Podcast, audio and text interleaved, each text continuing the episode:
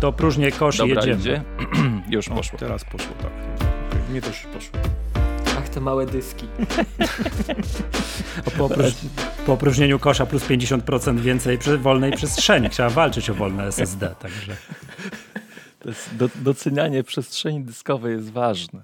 tak. Pamiętajcie, 30% SSD musi być wolne, nie wolne, bo inaczej zajeżdżacie SSD. Jak ktoś ma wątpliwości, odsyłam ostatnich 100 odcinków Maggatki, Miłosz, Miłosz zawsze, zawsze o tym mówił. E, Witam serdecznie, to jest Maggatka, podcast serwisu MyApple, dwusetny odcinek, tadam! Z tej strony witam was Miłosz Staszewski oraz jak zwykle, Boże drogi, jeszcze raz muszę to powiedzieć, Myśl, mi, Miłosz, mówiłem o tobie, mówiłem o tobie, a, a, I Michał Masłowski. a myślałem o sobie. A dobra, nie powtarzam tego. I uwaga, Michał Masłowski, Miłosz Staszewski, Miłosz Staszewski, Michał Masłowski. Jezu, jakie przejęzyczenie, masakra. To, nie, dobra, dobra, dwusetny odcinek, tu się różne rzeczy będą działy, nic nie wycinam. I uwaga, mamy specjalnych gości. Specjalny gość numer jeden, Przemysław Marczyński. Tadam! Witam ciepło. I drugi, równie specjalny gość, Krystian Kozerawski, zwany jak, także jako MacKozer. Cześć MacKozer. Też witam gorąco. Cześć. Panowie, e, zanim zaczniemy, e, tutaj porozmawiamy oczywiście o tematach makowo-aplowych, to ja tutaj do, bardzo wam serdecznie dziękuję, że przyjęliście zaproszenie. Tak, wszyscy tutaj we trójkę stanowicie tutaj historię Maggatki. Tak, i naprawdę ukłony, łzy wzruszenia. Nie wiem, co mam powiedzieć. Bardzo dziękuję, że jesteście. Cieszę się. Super. Jeszcze raz, jeszcze raz witam serdecznie. Czujemy się dobrze tutaj, tak. Nic się nie, nic się nie postarzyliście, panowie. Wszystko, wszystko jest dobrze. Tak. Wszystko jest dobrze. Dobrze. Słuchajcie, mamy dzisiaj dwusetny odcinek, więc będziemy świętować, więc ta część taka wstępna, zanim przejdziemy do takich tematów już faktycznie makowo-aplowych, e, troszkę nam, e, my, m, mamy tutaj parę spraw do ogłoszenia. Pierwsza, bardzo ważna sprawa, partnerami tego podcastu są, m, są po kolei e, firma Wózki Widłowe Lifter. Pawle, gorąco pozdrawiamy i dziękujemy. I, a także fun- Dziękujemy i pozdrawiamy. a także Fundacja Pomba i również Michale dziękujemy i pozdrawiamy. Pozdrawiamy i dziękujemy. Tak, uwaga, słuchajcie, dwusetny odcinek, więc te, te wszystkie atrakcje, które przygotowaliśmy, to jest atrakcja numer jeden jest taka, że wczoraj ruszyła Wielka Orkiestra Świątecznej Pomocy 2021.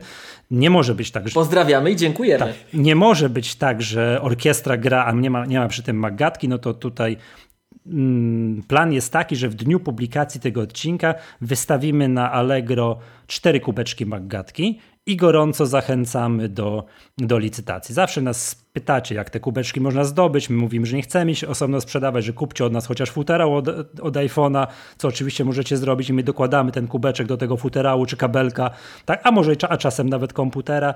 Mm, To ty, A do Apple Care to sam kubeczek. tak, Apple, tak, też- tak, zgadza się. To tym razem wylicytujcie jak najwyższą kwotę, bo to idzie na szczytny cel, także tutaj na, tak, wszystko na Jurka Owsiaka i chcemy się też dołożyć do, te, y, do, tutaj, do tego szczytnego celu, zwłaszcza, że to nie pierwsza taka licytacja. Przemek, pamiętasz, kiedyś licytowaliśmy jakieś kubeczki maggatkowo, mag podcastowy, była taka akcja, zgadza się? Było, było. Jak Była. najbardziej. Tak, była wtedy, pamiętam, fajne, fajne kwoty udało nam się uzyskać. To powtórzmy to jeszcze raz. Zwłaszcza, że jest tak, że WOŚP, jak się prześledzi, to oni co roku tam parę milionów złotych więcej udaje im się zebrać. Zdaje się, że wczoraj również padł rekord, taki rekord jednego dnia. No to też tak zróbmy, żeby te kubeczki y, jak największą łączność za cztery kubeczki, jak największą kwotę, żeby nam się udało wylicytować. Oczywiście linki do tych wszystkich aukcji po pierwsze będą w opisie odcinka, po drugie będziemy będziemy was informować i przypominać codziennie. Aukcja potrwa tydzień od wypuszczenia odcinka, bo nie wiem kiedy to się ukaże. Skład na cztery osoby może chwilę potrwać. Od dnia ja puszczę tę aukcję tutaj w dniu publikacji odcinka i od tego momentu tydzień równy licytujemy i do czego gorąco, go jeszcze raz gorąco zachęcamy. Także Jak też będę nic was... się nie zmieniło. Ciągle gada, nie? E, proszę dalej. Daj, daj, spokojnie. Zachęćcie proszę słuchaczy Maggatki do, do, licytacji tych, tych, kubeczków.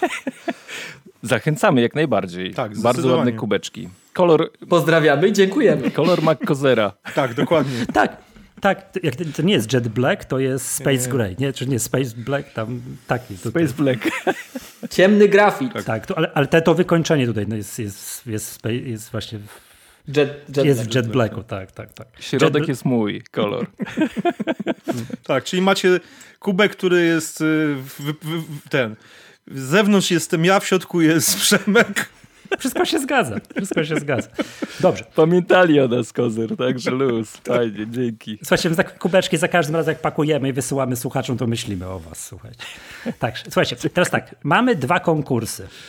Pierwszy konkurs, y, w pierwszym konkursie się, y, tutaj fundatorem nagrody jest Fundacja Pomba. Jeszcze raz tutaj Michale gorąco dziękujemy za ufundowanie tej nagrody i ta nagroda to jest mm, takie trzydniowe szkolenie z tego, czym się Fundacja Pomba zajmuje, czyli z, techniki jazdy na rowerze MTB. Także to też gorąco zachęcamy do wzięcia udziału i sprawa jest prosta. Trzeba coś tweetnąć, a w tym tweetie musi się, nie wiem czy kojarzycie z zeszłego odcinka, było tak, czy jeszcze nie, z poprzedniego, gościliśmy Michała, że Michał y, był, on był odpowiedzialny za kącik kulturalny Maggatki i tam polecił jakiś film na Netflixie jakiś, i to była jakaś manga, więc japońskie klimaty. Więc teraz Jakiś. Tak. Dore Hodoro. Taki, tak, o, Dore Hodoro. Tak się nazywał ten film.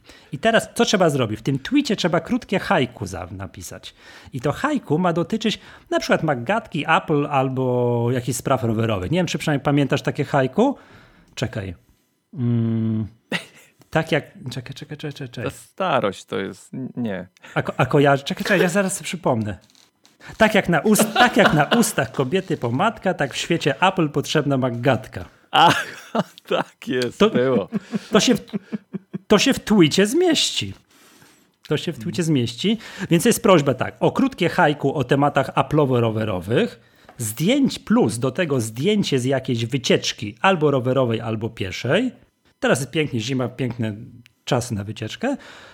Yy, oznaczenie do Maggatki i do Pomby w tym twicie, żebyśmy się to mogli się znaleźć i hashtag Maggatka200. Dużo rzeczy się musi zmieścić. Dobrze, że ten Twitter parę, parę lat temu rozszerzył liczbę znaków do 280. tak? Jeszcze raz powtarzam. Krótkie haiku, oznaczenie do tutaj naszych kont twitterowych Maggatki i Pomby, hashtag Maggatka200. Ok? Nagroda ufundowana przez Fundację Pomba, czyli ta szkolenie, trzydniowe szkolenie z techniki jazdy na rowerze. Yy, Z tego, co się orientuję, trzeba brać udział i zapisywać na te szkolenia, bo już tam wiem, że ten kalendarz na rok 2021 się powoli zapełnia. Ok, ja to opiszemy to jeszcze tutaj. Też, te, też opis tego konkursu zostanie zamieszczony w opisie, w opisie tego odcinka. No i teraz konkurs numer dwa, w którym z kolei fundatorem nagród jest yy, firma wózki widłowe Lifter. No i nagrody są nie byle jakie, ponieważ są to dwie pary AirPodsów. AirPodsy Pro i drugie zwykłe AirPodsy. Takie mamy nagrody, więc nagrody, nagrody są na grubo. I teraz uwaga, ten konkurs na czym polega? Jest to pytanie.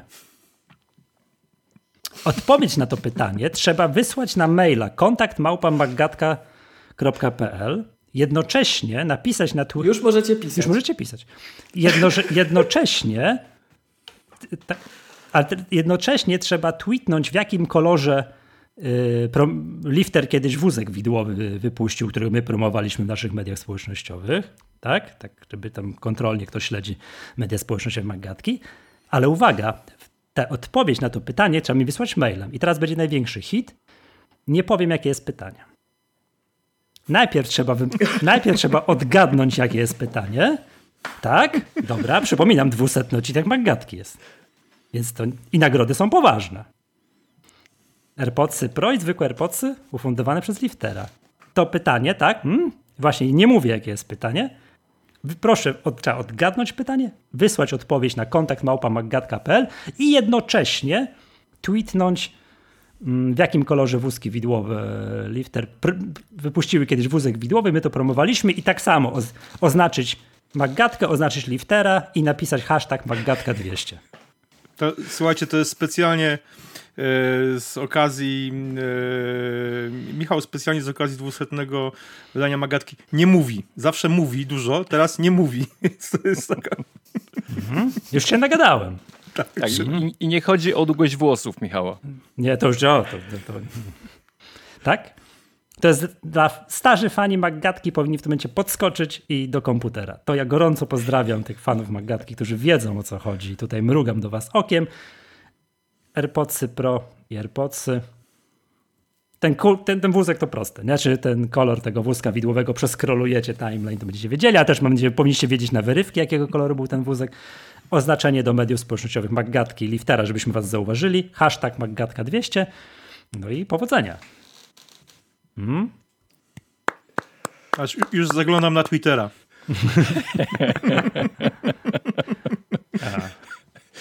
Nic się nie zmieniliście, panowie. Humor jak zawsze. Słuchajcie, ja już zachrypłem, a już się nagadałem. Eee... Niemożliwe. Wyniki finansowe Apple wyjątkowo omówimy w kolejnym odcinku. Dobrze? Wyjątkowo w kolejnym odcinku. Panowie, co wy w ogóle tak robicie? Tak tutaj do naszych szacownych gości się zwracam. Przemek, ty poszedłeś chyba, ty zostałeś autorem już chyba trzeciej książki. Tak, tak. Y, piszemy taki mm, poradnik dla użytkowników macOSa, mm, prosteporadniki.pl. Jak sobie wejdziecie, to ja bardzo chętnie zapraszam do kupna, mm, no i wsparcia nas również, ale myślę, że fajna wiedza tam jest ukryta, także zapraszam do czytania. No, dzięki, dzięki. W ogóle nie wiem, czy wiecie, ale Michał systematycznie kupuje tę książkę. E, mam tutaj gdzieś, także e, no, może chyba z, z tą systematyką to przesadziłeś, bo mam jedną, ale systematycznie... Nie, dwie chyba. Chyba jedną. Ch chyba jedną. A... Poważnie? Tak, tak. A to tak, przepraszam, tak. kupił tylko jedną. Yy, ham, myślałem, że kupił więcej. No trudno. Przepraszam, ja już to do komputera już loguję, za, za, za, zaraz Spoko. to nadrobię. A jakie to ja wrażenie? Ja też nadrobię i też kupię. A jakie o. to wrażenie mieć własną książkę? Jak to się tak? Mm bardzo fajne wrażenie. Znaczy, powiem wam szczerze, to jest tak, jak za pierwszym razem coś robisz, to jest, wydaje ci się, że to jest ekstra ekscytujące i ten efekt um, zobaczenia tej pracy na papierze, dla mnie to była magia, nie? Tak jak kiedyś mhm. mówili, że e, prawdziwa fotografia dopiero się ujawnia, gdy zobaczysz ją wydrukowaną na papierze, tak samo e, jako autor piszący w sieci, gdy coś jest przelane na papier, to mówisz, wow, kurde, zarąbista rzecz. Mm, no, z czasem to już troszeczkę patrzysz na to inaczej. E, ale powiem wam, podzielę się z wami znowu taką rzeczą przy mm, tej trzeciej książce o macOS Big Sur, że dla mnie e, pisanie pisaniem tej książki e, trzeciej, ale zdjęcia my chcieliśmy, znaczy no chciałem, żeby wszystkie zdjęcia były nasze, naszej produkcji. I powiem wam, że jak dumałem troszeczkę e, przy robieniu tych fotografii do e, tej książki, to kurczę, to było dla mnie mega stresujące. Jak to wszystko wyjdzie? Bo gdzieś tam też odkrywam się w fotografii ostatnio. I to było mega doświadczenie dla mnie. To jest tak jak, wiecie, wow, patrzysz na coś nowego. Znaczy, Krystian na pewno ma takie doświadczenia z programowaniem, nie? To jest podobny efekt, że czujesz takie ciary, czy to pójdzie, czy nie pójdzie. No, yy, gdzieś to jest mega takie fajne doświadczenie, coś zupełnie nowego. Mhm. Także tutaj e, od ta trzecia pozycja to tutaj bardziej od fotografii gdzieś mnie e, dotyka. A poza tym to fajnie jest móc yy, widzieć, jak ludzie mówią, że tak, fajna rzecz, nie było tego na rynku, mm, pomaga nam to w poznawaniu macOSa. To jest, to jest fajne, to jest tak, też jakieś takie odkrywanie blogowych pierwsze blogowe y, przygody, nie? Jak pisali ludzie w komentarzach, dzięki za porady. No to tu jest podobnie, tylko troszeczkę y, docieramy do innych osób. Niekoniecznie tych, co buszują po sieci. I tak naprawdę nie znają y, stron internetowych y, o, o Apple. Także tutaj no, doświadczenie jest fajne. Dziękuję. Co mi to, mi to trochę przypomina, to jest mm, te poradniki trochę takie, no, podróż w czasie. No, ponad 10 lat dobrze do tyłu, albo mniej więcej 10 lat, bo nawet się nad tym zastanawiałem, że tak naprawdę czasy, kiedy gdzieś wszyscy zaczynaliśmy, ja zaczynałem Przemku chyba rok po tobie. E, zresztą jak kupiłem sobie Maca, to, to, to mój Mac.pl był pierwszym blogiem, na którego zajrzałem. Yy, mój Mac.pl i MyApple.pl. To były dwie, dwie strony pierwsze, które zajrzałem jakby kupując sobie Maca. Więc yy, gdzieś, gdzieś tak yy, myśląc o twoich poradnikach, trochę przyznam szczerze, że mi trochę brakuje tych czasów takich, gdzie generalnie to, to środowisko było dość małe, byliśmy hobbystami i to było o, takie, tak. Takie trochę, trochę też inne i więc no jakby to jest, to jest bardzo fajne, bo wtedy, wtedy pamiętam takie no, podręczniki, takie poradniki wydawał Paweł Nowak, prawda, z Apple Bloga. Mhm. Tak. Eee, więc ty jak... Pozdrawiam. dziękujemy. I dziękujemy, tak. Więc, więc y, to, to jest fajne, że jakby kontynuujesz to. To jest, to jest, to jest naprawdę no, szacun. Nie? Także to jest, to jest mhm. fajne. Dzięki. To powiem wam tak podzielić taką uwagą, że trochę tak brakuje takich, już po tylu latach, takich zaangażowanych blogów. Także to przypomnę, że czasy tego, powiedziałbym, wczesnego blogowania to były czasy przed-twitterowo-facebookowe, przed takim, przed takim, nie było takich agresywnych mediów społecznościowych, że każdy chciał szybko, szybko i coś tam retweetnąć i już jest już, już z głowy, tylko trzeba było usiąść, i przez trzy godziny pisać tekst, nie? no to tak, to, to dużo czasu, to, to są, teraz są zupełnie no, wiele szybsze czasy. Teraz coś najchętniej by w Insta Stories chciał, chciał tylko mm, zaistnieć, nie? No, ja, obecnie, ja obecnie dużo piszę, faktycznie dużo, łapię się na tym, że dużo piszę, ale w trochę zupełnie innym edytorze. Tak, I, tak. I co powiedz, Krystian, powiedz, Krystian, co tam piszesz w tym zupełnie innym edytorze? znaczy, no, u mnie to, to, się, to się zmieniło, ile już, to już będzie 4-5 lat temu. Ja, ja nie ukrywam, że też coś takiego przeżywałem jak trochę wypalenie blog blogowe. W mhm. sensie takim, że mm, tak jak mówię, zmieniło, zmieniła się, zmienił się jakby, może nie, nawet nie rynek, tylko to środowisko się dość mocno zmieniło i i też poczułem w pewnym momencie, że tak lubię dalej pisać, lubię testować sprzęt i w ogóle, ale gdzieś wkrada się w to rutyna dość duża i szukałem czegoś takiego kolejnego jakby zajęcia po byciu archeologiem, muzykiem metalowym, blogerem. Y, szukałem jakiegoś takiego zajęcia i programowanie było moją taką mm, niespełnionym marzeniem z dzieciństwa, z czasów lat 80., kiedy powiedzmy tam było pięć, pięć, pięć dzieciaków na jeden komputer i moja wiedza ograniczała się do prostych programików Basicu, a tak naprawdę w większości do instrukcji load, żeby w grę wczytać.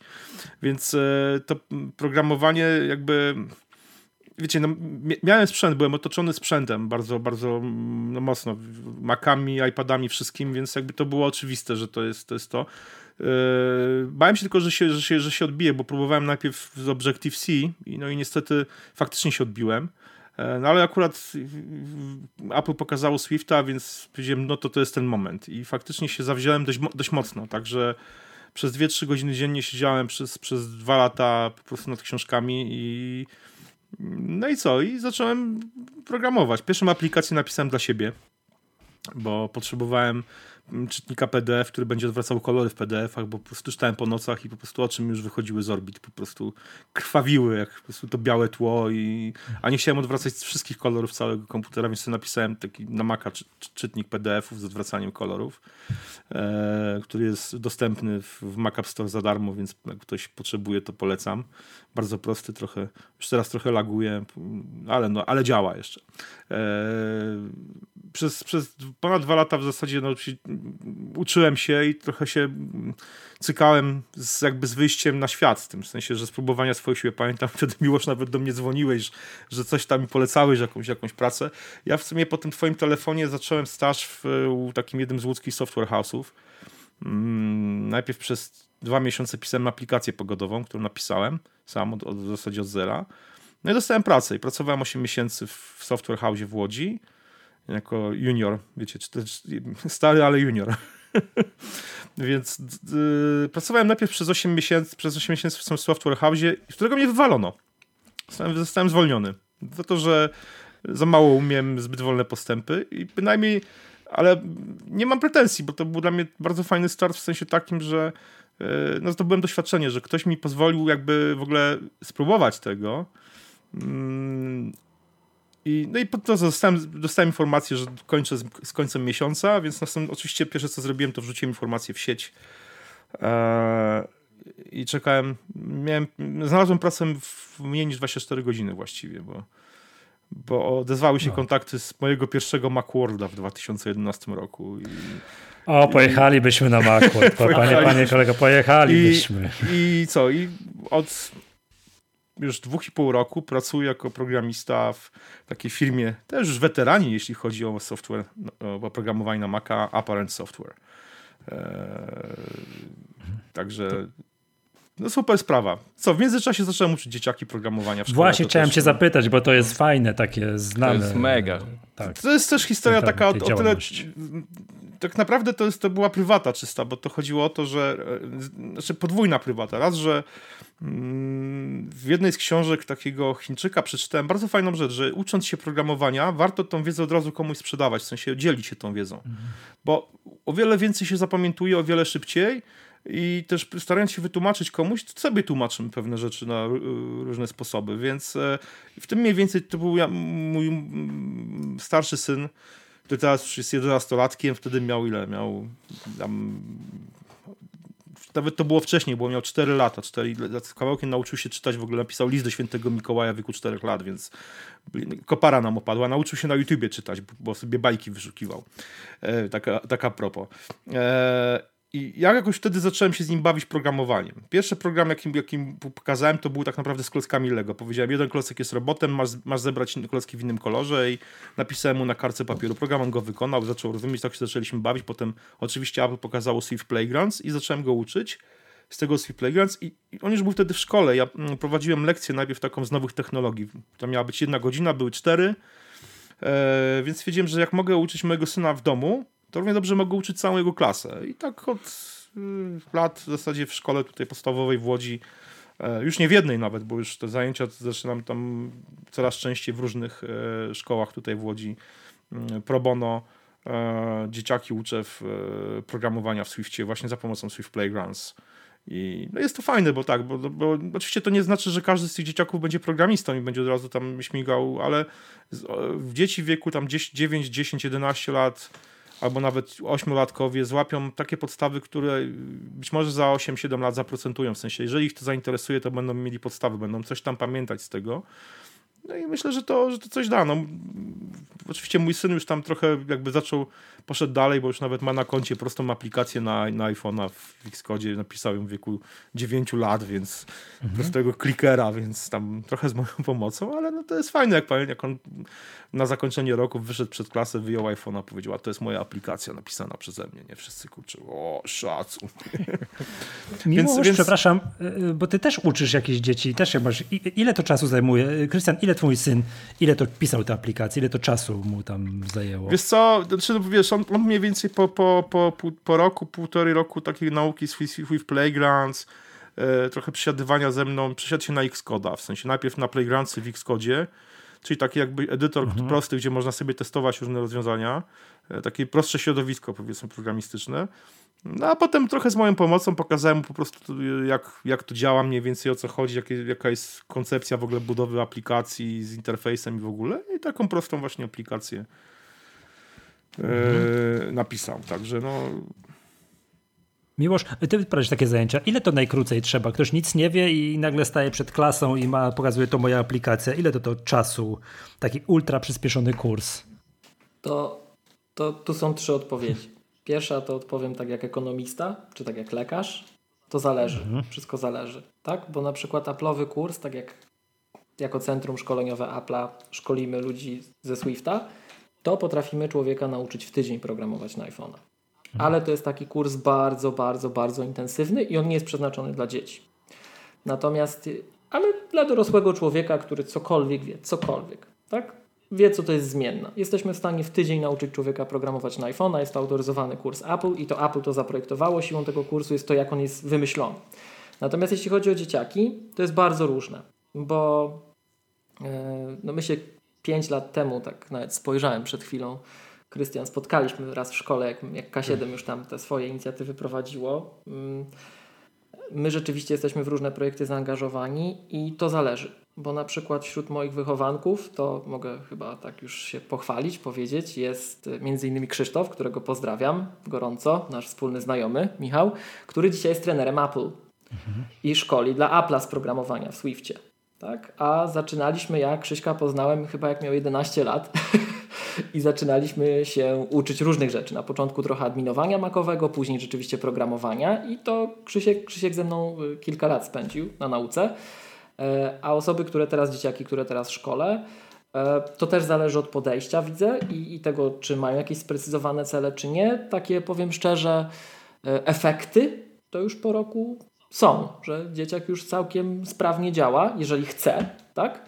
Ale ja podchodzę do tego trochę tak, tak to co my robimy gdzieś tam, czy ja osobiście, czy K7, bo to też czasem bywa, że to jest bardziej moja inicjatywa, czasem K7 coś robi, e, to e, ja się staram mieć takie podejście. Miałem ten, ten luksus. Ja przez ileś lat pracowałem rzeczywiście tak jak Krystian w szkole, prowadziłem zajęcia regularne w szkole. E, też pozdrawiam wszystkich, którzy mieli okazję uczestniczyć.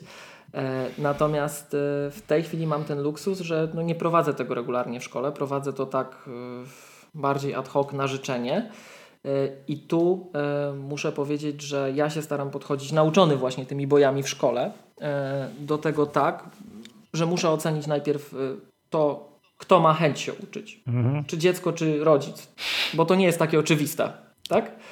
A później, jeżeli to dziecko się uczy, rzeczywiście ono, albo nawet rodzic, tak?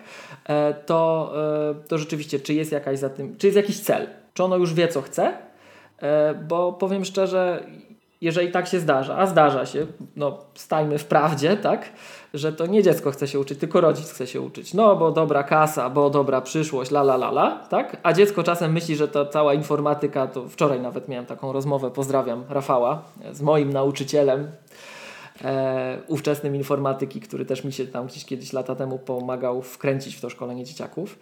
E, to on mówi, że na przykład teraz zdarza się czasem tak, że właśnie prowadzi klasy informatyczne, pyta dlaczego te dzieciaki są w tej klasie, tak?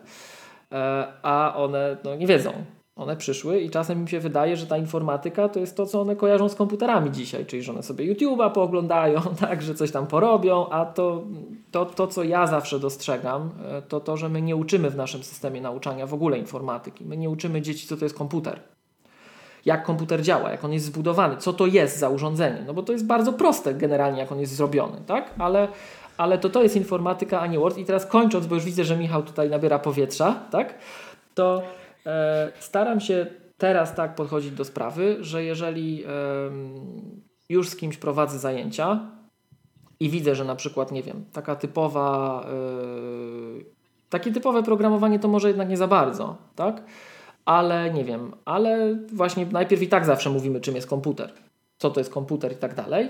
To może trochę adminowanie, może trochę to, może trochę tamto, żeby też zobaczyć, co może, mówiąc krótko, chwycić bo ta branża jest przeolbrzymia i ludzi brakuje w każdą stronę. Natomiast wracając do, do Twojego pytania, Michał, tak wprost, to myślę, że spokojnie w rok można mhm. chętną osobę, już nie, nie różnicując na wiek, naprawdę nauczyć pisania na, na, na przykład na iPhone'a.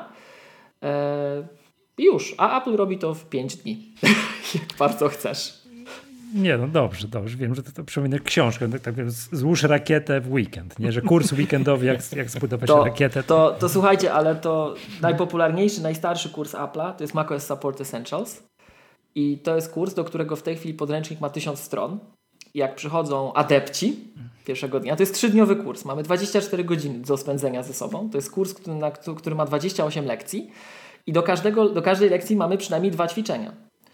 No i pierwszego dnia trener mówi uczestnikom, że słuchajcie, te tysiąc stron to jest dla was, tak? My to przerobimy w trzy dni. I oni na początku nie wierzą, a my to naprawdę przerabiamy. My robimy całe tysiąc stron, więc da się. Mhm, okay. Rakietę w weekend. Rakiet, no właśnie. Też. No u mnie, u mnie jeszcze wrócę do tego, do tej, do tej nauki dzieci. No to jest e, to, co ja przede wszystkim w tym odkrywam ogromną y, wartość. To jest to, że dla siebie pewne rzeczy łatwiej mi pewne rzeczy zrozumieć, bo na przykład no, takie, takie niuanse. Nie? Na przykład, dlaczego w, w Swiftie mamy zmienne i stałe? Dlaczego nie można używać tylko zmiennych? Jak to wytłumaczyć dzieciakom? Tak, na, tak, na, tak zwany chłopski mhm. rozum, jak to wytłumaczyć? Ja, na przykład ja mam taki sposób. Mówię, dobra, no to zobaczcie, e, który mam, e, ile e, powiedzmy, mamy, nie, nie mamy przystępnego roku, mamy normalny rok, ile rok ma dni? No wszyscy wiedzą, nie? Ile? Mhm. Ile ma rok dni? 365. 365, dobrze. Tak, dobrze. Uf, udało się. Dobrze, dobrze udało się. A który mamy dzisiaj dzień roku? A, 32. Widzisz, ale musisz pomy- musiałeś pobliczyć. Tak. Wiesz o co chodzi? Okay. Czujesz tak. różnicę? Tak. Ja na przykład tak. ja to tłumaczę dzieciakom w ten sposób, że komputer też musi to obliczyć. Zmienną musi obliczyć, nie? A stała, no to jest już zapisana, wiesz, masz ją od razu, że tak powiem, Natychmiast. Nie? I ta, w ten sposób mhm. tłumaczę na przykład, jak jest funkcja na przykład, która coś przyjmuje i zwraca. No, jak najprościej dzieciakowi wytłumaczyć, dlaczego jest funkcja, która coś przyjmuje i coś zwraca. Na, na jakim przykładzie? Maszynka do mięsa. Proszę bardzo, jest input, jest output. Wszystko działa, nie? Mhm. Czasami, czasami w ten bardzo niekonwencjonalny sposób ja robię rysunki tym dzieciakom, żeby to wytłumaczyć. I powiem szczerze, ja sobie pewne koncept, takie mm, koncepcje programistyczne, pewne takie zagadnienia, których nie byłem w stanie zrozumieć, też sobie w ten sposób patologiczny tłumaczyłem na początku i to bardzo, bardzo mi pomogło. Więc to jest, to, jest, to jest bardzo fajne. A drugiej stronie też jest fajne mm, praca z dzieciakami, e, właśnie w szkole, gdzie odkrywasz tak naprawdę potencjał dzieciaków, czasami, które wydają się nie mieć tego potencjału. Nie?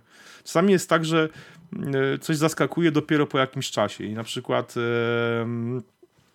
jakaś osoba, jakieś przeddziecko na początku wydaje ci się, że w ogóle nie kuma bazy, w ogóle nie wie o co chodzi, jest po prostu zupełnie zainteresowany, a nagle coś jakby, wiecie, zapadka się przestawia mhm. i i to jest, to jest super, to jest naprawdę bo właśnie, fajne. Bo że... chciałem cię zapytać, bo to co powiedział Miło, że są tacy, co to oni chcą się uczyć, a są tacy, co to rodzice ich przyprowadzili, tak, że tak, tata tak, kazali. Tak, Ty to tak. też widzisz u siebie, tak. że są tacy, co to wiesz...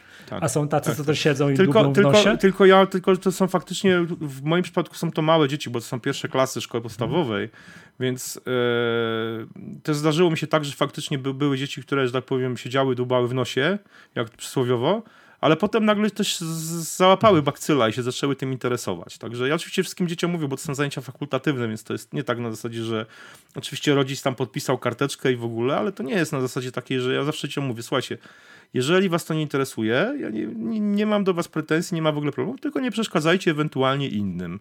Ale jak chcecie robić coś innego na tych zajęciach, bo was to nie interesuje, okej, okay, spoko, nie? Ale generalnie nie, są, są, są zainteresowani. Co, co, co w ogóle jest też ciekawe, że zacząłem pisać, trochę się zaczynam wkręcać w pisanie aplikacji edukacyjnych. Nie konkretnie o programowaniu, tylko konkretnie narzędzi edukacyjnych do wykorzystania w szkole. I zaczynam na tych. A Polacy mają duże zasługi w tym. I zaczynam, I zaczynam na przykład y, no, aplikacje, które tam powiedzmy też właśnie razem z Mm, dla, dla Apparent Software napisałem. Okazuje się, że jest świetnym narzędziem edukacyjnym i zaczynam po prostu ją tam już przerabiać pod kątem właśnie edukacji. No to są takie fajne, jest to też fajne pole, powiem szczerze, dla programisty i edukatora jest to świetne poletko doświadczalne, taka, taka nauka też, też w szkole trochę. Trochę jest to, no, i mam, mam z tego radochę, mam z tego naprawdę, naprawdę dużą, dużą radochę i Mam kilka planów takich z tym związanych, takich e, niezawodowych, też takich powiedzmy, na przykład chciałbym uczyć dzieciaki, mm, mamy w, pod, w Podłodzie ośrodek dla uchodźców nie, z, z, Syrii, nie? i tam są dzieciaki, ale to jest, jest jedna rzecz nie do, nie do przeskoczenia, bariera językowa. Mhm. To dzieciaki nawet nie mówią po angielsku, więc dogadać się z nimi po prostu będzie, będzie ogromnym problemem. Nie? Także to jest... Mhm. Zdarza mi się prowadzić zajęcia po polsku i po ukraińsku, bo coraz więcej dzieci z Ukrainy pojawia, a tu znowu pozdrawiam, pozdrawiam moich przyjaciół z W, w Kijowie, którzy tam, zwłaszcza Włodka, który mówi po polsku, więc Włodek mi pomaga, po prostu przygotowuje materiały po, po ukraińsku, ja po prostu przychodzę na lekcję, podaję dzieci dziecku materiały po ukraińsku, albo czytam po prostu kartki po ukraińsku, jak jeszcze jest jakieś nowe, no, nowe dziecko, które jeszcze nie mówi po polsku, więc to jest, jest niezła zabawa i niezła Czasami, czasami improwizacja, ale, ale radocha jest z tego duża. Nie, to jest super. Y, Krystian, ty masz jakiegoś patronajta pod, y, przyłączonego do, do tej akcji edukacyjnej, ja prawda? Znaczy mam Patreona. Patronajta Patrona, mam, przepraszam. Tak, Patrona. Tak. To też pozwolimy sobie podlinkować w opisie odcinka. Tu gorąco z, z, zachęcamy słuchaczy. Tak jak będziecie licytować te kubeczki na WOŚP, wiecie, szczytna sprawa, trzeba tutaj wspomóc, tak, tak ten, ten, ten, tą akcję edukacyjną jak najbardziej, Krystian, te, też, też trzeba wspierać i też gorąco, gorąco polecamy waszej uwadze. Thank you from the mountain. Mm -hmm, I, po, okay. I pozdrawiam. Pozdrawiamy Panowie, i dziękujemy. Pozdrawiam. Miłosz, kiedyś sobie mema słuchacze zrobią z tego. Pozdrawiamy i dziękujemy, dziękujemy i pozdrawiamy. Mówię ci. To już chyba drugi będzie, mm -hmm. ale dobra. Mhm. Dobrze. Pytanie, pyta, panowie, tutaj do was, tu wszystkich jest takie, bo tu 10 lat Magatki, wiecie, 200, 200 odcinek, od tego czasu, jak Magatka po raz pierwszy ukazała, jakie według was od tego 2011 roku, takie pytanie, yy, najważniejsze wydarzenie, a najważniejszy produkt w historii Apple, to co, co byście wskazali? Może Przemek, dawno nic nie mówiłeś. Wiecie co, to jest... Y, to jest dość trudne pytanie, bo to każdy gdzieś y, osobiście to odbiera. I jeśli mam być szczery z wami, to ostatnie lata mm, to dla mnie osobiście były dość nudne, jeśli chodzi o produkty Apple. To było coś takiego, że pojawiały się nowe rzeczy i tak kręciliśmy nosem, że nic się nie wydarzyło. Jak przejdziemy do mówienia o tym, co będzie fajne, to też dopiero stoimy w takim bardzo ciekawym momencie w ogóle historii y, technologii Apple, y, która no, za chwilkę się wydarzy, ale co jakby w ostatnim dziesięcioleciu było najciekawsze, to chyba to chyba kierunek, w którym zmierza e, sama firma, czyli e, staje się firmą dla starych ludzi. Albo Michał, może e, to tak brzmi dość brutalnie. A to tak ale... w moim kierunku. Czyli, to... czyli dla nas. dla nas, właśnie. Przepraszam, ktoś Wszyscy... jest jeszcze na sali. wszystkie, wszystkie, wszystkie y, może, może tutaj jest y, mocne to, to, tąpnięcie, ale śmieję się, śmieję się, że to jest firma dla starych ludzi, ponieważ y, zauważmy, że większość rzeczy, która gdzieś tam się pojawia, to mierzy tętno, mierzy krew, mierzy jakieś tam wszystkie parametry życiowe. Ja mam wrażenie w pewnym momencie, że kurde, już tam... Czy się nie przewróciłeś? Tak, właśnie, Tim Cook już tam wiecie, obrzucił się wszystkimi zegarkami, żeby... Przemek, ale taka jest prawda, sorry, że ci wejdę w słowo. Słuchaj, wiesz, moja żona zaakceptowała przeze mnie zakup e, Apple Watcha 5 tylko dlatego, że on ma EKG i wiesz, wykrywa migotanie przesionków, to już jest ten wiek, że już powinieneś go tak, mieć. Tak, tak. Nie, oczywiście y, najważniejsze wydarzenie y, gdzieś, w którym zmierza firma. Y, to jest coś, na co ja przynajmniej zwracam uwagę, y, mówiąc o produkcie, ale tak naprawdę, no to nie wiem, czy już y, mogę rzec, no M1, słuchajcie, to w ogóle wydaje mi się, że stoimy w takim miejscu, gdzie tak naprawdę wszystko się zmieni. Wydaje mi się, że Apple zrobi taki bałagan na rynku dwoma rzeczami. Y, procesor M1, który wytnie Hackintosze, y, przyspieszy... Tfu, tfu! Y, tak. wypiszczeć. Będzie, będzie, ale to jest, to jest taki dość mocny ruch. I M1 i to, słuchajcie, co dzieje się w ogóle w tym momencie. Ja jestem bardzo ciekaw następnych dwóch, trzech lat. Mm, Apple kontra Facebook czujecie to? Za chwileczkę będzie totalne, totalna zmiana w marketingu, w tym jak y, będą nas monitorować, śledzić, bo tak naprawdę Apple mm, wytnie możliwość zarabiania, czy zarabiania w takim stylu, jaki do tej pory znamy, przez Facebooka i inne firmy, które sprzedają nasze dane. To jest y, dla mnie rzecz, która właśnie to jest dość trudne pytanie, bo w ostatnich 10 latach to, to może właśnie będzie, co będzie za chwilę, ale yy, dużo będzie się działo. Nie wiem, ostatnie 10 lat, powiem wam szczerze, to jakoś nie czułem tutaj, żeby coś specjalnie się wydarzyło. Yy, nie wiem, iPad, wow, yy, czy jakiś inny produkt. Szukam, wyszukam w głowie i ja tego nie czuję, nie? Yy, Wiem, że na pewno Apple by chciało, żeby to było Apple TV, ale e, to chyba jeszcze nie jest e, ta chwila. Do tego tematu pewnie jeszcze za chwilkę wrócimy, ale e, powiem wam szczerze, to był nudny czas w ostatnim wydarzeniu. Ojej, ojej, ojej. Dla mnie to był nudny, bardzo, bardzo nudny, nudny okres w historii firmy. Chociaż jak patrzę teraz na to, co się dzieje, to wiem, że było gdzieś tam takie przygotowanie terenu pod to, co za chwilę będzie katabomb po prostu. I to mhm. będzie mega, mega fajny czas. Żyjemy w fajnych czasach w ogóle. Żyjemy w naprawdę fajnych czasach, zaraz się y, mocno to rozwinie. Także mm, jestem stary, czy to jest mój pesymizm? Nie wiem o co chodzi. Jesteś stary i jesteś pesymistą. Może tak Dziękuję. Być? Proszę bardzo. Krystian, ty jesteś chyba najstarszy z nas. Słucham. Znaczy ja mam, ja mam generalnie problem, bo jeśli chodzi o produkty, to tak naprawdę pytanie, czy, czy iPada traktować jako w ogóle kwestia dekady, prawda? To jest, to jest też ciekawostka, taka dygresję zrobię, że przed w Ameryce dek liczą dekady zupełnie bez sensu, w sensie liczą tak, jakby był rok zerowy naszej, mhm. wiecie o co chodzi. Ja nawet tu rozmawiałem, z, bo mam, mam w filmie Amerykanów i mówię, że to jest bzdura, nie? że nie ma roku zerowego, dekada się kończy w 2020 roku, a zaczęła w 2011. Nie, nie jestem w stanie tego zrozumieć. Więc e, jeśli, jeśli miałbym się stanowić, Ale, co w ostatniej Krystian, dekadzie... przepraszam, no? my liczymy dekadę od 22 lipca 2011 roku. Dobra, no to jest, ale zgadza się, no 2011 się zgadza, więc, tak. więc słuchajcie, więc e, jakbym miał się zastanawiać na, nad tymi produktami, to w jakim stopniu zgodzę się z Przemkiem, że ten rok był, znaczy ta, ta dekada była trochę nudna, że oczywiście pojawiły się nowe produkty. Dla mnie najważniejszym produktem nowy, tej, tej dekady, dla mnie osobiście, w sensie jako użytkownika, to jest chyba Apple Watch.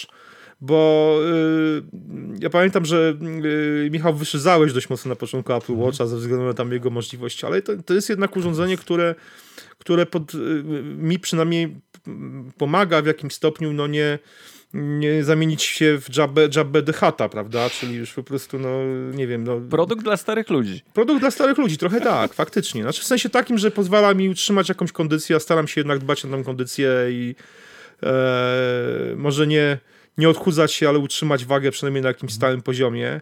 E, ruszać się tak naprawdę przejął wiele, wiele rzeczy z, z iPhone'a. Nie mówię o samym dzwonieniu, ale na przykład powiadomienia, jakieś takie rzeczy. Powiem wam, że produktem, który generalnie faktycznie jest najbardziej nudny jest iPhone. Ja mam iPhone'a XS Max i nie widzę do dzisiaj powodu wymiany tego telefonu na żaden z nowych. Po prostu nie widzę. No. Yy, I nawet miałem teraz taką sytuację, że zastanawiałem się, bo musieliśmy kupić synowi iPhone'a, bo jego 5S się po prostu już spalił procesor, w ogóle nastąpiła już czerwony ekran, tak zwany red screen of death w iPhone'ach to jest. Yy, I myślałem sobie, to jest dobry moment, żeby, wiecie, powiedzieć żonie, że na przykład, że ja sobie wezmę 12 Pro Max, a XS Maxa dam synowi. Nie. Syn coś odziedziczy, tak. Kup, ale kup, dostał nowego SE, bo po prostu, bo ja nie widzę po prostu powodu, dla którego miałem kupować nowego mhm. iPhone'a. I, i, I tak jest, z, wydaje mi się, z wieloma produktami.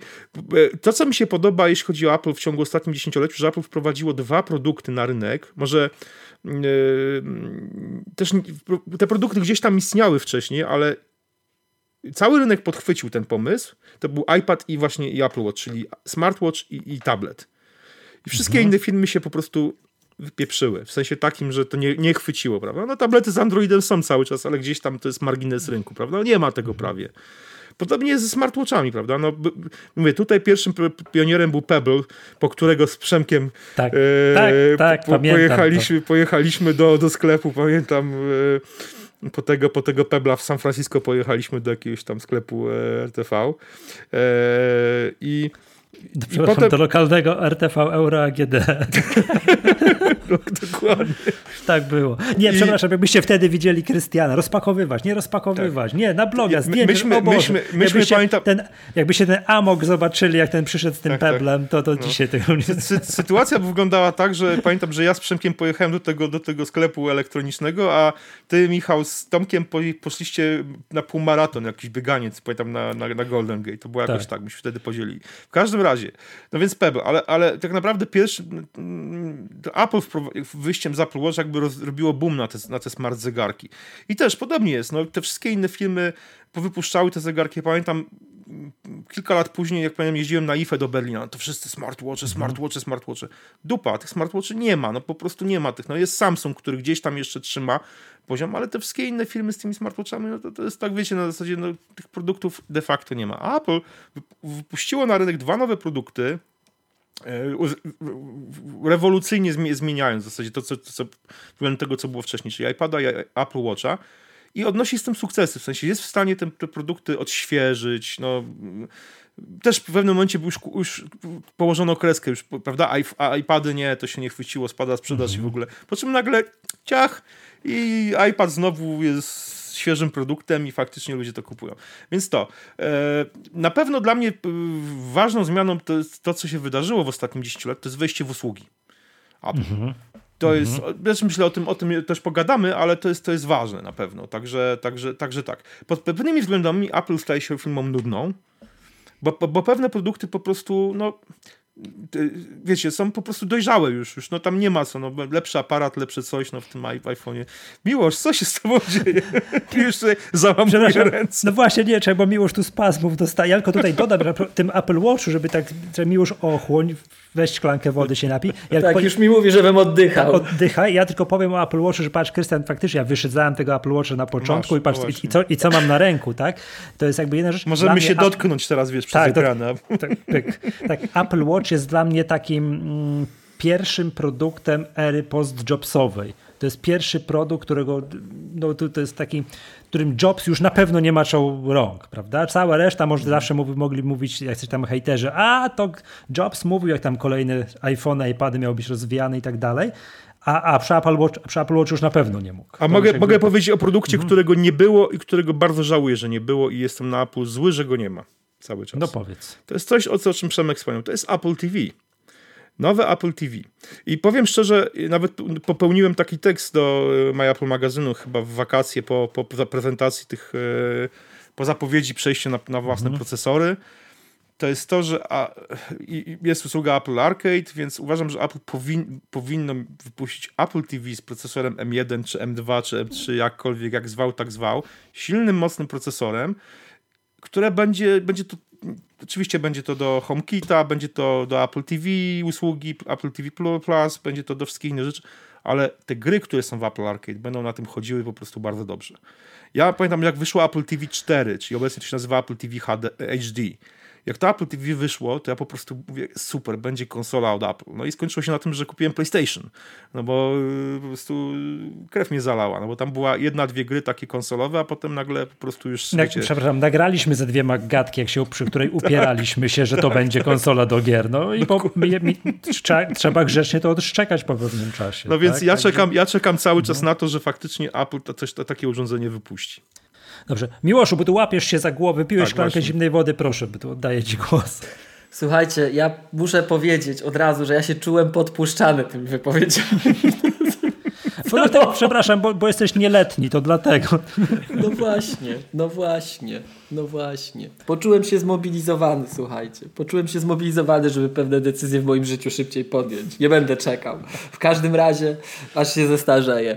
W każdym razie, e, ja, jak zapewne słuchacze już stali słuchacze wiedzą, ja się, ja się oczywiście z automatu, normalnie instytucjonalnie muszę się nie zgodzić ze wszystkim, co usłyszałem. To po prostu to jest pewne. No, dlatego się czułem podpuszczany. E, i powiem wam, że tak myślałem, jak tutaj, bo wy tak pięknie wymienialiście, że to jest nudne, że w ogóle iPhone to nie ma sensu wymieniać, że, że co jeszcze, że dla starych ludzi. I tak słuchajcie, no mógłbym przechodzić po każdym e, argumencie, że zobaczcie, nowy Apple Watch SE, tak jak on jest w ogóle promowany, dla młodzieży, żebyś wiedział, gdzie ten twój smyk biega. Tak? To, co Michał Nieprawda, mówił, on jest dla tak nie dziadków, było. żebym dziadkowi mógł dać. Ja wiem, że to jest Właśnie. sprzęt podwójnego zastosowania, żeby było jasne, ale zobaczcie nawet jak wygląda marketing tego. Gdzie wy tam dziadków w tych reklamach widzieliście? Młodzi biegają, super, prężą się, płyną, skaczą.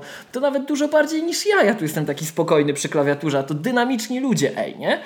Ale, ale, e, dwie rzeczy, które się tu pojawiły, a może i nie pojawiły. Nawet trzy. Jedna, e, gdzieś intuicyjnie i Przemek, i Krystian wspominaliście przecież o M1, o krzemie od Apple. To jest Mac, ale to jest nowy Mac z jednej strony. To już nie jest ten sam Mac. Zobaczcie, że myśmy przez tą dekadę, moim zdaniem, przeszli tak naprawdę co najmniej dwie poważne ewolucje Maca hardware'owe. Pierwsza to był przełom 2.15-2.16, kiedy Apple przeszło na e, architekturę tak naprawdę zunifikowaną hardware'owo. Mieliśmy tylko porty Thunderbolt 3 z drobnym wstępem w postaci USB-C. I gdzie, Tak? i gdzie ja było- moją myszkę za 30 zł podłączę? Właśnie. To pokazywało, że my, że my rzeczywiście idziemy w różnego rodzaju unifikację na wielu poziomach, że jeden port, żeby rządził wszystkim. To na Intelu wymusiło olbrzymie zmiany infrastrukturalne, na platformie Intel jak byliśmy. Przecież Apple było pierwszą e, platformą tak naprawdę na świecie, która się broniła przed atakami Thunderstrike, tak? Bo musiała, umówmy się, tak? Bo, była, bo oni byli tą awangardą. Ale tam była ta pierwsza zmiana, która pokazywała, że Mac zaczyna być plastyczny, że my mamy ten płatek taki w postaci MacBooka Air czy ultra cienkiego MacBooka Pro, który nagle jest tą płytą główną wyciągniętą z peceta, do której wszystko możecie podłączyć, bo to jest de facto PCIe wyrzucone na zewnątrz, tak? To była pierwsza zmiana. I moim zdaniem to był, to, to, to, było, to był olbrzymi skok. Nawet gdybyśmy nie doczekali do M1, to bym to wymienił. Tak? A teraz przechodzimy na kolejną falę. Wkładamy, wkładamy nowe procesory i Apple, co przyznam szczerze, na początku mnie trochę martwiło i smuciło, bo e, to Mariusz, pozdrawiamy gorąco, e, bardzo często na Twitterze nam e, wspomina, że w 2005, jak Apple ogłaszało, że przechodzimy na Intela, to ja miałem wrażenie, że historia się skończyła. To trochę tak jak Fukuyama mówił, tak? I tak jak Fukuyama dzisiaj przyznaje, że to w zasadzie on nie to miał na myśli. Tak wszyscy dzisiaj, którzy twierdzili, że historia się skończyła, że X, x86 wygrało, nagle widzą, że nie, że nie wygrało, że Apple znowuż się odlepia od mainstreamu, tudzież wyznacza nowy kierunek mainstreamu i dokonuje unifikacji już nie tylko platformy Mac w ramach swoich szeregów, ale dokonuje unifikacji platform, czyli software, pomijając wszelkie takie zwroty wydajnościowe, ten per watt, wydajność i tak dalej, e, to mamy w końcu software, który działa tak samo. No i właśnie, i właśnie. Ej, co się pojawiło w tej dekadzie? No co się pojawiło? Zacznijmy od 2011. Snow Leopard. Normalnie aż, aż żałuję, że dzisiaj mojej, mojej spranej koszulki ze Snow Leopardem nie mam na sobie, tak? Której się trzymam kurczowo, bo to był najfajniejszy macOS. To był ostatni macOS, który był prawdziwym Unixem na resorach, tak? Ale co on wprowadzał? On wprowadzał OpenCL, on wprowadzał Grand Central Dispatch, pokazywał, że różne rzeczy unifikujemy i co? I nadszedł Yosemite i to, co już dzisiaj bardzo mocno wybrzmiewało w naszych rozmowach, przyszedł Swift. Czyli zmiana, szeroka zmiana, Apple znowuż informatykę ogólną próbuje zmienić. Próbuje odcisnąć swoje piętno na szeroko rozumianej myśli informatycznej. E, jak spojrzymy na to, gdzie nas Swift za, zaprowadził za, jako język, Swift jest wyjątkowy. Swift jest z jednej strony językiem, który może być językiem skryptowym, a z drugiej strony możesz nim napisać system operacyjny. Tak? tak jest, jest bezpieczny i wydajny. Coś, co zawsze było po dwóch stronach w ogóle skali. My mamy jeden język, który to wszystko obsługuje. On pozwolił nam zacząć przepisywać frameworki. Mamy Swift UI, mamy unifikację platform. To ma odzorowanie w sprzęcie. I teraz to, co Przemek mówił ja się z tym absolutnie nie, z jednej strony nie zgadzam, w sensie ja uznaję ludzie, to, co Przemek powiedział. Starzy ludzie będą mogli łatwo przejść z iPada do komputera, będą mogli go no, obsługiwać. Chciałem ci właśnie no, wytłumaczyć. I teraz, i teraz to wszystko jest dla nas starych ludzi zrobione. Wyjaśniło to się. To jest, to jest to, co Przemek z jednej strony powiedział, że my niby, że, że, że jest, no, niby jest nudno, tak? Niby jest to samo ale my to samo zaczynamy budować na nowej w ogóle tkance, na nowych fundamentach. I to połączenie, którym Apple się zawsze szczyci, że tylko Apple potrafi połączyć software, no dzisiaj to już mówimy software, hardware i usługi, cały ekosystem, bo zmienił się świat, tak?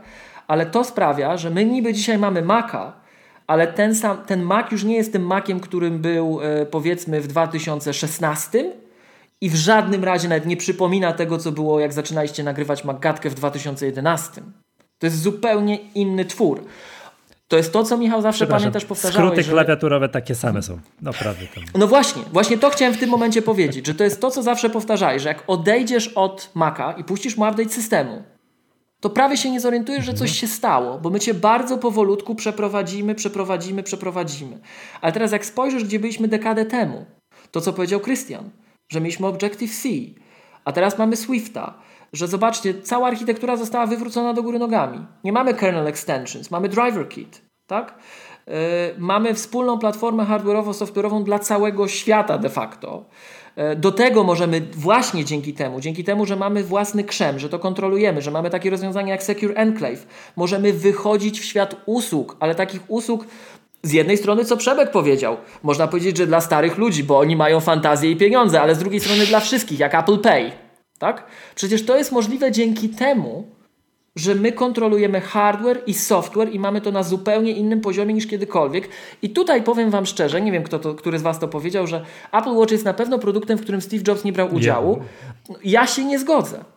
Apple Watch powstał tylko z jednego powodu. On tylko dlatego mógł powstać i mógł być wypuszczonym tylko w tym momencie, w którym został bo mieliśmy swój krzem. A to jest dziecko Steve'a Jobsa. To jest ostatnia duża rzecz, którą Steve zrobił. Zakup PI Semi i stwierdzenie, że robimy swój hardware, musimy być niezależni. Tak? Więc w pewien sposób tak, w pewien sposób nie. I jeszcze tylko kończąc, już żeby konkretny produkt przyszpilić, konkretny produkt, dalej. bo, e, bo Pięknie ja mówisz, uważam, nie- nie że mi takimi, słuchajcie, no, takimi produktami, które są nowe, de facto są nowe i które zmieniają sposób, w jaki ja korzystam z tej technologii. W życiu bym nie powiedział 10 lat temu, że ja, żeby było jasne, to naruszyło wszystkie, to mnie, jak to, się, jak to coache ładnie mówią, znowuż coachingowy fragment, coachingowy kącik ma gadki, to mnie wyrzuciło z mojej strefy komfortu, bo dzisiejszy Mac jest wszystkim tym, czego ja się z jednej strony obawiałem. To jest platforma doskonale kontrolowana, doskonale kontrolowana, która zdalnie może ci wyłączyć software, którego używasz, która e, mechanizmy zabezpieczeń, które mamy w macOS wbudowane, tak? Co się zdarzyło E, już raz. Przypomnijmy. To się zdarzyło, pamiętne walentynki, znowuż się zbliża w ogóle, tak? Ale, ale e, z jednej strony jest tym, czego ja się bałem, a z drugiej strony przez to, co wbudowaliśmy, daje niespotykany dotychczas poziom bezpieczeństwa, jeżeli ufamy Apple'owi, tak? Ja mogę odpalać aplikacje teraz na przestrzeni lat, o których ja ja praktycznie 10 lat temu nie myślałem, bo iPhone się rozpędzał, a które w międzyczasie na iPhone'ie się pojawiły i nagle mogę je mieć na Macu i na iPadzie i na Macu. Tak? Więc mam wszystko w jednym. To trzyma na baterii kosmiczne ilości. Jakbyście mi 10 lat temu powiedzieli, że ja będę miał komputer, który będzie trzymał 20 godzin na baterii, no to no tak, te, te baterie aż tak nie idą do przodu. Nie? Nic mi nie mów, nic mi nie mów. Się, Mój, mój MacBook Pro się- 16 cali trzyma 10 godzin na baterii zewnętrznej, którą podłączam przez USB-C. no, że, że słuchajcie, że. No właśnie, ale z drugiej strony, że mamy komputer, to jest, ten dwa, to jest ten moment 2016, że mamy komputer, który jest transformersem, że ja mogę mu podłączyć powerbank, że ja mogę zrobić to, że ja mogę zrobić tamto, mogę mieć listek, do którego przez monitor podłączę resztę, że jednym kablem to będę zasilał, tak?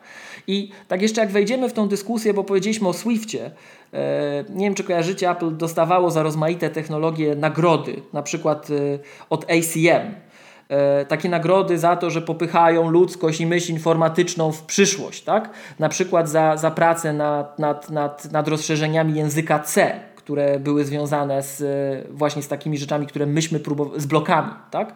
które myśmy w Grand Central Dispatch wykorzystywali. Więc Swift jest kolejnym takim fragmentem i, i Apple bardzo często, to nie wiem czy kojarzycie właśnie jak tak rozmawiamy, tutaj wymieni, wymieniono to hasło, które należy wypiszczeć tu w tym podcaście, tak? Niektórzy myślą, że technologie Apple'a są zamknięte. Otóż nie. Technologie Apple'a są otwarte. Swift jest open source. Nasz system to jest open source w dużej mierze. Większość kodu macOS to jest open source.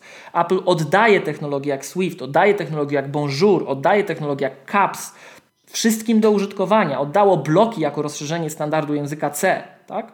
Także e, było zaangażowane w OpenCL, tego typu inicjatywy. I kończąc myśl, bo to, to była Którą- taka dygresja od tego, myśl? od tego Maca, tak?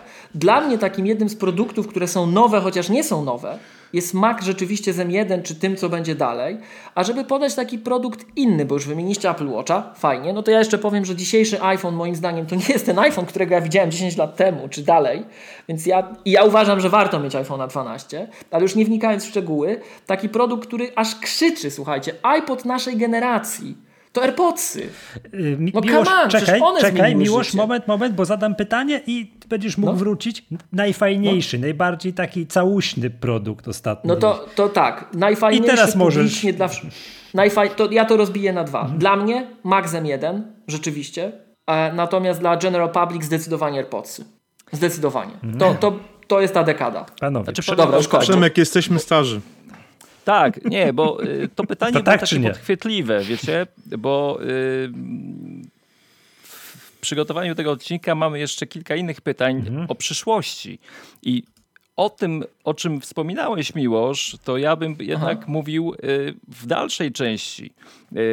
Cofając się 10 lat, jakbyś e, spotkał Kowalskiego, który jest użytkownikiem e, sprzętu, to wszystkie twoje historie, które tutaj ubierasz, które są od spodu, one są totalnie ważne i są najważniejsze w budowaniu ekosystemu. Dla większości użytkowników one nie mają znaczenia, bo on tego nie widzi, nie czuje, nie wie. Chociaż oczywiście to jest podstawa stabilności, bezpieczeństwa, oczywiście, ale 10 lat do tyłu to przejście gdzieś, gdzie pojawia się iPad, y, w sumie niezmienny iPhone przez y, kupę czasu. Od... Gdzie? Tak, dla zwyk... słuchaj, ale dla zwykłego użytkownika tak jest. To nie jest... Y, Przemek, iPhone 10 lat temu nie miał Bluetooth. No. Ale nie, mówię tutaj o jakiejś tam przestrzeni, o tym, co wspominał Krystian, że w pewnym momencie to już, to już nie ma znaczenia, czy masz Xa, XR czy 12 Pro. Dla zwykłego użytkownika liczy się po prostu to, że ten sprzęt działa płynnie. I w tym momencie oczywiście to, o czym wspominałeś, że ujednolicenie platformy, język, to wszystko właśnie dlatego się dzieje. Wiemy Aha. o tym, ale większość użytkowników po prostu to jest, no to, to jest właśnie Przemek, takie, jakie jest. To, to dwa pytania. Dwa pytania. Czy nie zauważyłeś? Ja uważam, że to iPhone zrobił. Trzy w zasadzie. I to iPhone zrobił. To, co powiedziałem, zobacz, pierwszy iPhone miał Bluetooth, nie miał profilu muzycznego. Jak chciałeś słuchać muzyki na oryginalnym iPhone'ie przez Bluetooth, to sobie dzwoniłeś na pocztę głosową, żeby ci włączył profil dźwiękowy i odtwarzałeś dźwięk. No paranoja, tak? Nie miał wielozadaniowości, bo się skupiać musieliśmy. A już pomijam, tak? Ja uważam, że iPhone zmienił dwie rzeczy, co najmniej tak w szerokiej ludzkości. To zrobił iPhone. On pokazał ludziom, że możesz mieć general, computing, general purpose computing device in your pocket. I on sprawił, moim zdaniem to iPhone, i to w Polsce było bardzo mocno widać, single-handedly, to tylko iPhone jako produkt sprawił. I teraz dwunastka to powtarza z 5G iPhone sprawił, że ludzie poczuli, że oni na przykład muszą mieć internet wszędzie. To iPhone sprawił, że takie usługi jak Twitter mogły zaistnieć, że social media wybuchły. Gdyby iPhone'a nie było, to by social media nie wydarzyły się tak szybko albo w takim kształcie. Tak? I dzisiejszy iPhone, no spróbuj pomyśleć o takiej rzeczy. No zobacz, jak funkcjonujesz, tak? Chcesz mieć AirPodsy? No pewnie, że chcesz. Chcesz słuchać muzyki? Chcesz, chcesz Apple Music, Spotify czy czegoś innego? Ja tam cały czas chcę, ja żyję w tych słuchawkach, tak? Młodzież chce, nie starzy ludzie. Młodzież chce, młodzież, nie, młodzież przyrosła prawie do AirPodsów. I to, to sprawia, że młodzież chce mieć chociażby internet. To, co wspomnieliście, jakieś, e, ja się tu teraz nie znam, uwaga, tu moja starość z kolei wychodzi, jakieś Instagramy, Snapchaty, robienie zdjęć, nagrywanie wideo, tak? Znowuż, iPhone sprawił, że ludzie zrozumieli i to nawet, ja nie no właśnie Przemek, ty wspominałeś fotografię, tak? Ja, ja, jestem, ja się kompletnie na tym nie znam, ale znam kilka osób, które bardzo poważnie się fotografią, moim, mo, moim laickim zdaniem zajmują, które 10 lat temu miały sprzęt za kupę pieniędzy, że sobie mieszkanie można było praktycznie za to kupić. Łazili, to było ciężkie i duże, a dzisiaj dochodzą do wniosku, że ten iPhone 12 Pro Max, bo się zestarzeli też i to ciężkie jest, ale wystarczy ale wystarczy. Nie wystarczy. Tak? Masz, masz, masz młodzież... rację, tylko wiesz, tylko to jest kwestia potrzeb. Ja na przykład wspomniałem o tym, że nie kupuję sobie iPhone'a 12 Pro. Ja, ja, wiesz, moje podsumowanie było to subiektywne. Ja po prostu nie widzę w tym iPhone'ie 12 Pro dla mnie nie ma nic. Oczywiście, że wiesz, że dla wielu ludzi będzie to potrzebne. Ja na przykład nie potrzebuję w tym momencie 5G w telefonie. Ja osobiście, prawda? Mm. Oczywiście to nie znaczy, że nie chciałbym go mieć ale to nie jest, mhm. wiesz, to nie jest... W Łodzi macie fajny deployment. Ale to nie jest, wiesz, to nie jest rzecz, yy, która by na obecną chwilę, na przykład w moim przypadku yy, tłumaczyła to, zakup nowego, nowego iPhone'a po prostu. I to jest, to jest, wiesz, to jest yy, wszystko bardzo, bardzo względne. Ja rozumiem Przemka, bo ja mam podobne podejście z punktu widzenia po prostu w, w, mojej, mojej własnej. Oczywiście zgadzam się z tobą z tym, co powiedziałeś, że z, mojej perspektywy to faktycznie najważniejszą rzeczą to jest Swift. No bo Swift zmienił moje życie przede wszystkim bardzo mocno, prawda? No bo jakby dzięki Swiftowi nauczyłem się programowania i yy, rozpocząłem moją, powiedzmy, karierę jako, jako programisty. Yy, ale to, o czym mówisz, yy, Miłosz, w dużym stopniu, to wszystko ma znaczenie, ale ja, mnie to też przeraża, wiesz, bo ty mówisz o tym, że teraz, wiesz, że iPhone 12 Pro, tutaj to jest, wiesz, Snapchaty, cuda, wiesz, Instagramy. Ja, mhm. ja, też pamiętam, gdzie był Instagram, jak zaczynał, bo jestem pierwszym polskim użytkownikiem Instagrama w ogóle. Tak, o, po... pierwszy Polak, tak? tak, tak wyszło. Pozdrawiamy i dziękujemy. Tak wyszło. Tak wyszło. Ja się, za, ja się za, za, zarejestrowałem w Instagramie jakoś 5 czy 6 godzin po tym, jak ten serwis ruszył w ogóle. Nie? Eee, I ja pamiętam, że ten serwis był wtedy, jak, kim, czym jest teraz. I ja, ja, ja, ja się zastanawiam, czy nie instalować aplikacji Instagrama w ogóle. Ale to jest właśnie podejście starych ludzi. No, Okej, dobrze, masz rację, no tak naprawdę. Znaczy no. doświadcze, doświadczonych. Panowie, panowie, przywołuję was. Krystian Przemek, najfajniejszy, najbardziej taki, wiecie, całuśny produkt Apple'a w ostatnich Oj, Michał, 10 tam latach. całuśny, sexy. O, no, no, no miałem powiedzieć właśnie. nie? Ja, Słuchaj, ja, przepraszam, powiem, to jest, trzeba wyjaśnić coś słuchaczom. Oczywiście jesteśmy na FaceTime, więc się widzimy. I teraz popatrzcie sobie na nas wszystkich, zwłaszcza na mnie i na Przemka i gdzie ten sexy, kurczę. A ze mną co? Przepraszam. No, to, Nie no, wiesz, co? ty jesteś łysy prawie, a to jest podobno sexy, więc wiesz.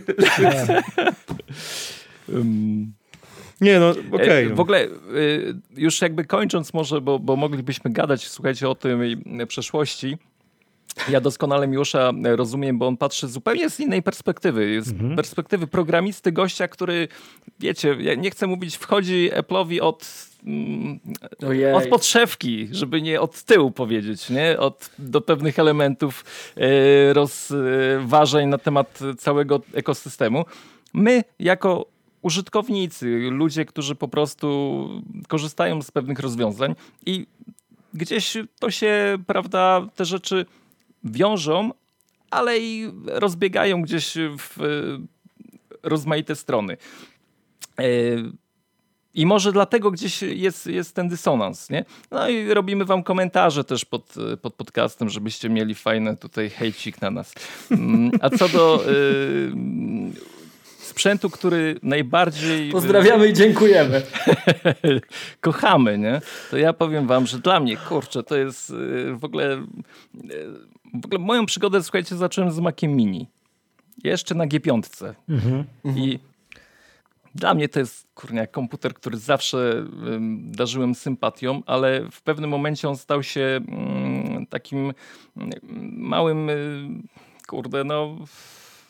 Nie, żeby nie, nie obrazić y, tego komputera, bo go naprawdę wielbię, y, nie był wydajny. To był taki babol po prostu, jakiś gdzieś y, porzucony przez Apple'a i, i nierozwijany w pewnym momencie. Stare komponenty tam były wkładane i teraz goście zrobili z tego coś. Ja niestety nie mam M1, do M1 jeszcze wrócimy, będziemy y, tam się na tym rozwodzić, ale y, ja mam y, na Intelu ten komputer i to jest, słuchajcie, moje w ogóle centrum dowodzenia wszechświatem. To jest komputer, na którym robię wszystko, od zdjęć po wideo, y, po pisanie. mm, Przemek, serwe, serwery na tym stoją, przecież są całe ten usługi. Tak. No, słuchajcie, ja uwielbiam ten komputer. Ja, ja nie rozumiem, jak, przy jego cenie w ogóle, jako Maca, to, że na przykład y, ja nie bardzo toleruję y, zintegrowany monitor z komputerem, bo chcę mieć monitor, który spełnia moje jakieś konkretne preferencje. Y, No, czy ja już powiedziałem, że kocham Maca Mini? Chyba tak. No, to jest dość jasne. No. no, po prostu ten sprzęt, jeśli ktoś nie próbował e, tego urządzenia zabrać do domu na jakiś czas, e, no to koniecznie, koniecznie musi spróbować. To ja pamiętam, że to był ten e, taki najtańszy komputer, gdzie tam Apple rzucało go, weźcie sobie klawiaturę, podepnijcie monitor do niego i zobaczcie, dotknijcie macOSa. Zobaczcie, jak to działa. To może być wolne, no nawet nie poczujecie, czy to jest wolne, czy to jest szybkie. Po prostu zakochacie się w macOSie. A potem chłopaki potrafiły tak docisnąć y, moc z tego małego pudełeczka, że po prostu ja uwielbiam go i nawet, y, dobra, dobra tak. Jesteś Przemek, Mac Mini. znanym, znanym fanboyem Maca Mini. Ja, ja, nie ukrywam, Maga. ja nie ukrywam, że to jest, że, że y, y, dość mocno intensywnie teraz szukam wymówki, żeby sobie powiedzmy w okolicach kwietnia, tam czerwca sprawdzić właśnie Maca Mini y, z procesorem M1. To czekaj, zaraz, to, czekaj, czekaj. to zobaczcie. Zaraz To- będziemy to o tym jedno M1. pytanie Czekaj, czekaj, czekaj, bo zanim domkniemy ten wątek. Tak, to nie, to, ale to sam, nawet, nawet bez tego M1. Zobacz, bo, bo Przemek powiedział o Intelu. To jest ten sam Mac, czy to nie jest ten sam Mac? Wydarzyło się przez dekadę coś fajnego, czy się nie wydarzyło? Bo nagle ten, ten Mac, który był entry level, może mieć 64 giga RAMu i ciągnąć serwery, jak powiedział e, Krystian, tak? A zobaczcie, ja już, ja już tego nie chciałem naprawdę wrzucać do tego worka, ale zanim przejdziemy do tego M1, to jeszcze przypomnijmy, że jak nie lubimy komputerów Mac z ekranami z jakiegoś powodu, to mamy dwa takie komputery w ofercie i drugim jest Mac Pro. No. A Mac Pro wprowadził Afterburner. Afterburner, czyli ASICi dostępne dla aplikacji takich jak Final Cut. To jest osobna rewolucja, która się dzieje. I ona na pewno zostanie połączona z M1. To nie miejcie wątpliwości. Czy, czy ty do wracasz do pierwszego pytania? Czy mi się wydaje? Troszeczkę. Ale no. to, to my jesteśmy starymi ludźmi, którzy mają demencję. Go To do jej- przodu. Dobrze, Przemek, y, y, Michał, chciałeś jak co produkt sexy, tak? Tak. Znaczy zgodzę, zgodzę, się, zgodzę się z Miłoszem, że to jest na pewno, to są na pewno AirPodsy. To bez dwóch zdań, nie? To jest, to jest... Pamiętacie, pamiętacie, że w latach, w latach, e, w ubiegłej dekadzie e, to mm, słuchawki do iPoda też były takim sexy produktem. Przecież te reklamy, prawda? Przecież w ogóle wejście, z- rozpoczę- masowe produkowanie białych słuchawek, prawda? Z białym kablem. Przecież to było, to była taka po prostu papugowanie po Apple'u, że po prostu to było, chodzi, to, wszystkie firmy chciały wykorzystać ten...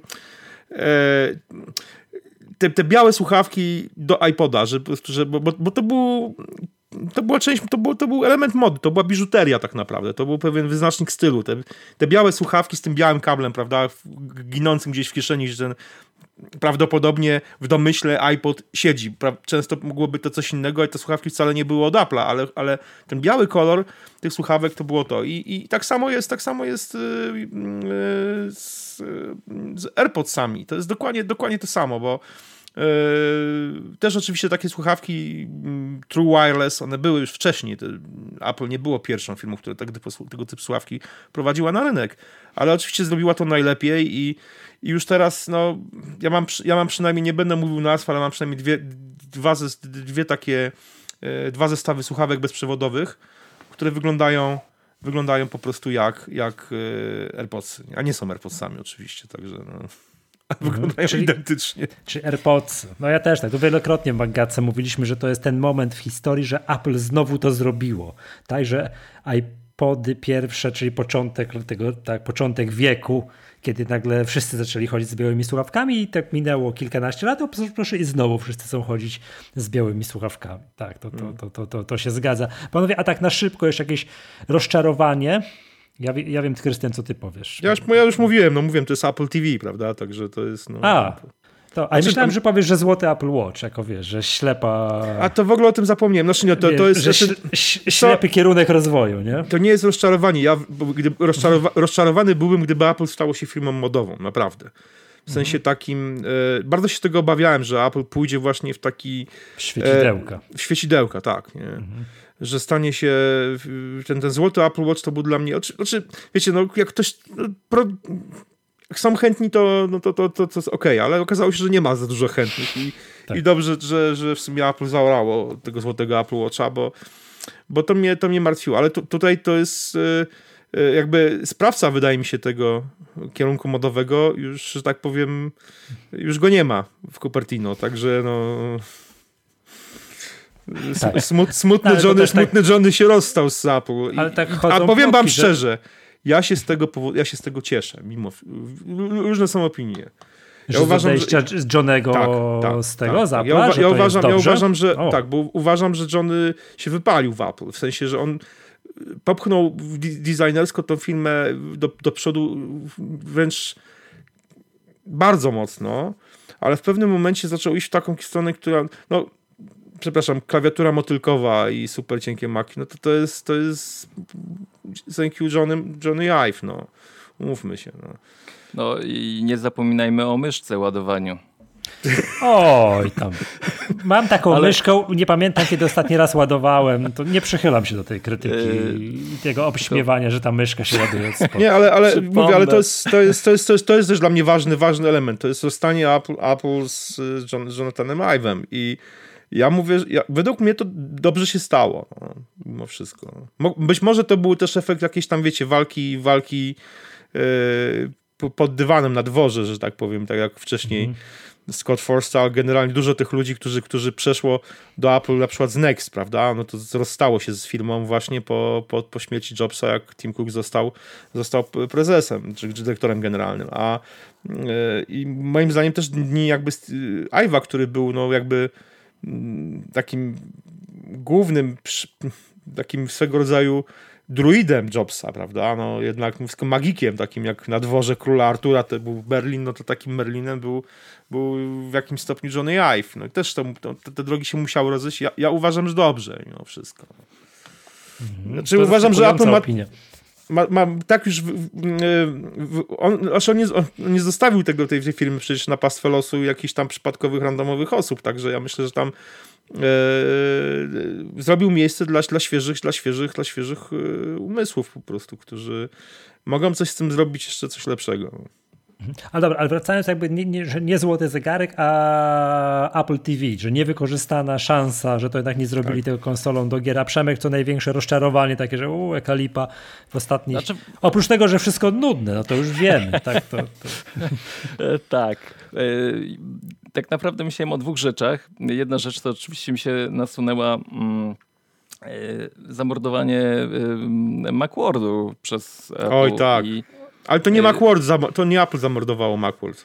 Nie, to nie oni zrezygnowali z tego. A, oni zrezygnowali, ale zamordowało to IDG, które po prostu nie miało już z tego, ale fakt. To, to no, też, do tego zaraz wrócę o tym. Tak, przyłożyli tutaj chyba rączkę. Yy, znaczy, chodzi o pieniążki, ale yy, jakby yy, jak sobie myślałem o, o, naszym spotkaniu tutaj, no to kurde, tak sobie zatęskniłem właśnie za tymi pięknymi czasami.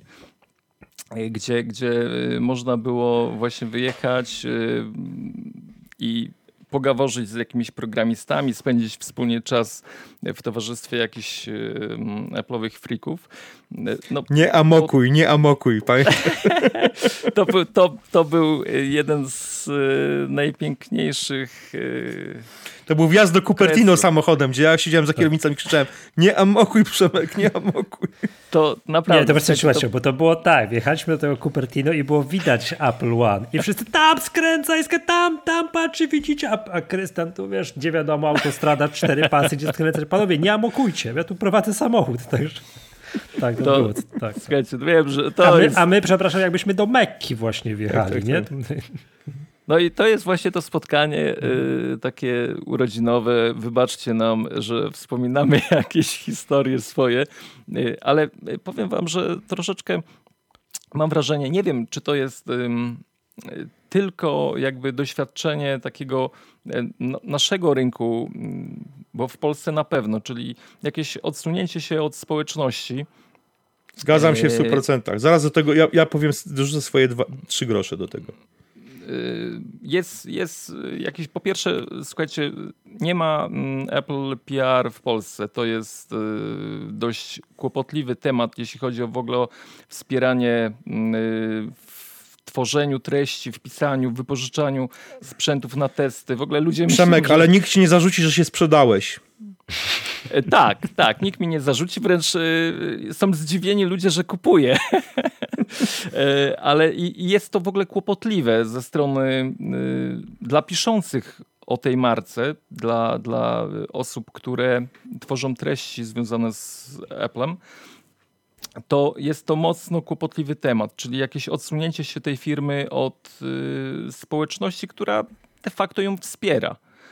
To jest moje doświadczenie, które no już y, w sumie gdzieś zaczęło się właśnie z y, końcem Macworldu. Nie wiem, dlaczego tak y, zostały, zostały to podjęte te decyzje jakoś odgórnie. Zresztą... Mogę, mogę Przemku swoje trzy grosze dorzucić? Tak, jasne, proszę cię. Zgadzam się z tobą w 100%. Znaczy ja, e, Macworld był inicjatywą prywatną znaczy wydawnictwa IDG, prawda? No to, to jest jakby, te, te, te targi były organizowane. Apple tak naprawdę było jednym z wystawców na Macworldzie zawsze i yy, Apple zrezygnowało, to też była pewna nowość, prawda, że Apple rezygnuje z udziału w targach, nie bierze udziału w, w imprezach targowych, i za, za, za, Apple potem poszły inne firmy, które może biorą udział, ale już prezentację nowych produktów robią poza targami.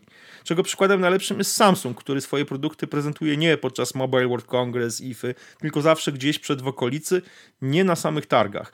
I wydaje mi się, że też to Apple było, Apple było pewnym...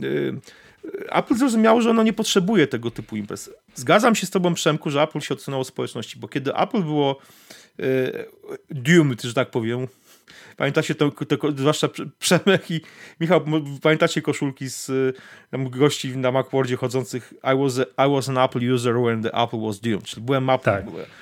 Mac user. Byłem ma użytkownikiem Maca, kiedy Apple było no wiadomo gdzie. I, i faktycznie tak jest, bo mm, jako impreza targowa Macworld nie miało sensu. Bez dwóch zdań, nie mam do, do tego wątpliwości, że jako impreza targowa e, Macworld było skończone e, i to jeszcze przed odejściem Apple. Po prostu Apple zrozumiało, że imprezy targowe tego typu się po prostu kończą, nie są już potrzebne. E, ale Macworld było czymś więcej niż, niż, niż imprezą targową. To był, to był fanfare, to była impreza, to było, było święto fanów tej, tej społeczności Apple'owej.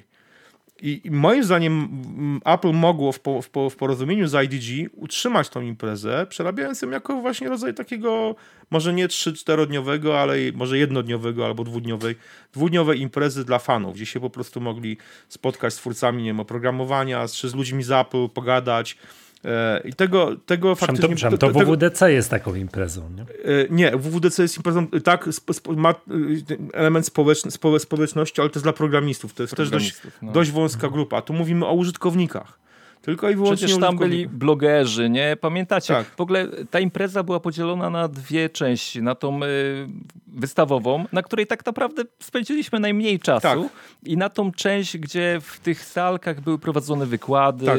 y, opowiadali o swoich doświadczeniach, tak. o budowaniu pierwszego Maca, nie? To to było właśnie tak. clue tego całego tak. wydarzenia. Ja, to, że ja, można było spotkać tych ludzi, programistów. Ja jeszcze, masz rację, to jest, ja, ja jeszcze przypomnę, że przecież co Przemek e, z Michałem nie, nie mogli nam, mi Tomkowi wybaczyć, chyba do dzisiaj mi tam tego nie wybaczy, że przed, na dwa miesiące przed ostatnim Macworld polecieliśmy do Cupertino na 30 urodziny Macintosha. Byliśmy na imprezie we Flint mhm. Center, czyli w tej auli Flinta, gdzie Steve Jobs wyjął pierwszego Maca z torebki, pokazał, prawda, i e, byliśmy w, ten, w, w, tej sali i oglądaliśmy wystąpienie tych, tego zespołu, chyba było z 20 osób z tego pierwszego zespołu Macintosha, te wszystkie postaci tam e, które, tworzy, które, które budowały tego Maca e, opowiadały i też tam nie było Apple, prawda? Tam na, na tej imprezie nie było Apple. Apple miało swoją zamkniętą imprezę mm, na, przy Infinity Loop i, to, i czuło się to, to odejście od tej społeczności. Ja też e, w rozmowach, bo cały czas utrzymuję kontakt z, wie, z wieloma osobami, które poznaliśmy wtedy na Macworldzie, to na przykład taka świetna inicjatywa swego czasu, Mac User Group, nie wiem, czy kojarzycie, Magi tak zwane, to mm. Te, te, te, te, te grupy umierają tak naprawdę, bo, bo, bo mówiąc brutalnie, ich członkowie umierają w Stanach. Y, rozmawiałem z kilkoma członkami Mac User Group i tam średnia wieku to jest 65 teraz, nie? 70 lat, nie?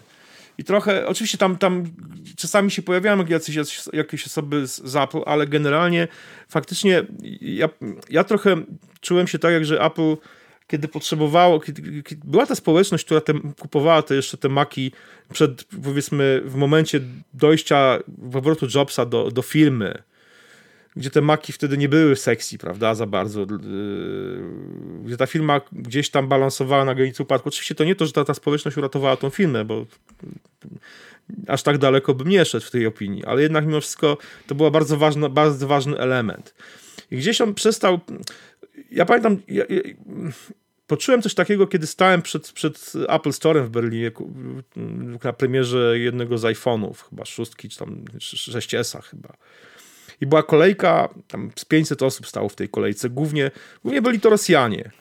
Yy, Ukraińcy było, i też Polacy, ale mówimy o wszystkich, to byli to handlarze po prostu, byli to handlarze. I to nie to, że każdy był tam takim domorosłym biznesmenem, tylko to byli wynajęci ludzie, którzy po prostu zostali przywiezieni autokarami, stali w tych kolejkach po prostu. I, i wtedy sobie pomyślałem tak, nie, że to jest obecna społeczność Apple. To są klienci, którzy po prostu, klienci po prostu, którzy mają kupować, kupować, kupować i, i kupować. I, I, gdzieś poczułem tam ukłucie w sercu, takie, takie dość, dość mocne, e, że, że, że tego nie ma, że, że to gdzieś... E, w Stanach oczywiście tam oni próbują, te, te, te, te, ta społeczność, która była jakby skupiona wokół Macworld, próbuje y, jakichś swoich własnych inicjatyw. Jest taki, taka impreza, która się nazywa Macstock Woodstock pod, pod Chicago organizowana w, w stanie Illinois, ale to, to jest, ma zupełnie już inną, inną skalę. Więc też czuję gdzieś wewnętrznie e, taki trochę pretensje chyba do Apple właśnie, że, że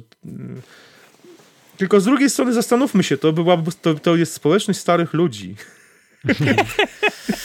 Uuu, dobra, dobra, to słuchajcie panowie, bo popadamy w taką nostalgię, to ja oczywiście, ja oczywiście muszę się nie zgodzić, ale może zanim ja się nie zgodzę, to Michał, ty powiedz, co twoim zdaniem Ja było największym zawodem. Ja chciałem Odpowiedz na to pytanie ja, po ja prostu. chciałem tylko. w, te, w tą początkową nutę, co Krystian powiedział, że Apple nie, nie podbiło rynku gier. A teraz, o widzisz, mieliśmy o tym mówić, Magacja zapomniała na śmierć, a teraz przegapia tę rewolucję taki cloud gaming, ale to, to, to, to, to, to jakby śpiewka przyszłości.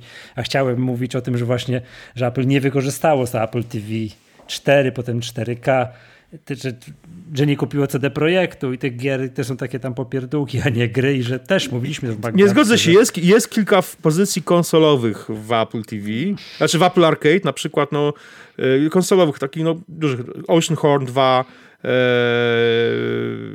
Beyond the Steel Sky. No to jest A piękna to w, gra. to, w, to, w to nie grałem. No ale to jakby to chciałem mówić, że to jest takie rozczarowanie, ale żeście uderzyli panowie w taką nostalgiczną nutę.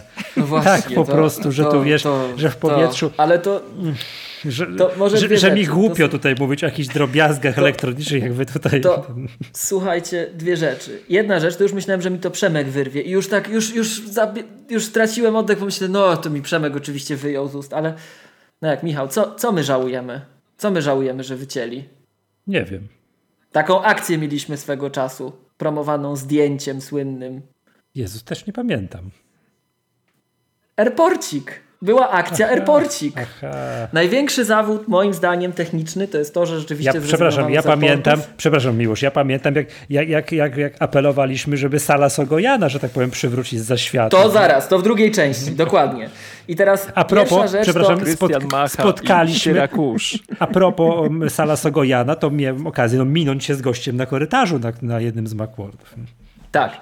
I teraz słuchajcie, e, to tak mo moja krótka odpowiedź taka wprost, e, zanim tu będę musiał trochę jednak e, znowuż się w kontrze ustawić, to to, że właśnie Apple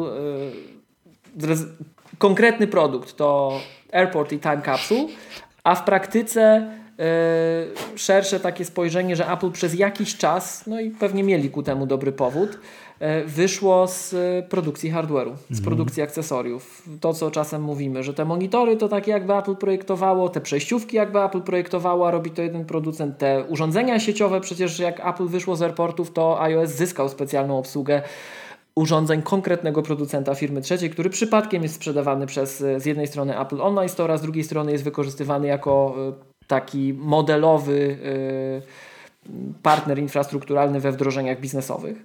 Natomiast przechodząc przez te wdrożenia biznesowe, panowie, do tego, co powiedzieliście, to powiem wam szczerze, że ja może nie, nie my, nie mamy tych wspólnych wspomnień, że byliśmy w tych samych miejscach i może dlatego jestem wolny od tego skażenia, mam wrażenie, nie, nie gniewajcie się, ale ja mam odwrotne totalnie doświadczenie, że Apple się otworzyło w ostatnich latach. Przepraszam, Krystian, te dźwięki to Krystian zdmuchuje z kurz ze starego airporta. E, Zobaczcie, zobaczcie, co się dzieje w tej chwili właśnie przy okazji DabDaba.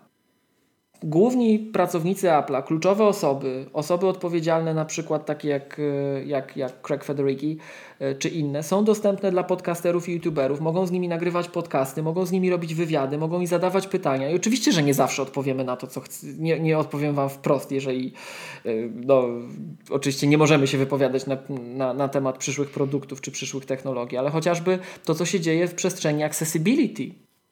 Zobaczcie, jak w tej chwili jest angażowana społeczność, jak właśnie osoby odpowiedzialne za to są dostępne dla środowiska.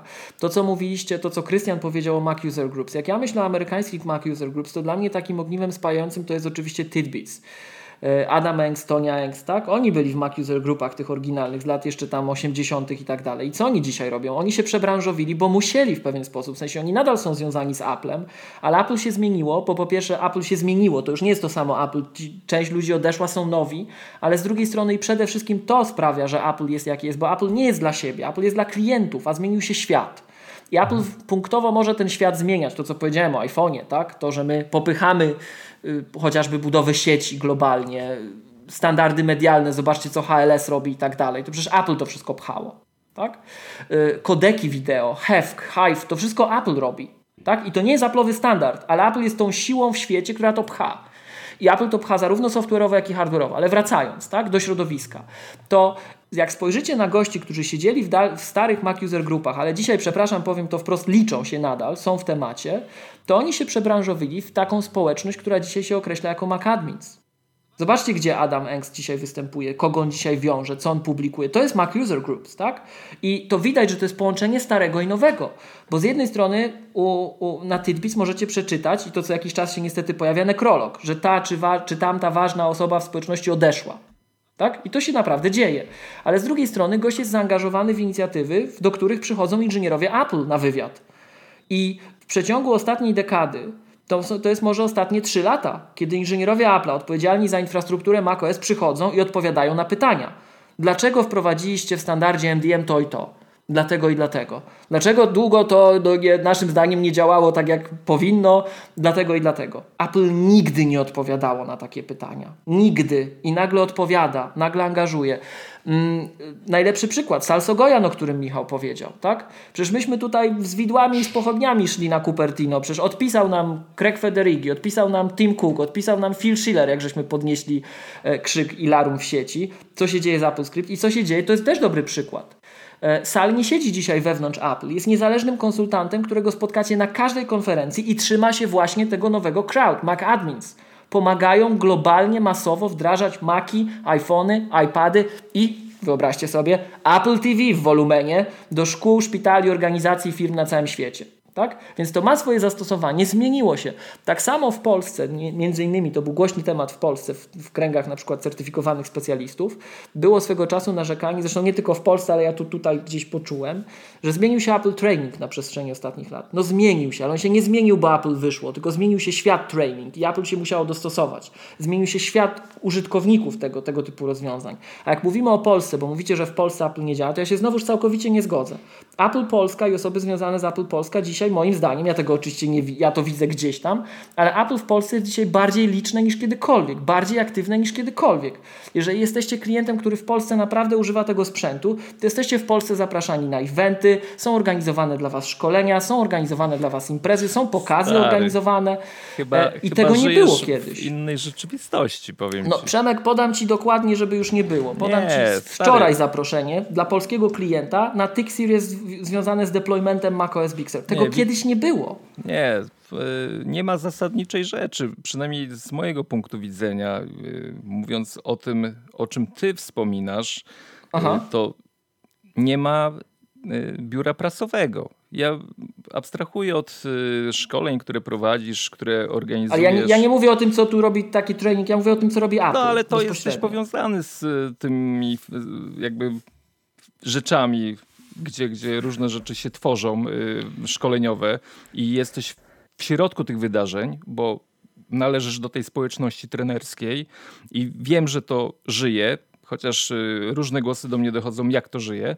A ja mówiąc o Apple i o pisaniu, wspomniałem, że nie ma biura prasowego Apple, które kiedyś było. Mhm. No, ale też powiedziałeś, wspominam... że nie ma takiego wyjścia do społeczności, nie?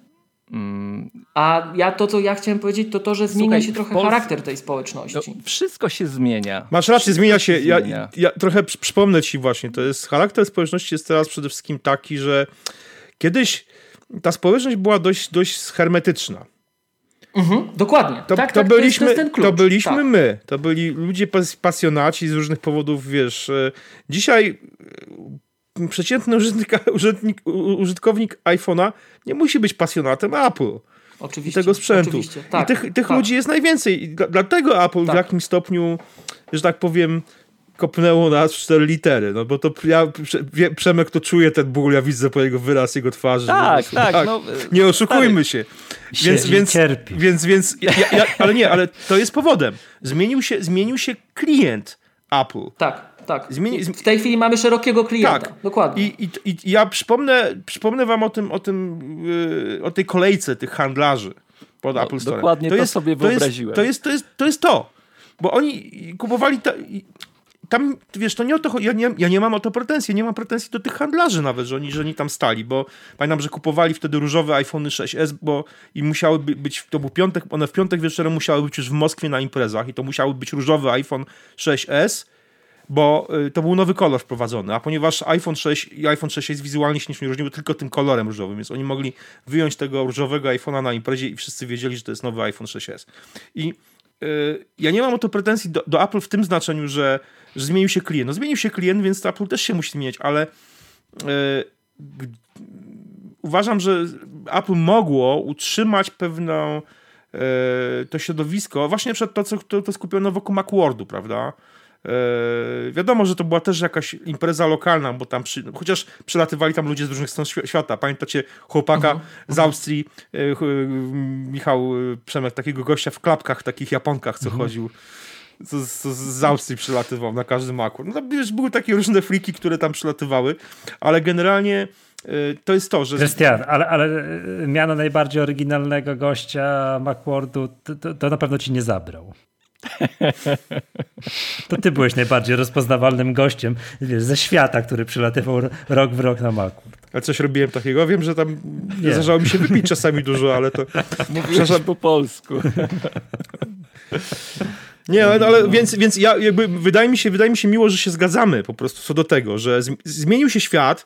My y, z Przemkiem wylewamy swoje żale głównie, to, to jest taka, no to jest taka jesteśmy starymi zgredami po prostu, Zobaczcie... którzy trochę, trochę narzekają na to, że się świat zmienił. A my zostaliśmy w tym miejscu jednym. Nie, no ja, ja, ja tutaj akurat wspominając... z tym 6 to, to czekaj Przemek, tylko, tylko tu się odniosę. E, z tym 6 to ja byłem w Dreźnie, przyznaję. Ja wtedy byłem w Dreźnie, tak? E, I ja nie tylko handlarzy widziałem, żeby było jasne. Nie tylko handlarzy widziałem, ale jak już mówimy o takich zakupach, to zobaczcie, co się w Polsce dzieje. Nie wiem, czy kojarzycie akcję Tu bije źródło Apple. To jest bardzo duża kampania Apple'a, która jest w tej chwili realizowana udziałem polskich APR-ów, czyli iSpot, Cortland i iDream. Pozdrawiamy i dziękujemy. E, I to, to pokazuje, jak się zmienia rynek. Zobaczcie, my w tej chwili mamy salonów APR w Polsce, no ja nie wiem, z 50 mamy pewnie już. No, 40-50, tak? Mhm. I to jest ekspozycja na szerokiego klienta. Jak spojrzycie, tak. co robią w ramach kampanii właśnie tu bije źródło Apple, polskie APR-y, jeszcze raz pozdrawiamy i dziękujemy za to, co robicie. Ale z drugiej strony wejdziecie sobie na stronę iDreamu, czy wejdziecie sobie na stronę iSpotu, czy wejdziecie na Cortland.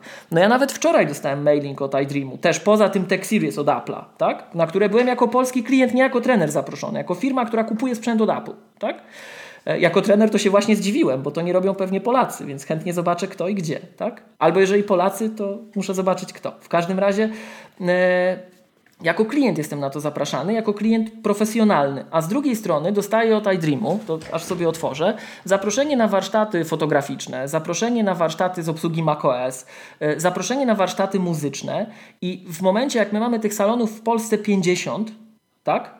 I y, ja wiem, że w dobie pandemii no to jest specyficzne, bo do, do dzisiaj były de, de facto pozamykane y, galerie handlowe. I, ale, ale to właśnie o to chodzi, żeby było dotarcie do szerokich, e, do szerokich gremiów. W Polsce działa od dwóch czy trzech lat program iStudies, czyli na wszystkich uczelniach ważniejszych w Polsce e, Apple i jego partnerzy prowadzą zajęcia dla młodych osób. Tak? Są takie warsztaty Miłosz. pokazujące różne rzeczy, więc zobaczcie, ta ekspozycja szeroka się pojawia. Właśnie to jest to, co powiedział e, Krystian, że może ta, to takie grono zatwardzialców starej gwardii, z którym ja też się identyfikuję, tak? E, bo ja też zaczynałem, nie wiem, 16-17 lat temu, jak ja to mówię, w głębokim PowerPC, tak? E, no to ono może nie jest tak adresowane, ale to moim zdaniem nie należy mieć do Apple'a pretensji, że oni nas już nie adresują, tylko też troszeczkę pójść, bo, bo ta ekspozycja na Apple'a w Polsce mam wrażenie, że jest silniejsza niż kiedykolwiek. No. Ale rzeczywiście, że jest Chociaż silniejsza. Zobaczcie, co zrobił Apple Pay. Zobaczcie, co Apple Pay zrobiło. W każdej, na każdej ścianie w Polsce logo Apple'a na was krzyczało. Świetnie. E, załatw nam biuro prasowe, żeby wypożyczali nam sprzęt na testy. I naprawdę... A ja nie wiem, czy gdziekolwiek na świecie wypożyczają tak ogólnie, poza tym jak nie jesteś właśnie Johnem Gruberem albo nie wiem... E, albo McCozerem.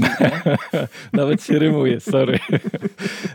Dobra, panowie, czekajcie, musimy tak trochę, spróbujmy ściaśnić dyskusję, ponieważ tutaj przez kilka już tych przejdźmy przez jedną dużą rewolucję Apple, która się właśnie w ostatniej, na jesieni na naszych oczach stała czyli przez, przez na procesory M1, bo to mam wrażenie na naszych oczach się dzieje, bo poprzedniej to my no, już nie, ja nie pamiętam, czyli tej, właśnie... przechodzili, przechodziliśmy z PowerPC na Intela, a teraz ta M1 dzieje się na naszych oczach i jak Krystian wyłapałem twojego tweeta albo gdzieś wpis w jakichś innych mediach społecznościowych, że ty załamujesz ręce nad swoim komputerem i drapiesz się w głowę, a może bym tak znaczy, zrobił przedwczesną zmianę. Dobrze mogę nawet, mogę nawet obrócić tutaj, proszę bardzo, widzicie, o zamknięty jest mój MacBook Pro. Dlaczego? Bo e, no, mam powiedzmy takiego wymaksowanego MacBooka Pro 16 cali, mhm. e, kupiony w, rok temu mniej więcej go kupiłem. I ten komputer nie jest w stanie obsłużyć zewnętrznego monitora, mając otwartą klapę, e, własny, otwarty własny ekran, własny monitor. Znaczy on zaczyna mm, piłeczka plażowa, kernel, kernel task po prostu zabiera 200-300% e, czasu procesora, zasobów. No generalnie jest bieda, straszna. I kombinowałem, przeinstalowałem system, robiłem, czyszczy, czyściłem wszystko, co tylko można, łącznie tam z Mm, Boże, jak umknęło mi to. Krystian, a rozmawiałeś z Apple Care? Wiesz co, nie rozmawiałem z Apple Care, ale yy, prześledziłem dość, dość, dość mocno ten wątek, łącznie z forum, z forum Apple i, i, i problem wynika z karty graficznej AMD, która jest w tym komputerze. Yy, I tutaj wiesz, nie chodzi o to, żeby ten komputer wymienić, bo nie ma na co go wymienić. Rozumiesz? W sensie ta konstrukcja jest taka, a nie inna. I przy zewnętrznym monitorze mhm. sygnał idzie przez tą kartę zewnętrzną AMD i po prostu komputer wariuje, więc roz, rozwiązaniem obecnie jest, jest jedno, znaczy, problemem jest to, że tak naprawdę przesadziłem, bo, bo mogłem kupić komputer z jedną kartą, tą, tą zintegrowaną kartą graficzną i nie miałbym tego problemu. Ten komputer by działał pod tym względem zewnętrznym monitorem lepiej. Więc najprostsze rozwiązanie to jest po prostu zamknąć klapę monitora i, i, i faktycznie rozwiązało to wszystko. Roz, tak, i rozwiązało to wszystkie moje problemy. Kernel task jest po prostu tam, nie wiem, 2-3%. Komputer działa szybko, stabilnie, nie, nie hałasuje wiatraki. słuchaczom, że kernel task to jest task, który w monitorze aktywności, jeżeli zabiera Wam dużo mocy, jak gdyby tych rdzeni hmm. procesora, to oznacza, że po prostu musi komputer schłodzić. Czyli kernel zajmuje moc procesora po to, żeby inne taski tego nie dostały, żeby tak. procesor mógł się schłodzić, tak? No więc, więc, więc po prostu no generalnie, generalnie yy, problemy, problemy się rozwiązały i teraz yy, naprawdę poważnie się zastanawiałem, znaczy wiem, że tych problemów po prostu nie ma w przypadku no, nowych, nowych MacBooków, nowego sprzętu. Nowego sprzętu. I y, ja nie mówiłem o, o M1 w, w, kwestii tych, tych, tych zmian, nowości, które, które w ostatnim dziesięcioleciu, bo dla mnie to jest jakby początek nowej dekady ten, ten, ten procesor. E, mówię, rozważam poważnie zakup y, Maca Mini, no bo no mam niecałego rocznego MacBooka Pro 16 cali, więc nie chcę, y, no nie będę zmieniał jakby komputera specjalnie po to, no, ten komputer jest dobry generalnie on jak, też jak pracuje tylko na wewnętrznym monitor, tym wyświetlaczu, to on działa super, nie ma w ogóle tutaj żadnego problemu. Ale, mhm. ale poważnie zastanawiam się właśnie nad, nad, y, nad, nad generalnie nad, nad Maciem z M1, bo to jest masakra po prostu. To e, znaczy, po, Apple pokazało jedną rzecz. Jak Intel robił nas w konia przez ostatnie 10 lat. E, zresztą tam, z tego co wiem, tam w Intelu, w Intelu tam się posypały głowy, tam jest dość dużo zmian z tego co wiem w ostatnich latach, e, ale, ale po prostu moim zdaniem Intel jest naprawdę w poważnych tarapatach obecnie po tym, jak Apple pokazało, pokazało to, to bo że, że pokazało procesor, tak. to jest jedno, ale pokazało komputery. Prawda jest taka, że każdy podchodził bardzo, bardzo sceptycznie do, do tematu. Prawda? Także do, do, ludzie generalnie podchodzili sceptycznie, jak te nowe komputery będą z tym, z tym procesorem 1, o, tutaj wiecie jak to jest, nie? Znowu wersję beta dostaniemy, nie? A Nawet ja się, podchodziłem sceptycznie. Dostaliśmy po prostu sprzęt, który no, kasuje wszystko, co, co jest na rynku tak naprawdę, nie? I no właśnie, a Krystian, jaką ty masz teraz konfigurację? To, to, to, co się dzieje. Tak, także, także uważam, że no, to, to, jest, to jest przyszłość. To jest naj, naj, naj, najbliższe, najbliższe lata to będzie faktycznie no, coś niesamowitego. A nie słuchaj, wiem, czy mnie chłopaki słyszycie, bo się pojawiałem. Jaką mam teraz konfigurację? Ja mam, ja mam MacBooka tak. Pro 16 y, cali, 32 GB y, RAM y, zewnętrzną, zresztą tą tak zwany dedicated graphic card, czyli z AMD. Y, nie, nie boisz się przesiadki na M1 w obecnym kształcie z limitem na 16 GB RAMu? Y, czekam. Nie, nie, nie przesiądę się teraz z limitem na 16, ale, ale y, mam kilku znajomych deweloperów też, którzy, przesie- którzy kupili tego Maca Mini z 16. 16. 16. Mhm. I ten komputer kasuje wszystko, co oni mają. Kasuje ich MacBooki Pro. Może nikt z nich nie ma Maca Pro, żeby jakby powiedzieć porównanie, ale, ale, ale wydajność tego komputera są... jest niesamowita po prostu. No. To są deweloperzy iOS. Tak. To są deweloperzy na tym. Znaczy tak, tutaj... iOS i macOS. I to są. To są, to są macOS. Okay. To są duże, to, duże, tutaj... duże aplikacje też. E, to nie są, to nie są powiedzmy jakieś tam małe, małe popierdółki. To są, to są często pracują nad, nad naprawdę wydajnymi programami i, i, i, oni, oni sami mówią, że po prostu, że to jest niesamowite. To, to, co, to, co się. To, co Apple pokazało, to jest po prostu no. To jest trudne do opisania nawet po prostu, jak to, jak to komputery się zachowują. Tak, na, najlepszy test przy tym, co mówił Krystian, tak zobaczycie, jak podłączacie zewnętrzny monitor do dowolnego Maca na Intelu, co się dzieje, a co się dzieje, jak podłączacie do Maca na M1. Najlepiej z 16 RAM, jak macie coś podpalane, bo tam jest ten Unified Memory, mm. nie?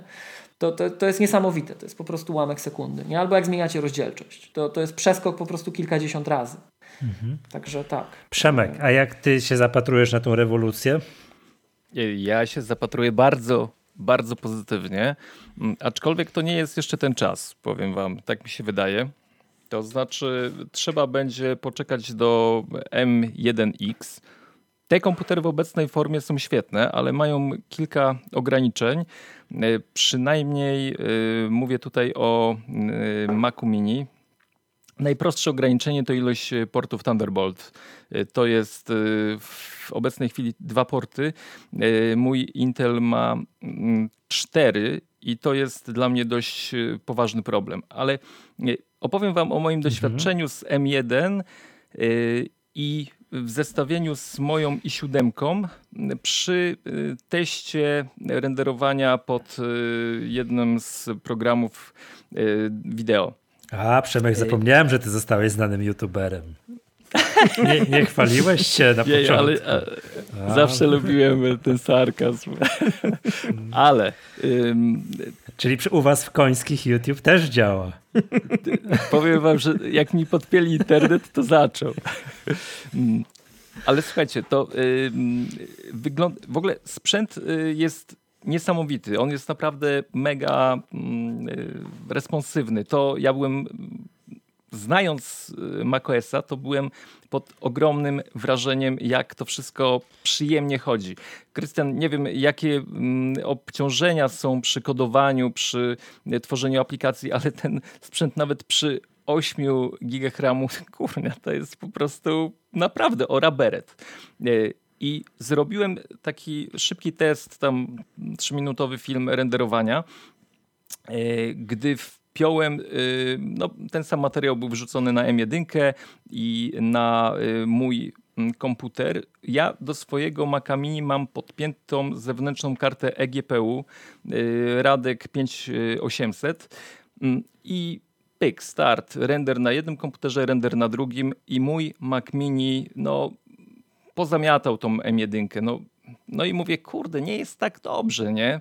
Z tym M1, ale mówię, odepnę tą kartę zewnętrzną, do, która kosztuje no, ponad 2000, nie? To jest y, kawał grosza.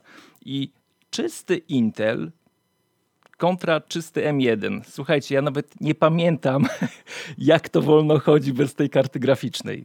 Po prostu ta M1 no, zjadła go zjadła Intela z budowaną kartą, który kosztował znacznie więcej. No, no, nie wiem, y, jeśli dobrze kojarzę, to w tej konfiguracji mam 16 giga w moim Intelu, on kosztował prawie 5000, więcej chyba nawet, wow. Y, I y, no, M1, zimny głaz, mm, Intel, wrzątek, no mogę gotować na nim wszystko, co chcę. Jaki drzemie potencjał w tym procesorze, jeśli on w ogóle się nie zająknął. I dla mnie w tym momencie jest tylko właśnie jedno ograniczenie tej M1. Y, pal licho te porty, nie? ale nie ma wsparcia dla zewnętrznej karty graficznej.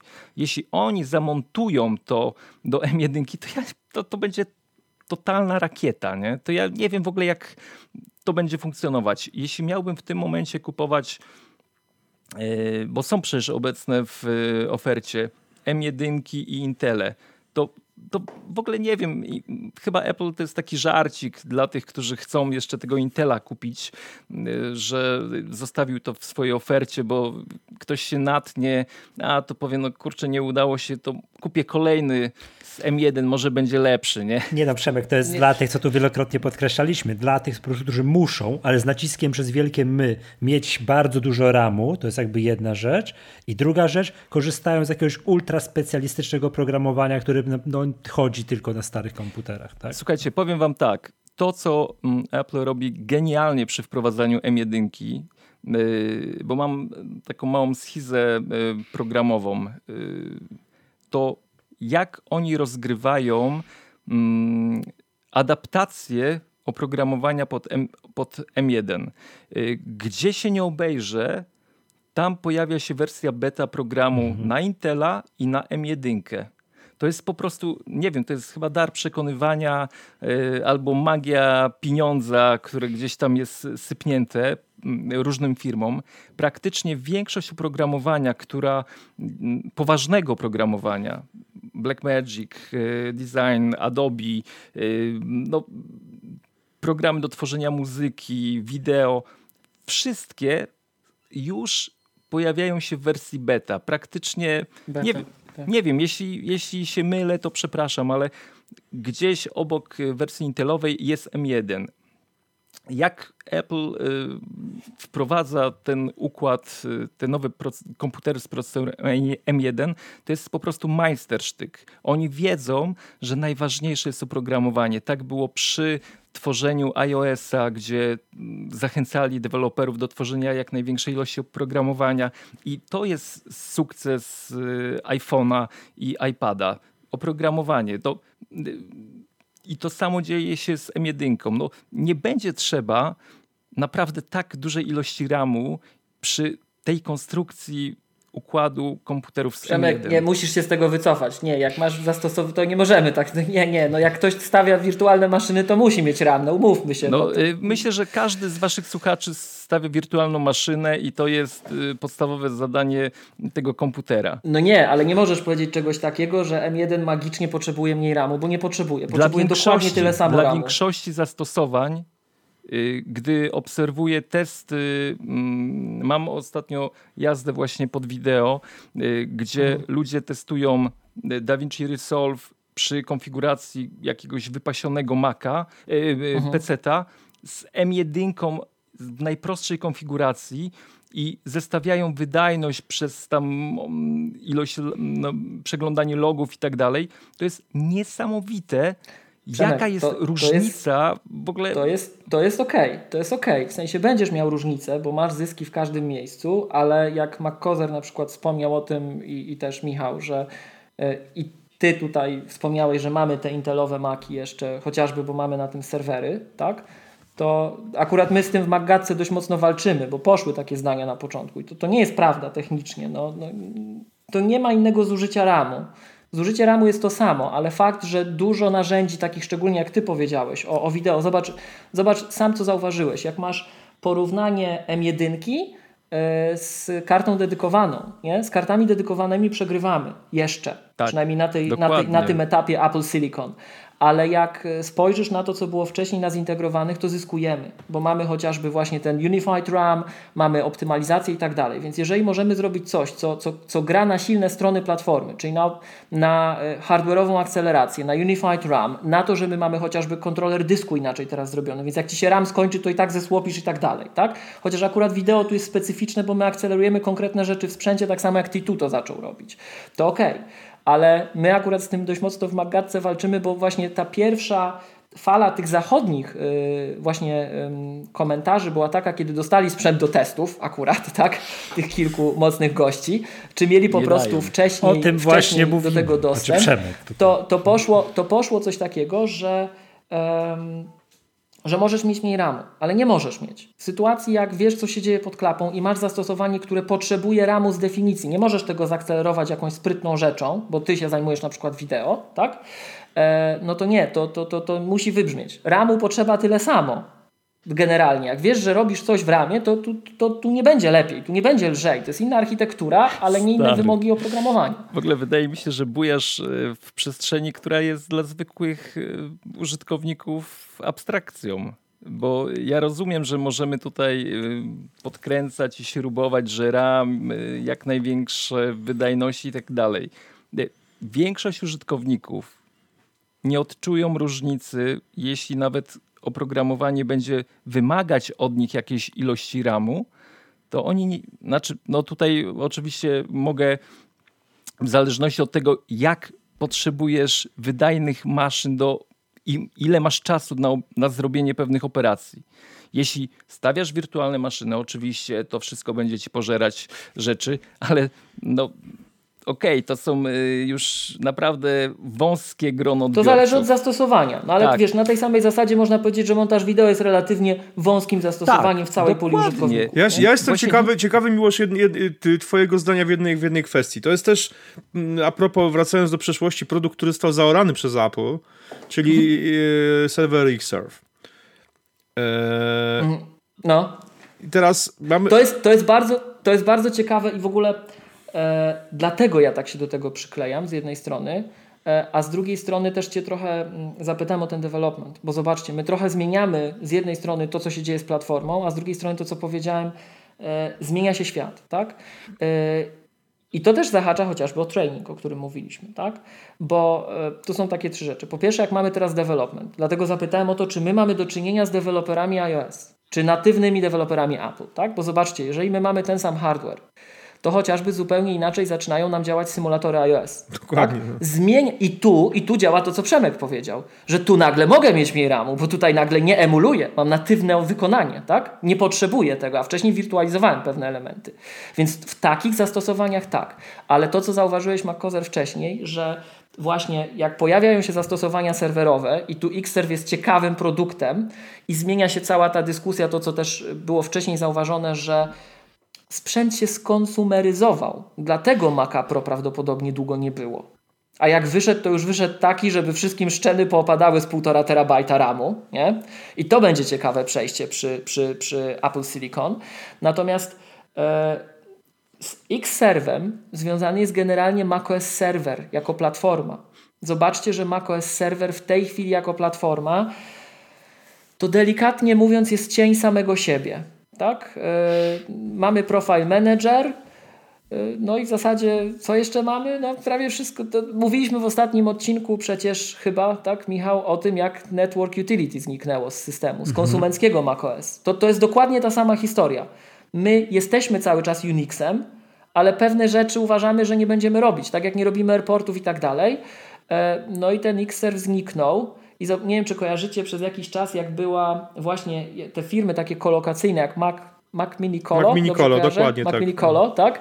E, Jak były te firmy, e, które opierały się o swoje wirtualiza- o, o wirtualizację naszych platform, to one musiały na przykład tworzyć najpierw te cylindryczne takie wsówki rakowe dla Maców Pro starych, potem były wsówki rakowe na stojąco dla iMaców Pro, bo tu były dwa aspekty. Raz, czy my możemy to robić, czy sprzęt pomoże, a z drugiej strony, nie wiem, czy zauważyliście, zmieniły się warunki licencjonowania macOS w tej chwili na Big Sur, jeśli chodzi o, o, o wirtualizację. I to, to też jest ze sobą powiązane.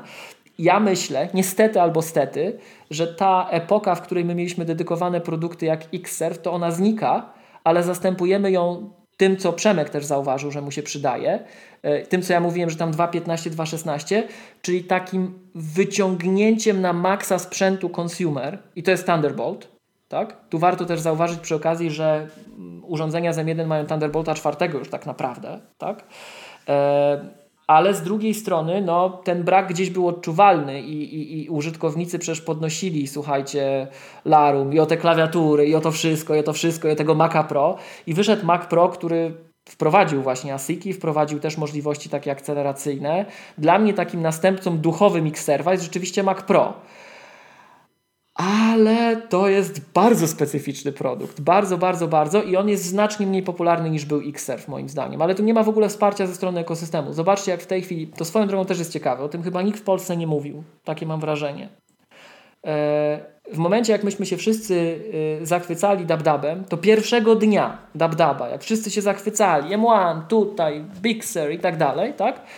Apple przejęło Fleet Smith i wydało notę prasową. I w Polsce chyba nikt o tym nie powiedział. W ogóle. Jakby się nie wydarzyło, tak?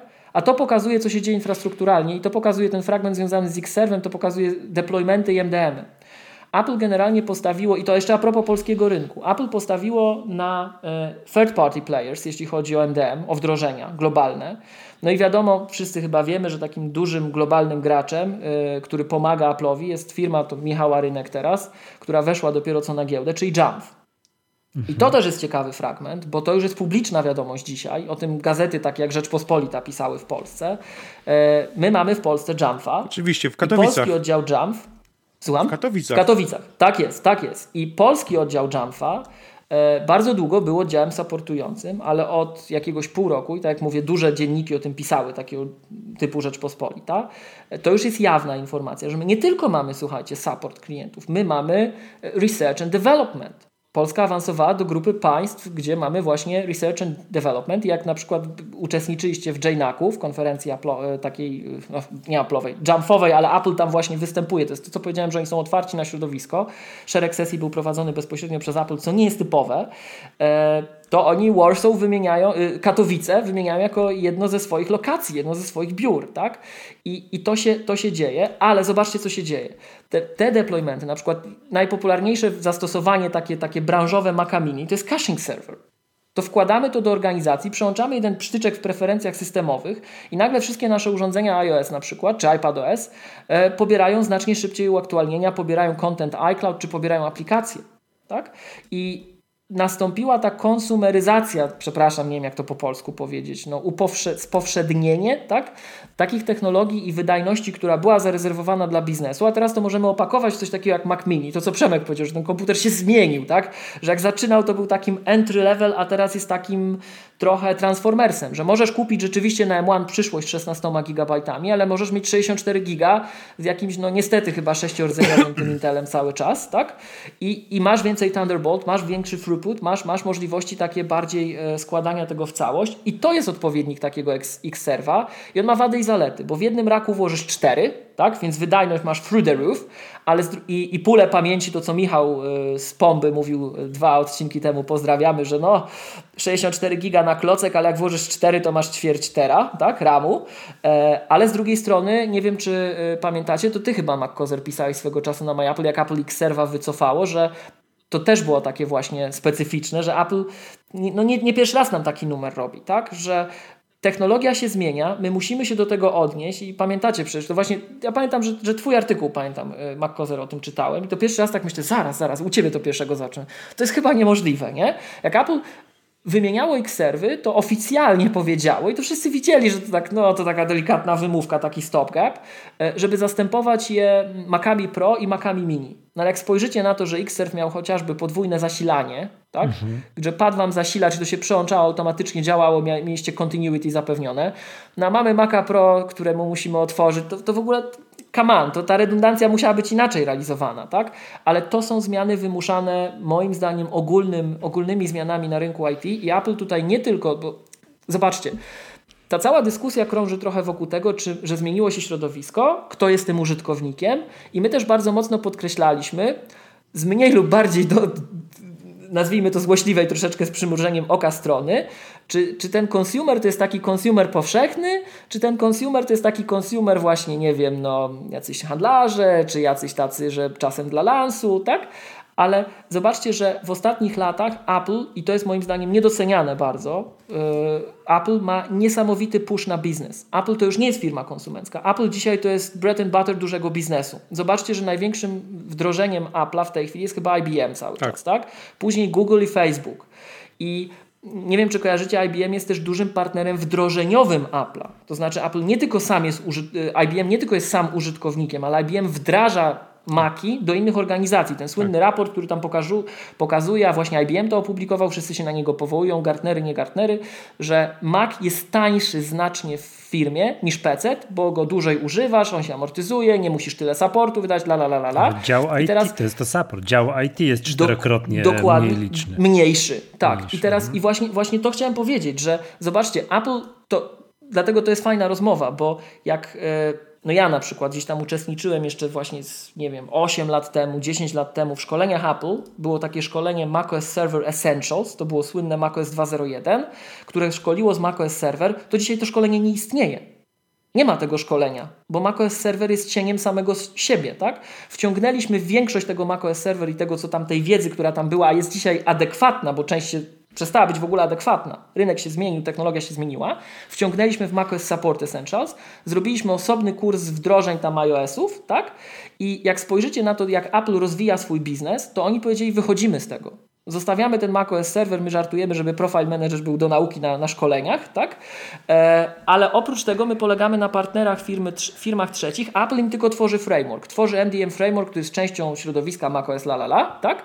I robimy to innymi graczami. I jak tak na to spojrzeć, no to można powiedzieć, że Apple tutaj próbuje wejść na ten duży rynek, że próbuje się dostosować, ale jak spojrzycie na przykład na opinię adminów Windowsowych, którzy od lat używali, e, zarządzali flotą Windowsową, którzy na początku przechodzą na sprzęt Apple w organizacjach dużych, bo na przykład muszą, bo ich pracodawca zmusił, na zasadzie oddział w innym kraju tak ma i unifikujemy, tam się przyjęło, u Was też tak będzie, macie, macie to wdrożyć, koniec, kropka, to na początku spotykamy się z pewnym oporem, ale jak zobaczą, że to Apple Way jest inne i działa, i działa lepiej, działa fajnie, Znam takich zaczynają adminów, szukać. co szukają najbliższego okna w wysokim wieżowcu, jak słyszą po raz pierwszy taki... No właśnie, no właśnie, tak? Taki I, pomysł. E, i, I jak później oni się w to wdrożą, to mamy do czynienia z dwoma takimi efektami wow. Pierwsze wow jest takie, że wow to po prostu działa. To co Michał powiedział, że utrzymanie jest tańsze, że całą firmą może zarządzać kilka osób, a nie kilkadziesiąt czy kilkaset. Jest bezawaryjne, bezpieczne, no w ogóle czat, tak?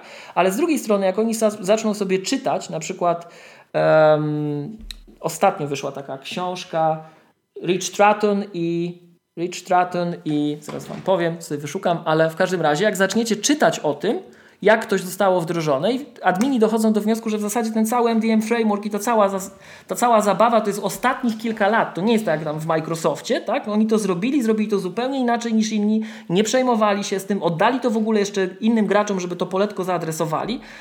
No to to jest wow. To tutaj y, mówiliśmy o tym, że się świat zmienia, że się Apple zmienia, la la la la la, że Steve Jobs coś wprowadzał albo nie wprowadzał to jak gdyby Apple się nie bało stworzyć w ogóle nowej koncepcji wdrożenia.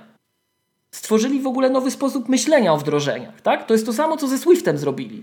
Tylko, że jedno widzą admini, i to jest piękne w Apple'u, że możesz być adminem, możesz być adminem, nie wiedzieć nic o programowaniu. No słyszałeś o Swiftie, tak?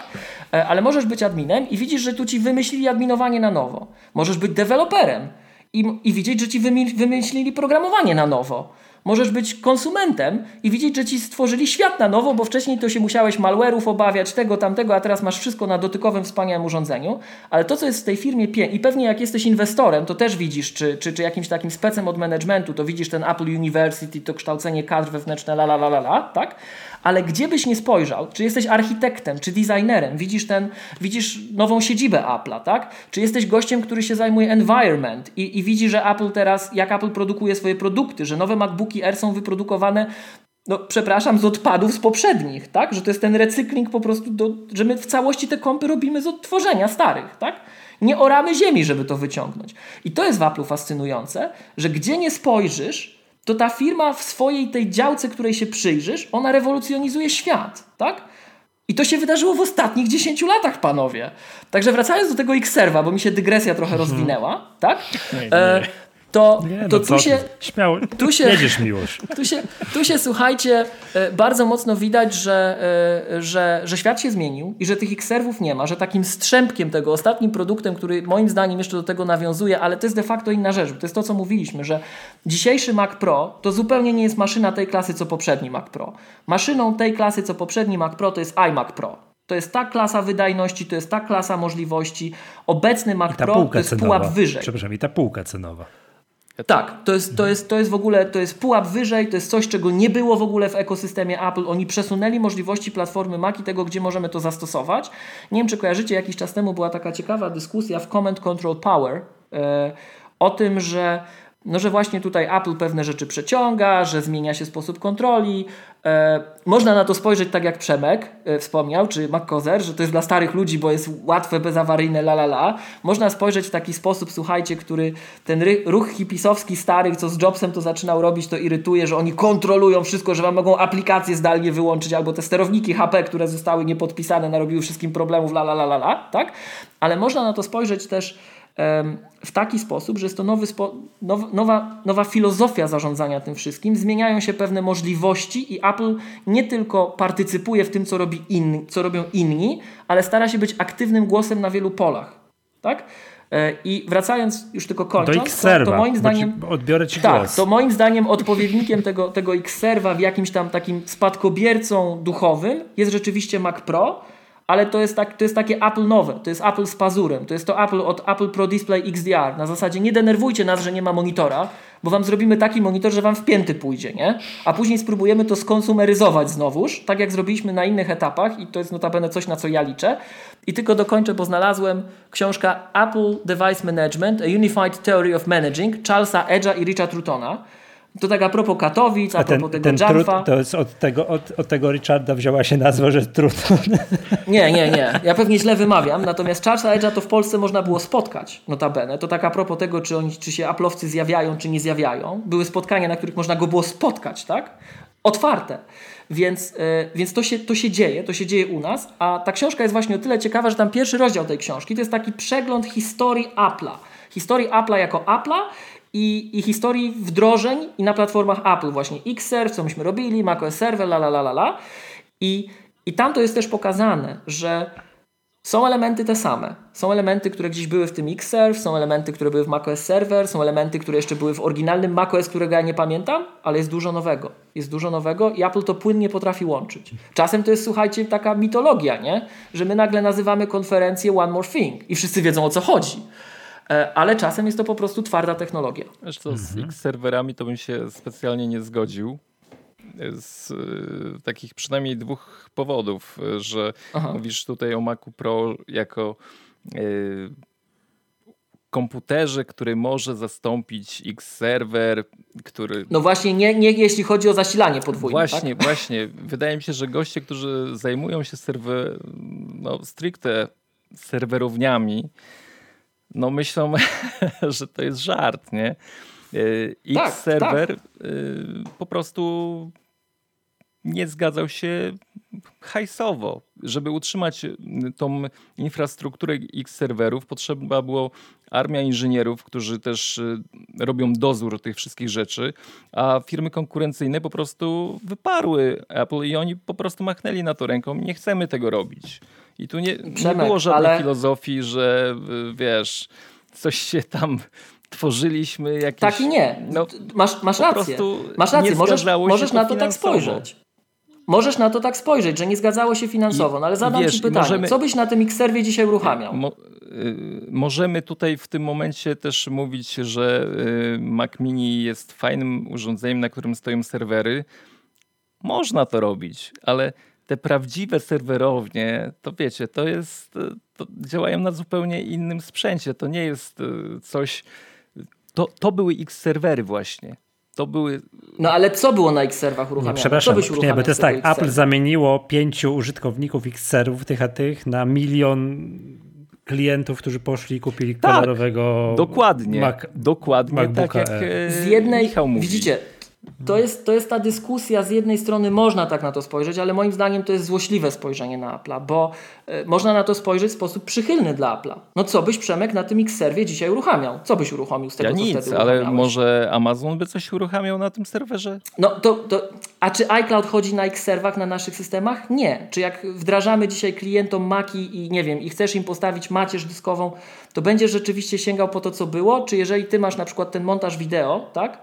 E, no to potrzebujesz takiego komputera jak wtedy X-serwy do, do tego no, renderingu? No, dla nie, mnie zmienił nie, się, ale mówimy... Zmienił się landscape, to nasze ulubione słowo, techniczny. Możesz to osiągnąć innymi środkami. Ale urządzenia X-server były do serwerowni. To było zupełnie, co serwerownie nie. obecnie... Nie, nie, nie, tylko, nie tylko. Nie, nieprawda. Ale... One nie były stosowane w takich serwerowniach, które ty dzisiaj kojarzysz z serwerowniami, nie wiem, nazwa.pl czy, czy nawet Amazon.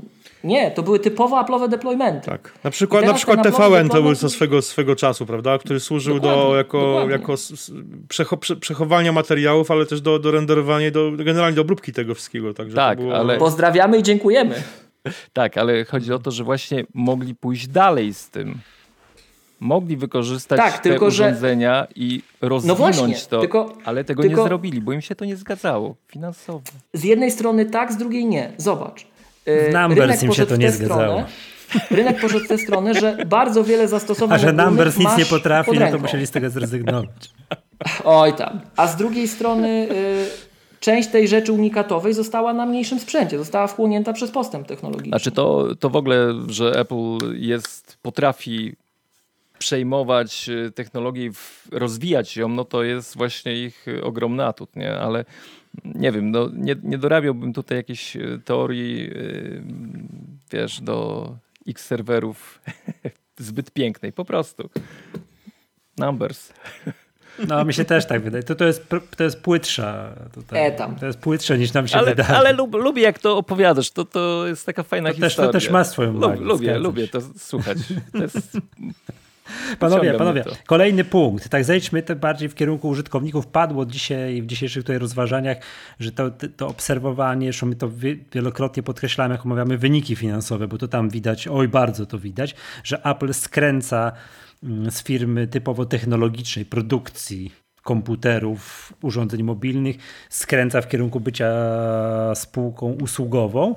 I w tym torcie przychodów jest bardzo, bardzo dużo tych, tych coraz więcej usług. Oczywiście to też w tym torcie tam są takie rzeczy jak mm, nie wiem, to, że coś kupujemy w App Store, że płacimy e, Apple Payem, tam są te wszystkie procenciki, prawda, i tak dalej, to wszystko tam jest, ale są tam też te wszystkie usługi Apple takie subskrypcyjne.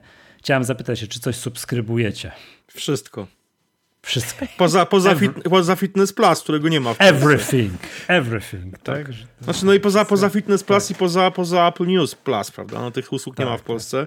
Ale tak, jako ja subskrybuję wszystko. Mam e, Apple TV Plus, Apple Arcade. No, mam Apple One, prawda? No, to jest w ogóle, to jest rewolucja. No, to jest w końcu Apple to wprowadziło, czyli mamy jedno zunifik, jakby z, z, jedną opłatę wspólną e, za, za te wszystkie usługi. Ja przyznam się szczerze, ja, u mnie to jest jakieś tam 30 chyba złotych miesięcznie różnicy. Ja pi- pierwszy raz, pierwszy raz zdarzyło się coś, że Apple, że Apple zrobiło coś, że pozwoliło mi zaoszczędzić tak naprawdę kasę. Co, to było wręcz, wręcz niespotykane, bo ja faktycznie mam e, jakieś tam około, już obliczałem to gdzieś, ale to jest około 30 zł miesięcznie wychodzę, wychodzę, mam mniejsze opłaty niż miałem wcześniej, bo wcześniej tak te, te wszystkie usługi płaciłem. Więc, e, no więc tak. no, no. Apple Music i tak dalej, jeszcze iCloud. A dobra, e, a ocena tych produktów, jakby poszczególnych. Mogę kontynuować? Mhm, bardzo Dobra. proszę. Eee, Apple Music jestem bardzo zadowolony z Apple Music. Ja wcześniej miałem, wcześniej byłem użytkownikiem Spotify przeszedłem ze Spotify na Apple Music i jeszcze przez jakiś czas y, miałem nawet te dwie usługi, ale po prostu zrezygnowałem zupełnie. No, Bardzo się rozwinęła. Przede wszystkim ba bardzo fajne. Ja naprawdę nie narzekam na rekomendacje. Dostaję po prostu taką muzykę, jaką lubię, jaką słucham. Dokładnie dostaję to, to co chcę. E, Te playlisty są bardzo fajnie układane, więc e, naprawdę nie zdarza się już, nie pamiętam kiedy, nie wiem, wyskoczyło mi na playliście coś po prostu od czapy zupełnie, nie wiem, z innej planety. Więc e, nie, nie mam naprawdę zastrzeżeń co do, co do Apple Music. Jakościowo też to jest dobre, tam oczywiście są tacy, że tak powiem, nie, nie gramarnacji, tylko audionacji, którzy po prostu tylko Tidal, Tidal, Tidal w wersji tej, tej hi-fi, prawda? Hi-fi. Ale y, powiem Ja na szczerze, szczęście nie słyszę słuchaj- różnicy, znaczy, więc Powiem tak, no luz. jak mówię, z wielu pieców jadłem chleb, między innymi, no jestem, jestem też muzykiem, aktywnym metalowcem, który dużo koncertował po świecie, dużo spędził czasu w studio. Wiem, jak, ten, jak te instrumenty, jak, jak brzmią w studio, jak wygląda scena, jak to powinno brzmieć.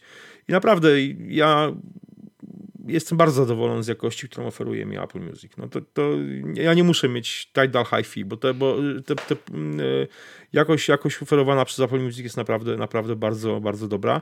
Trochę mnie irytuje to, że Apple mm, skupiło się w promowaniu tej usługi przede wszystkim na, na hip-hopie.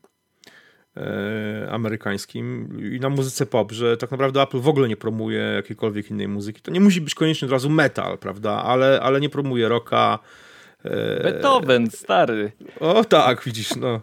Nie, promu, nie, nie, nie, nie promuje rocka, nie promuje muzyki klasycznej, promuje jazzu. Nie, nie, nie znajdziemy tego w, e, w, materiałach na przykład jakichś takich reklamowych Apple, no ale to jest muzyka dla starych ludzi, znowu wracamy do tematu starych ludzi.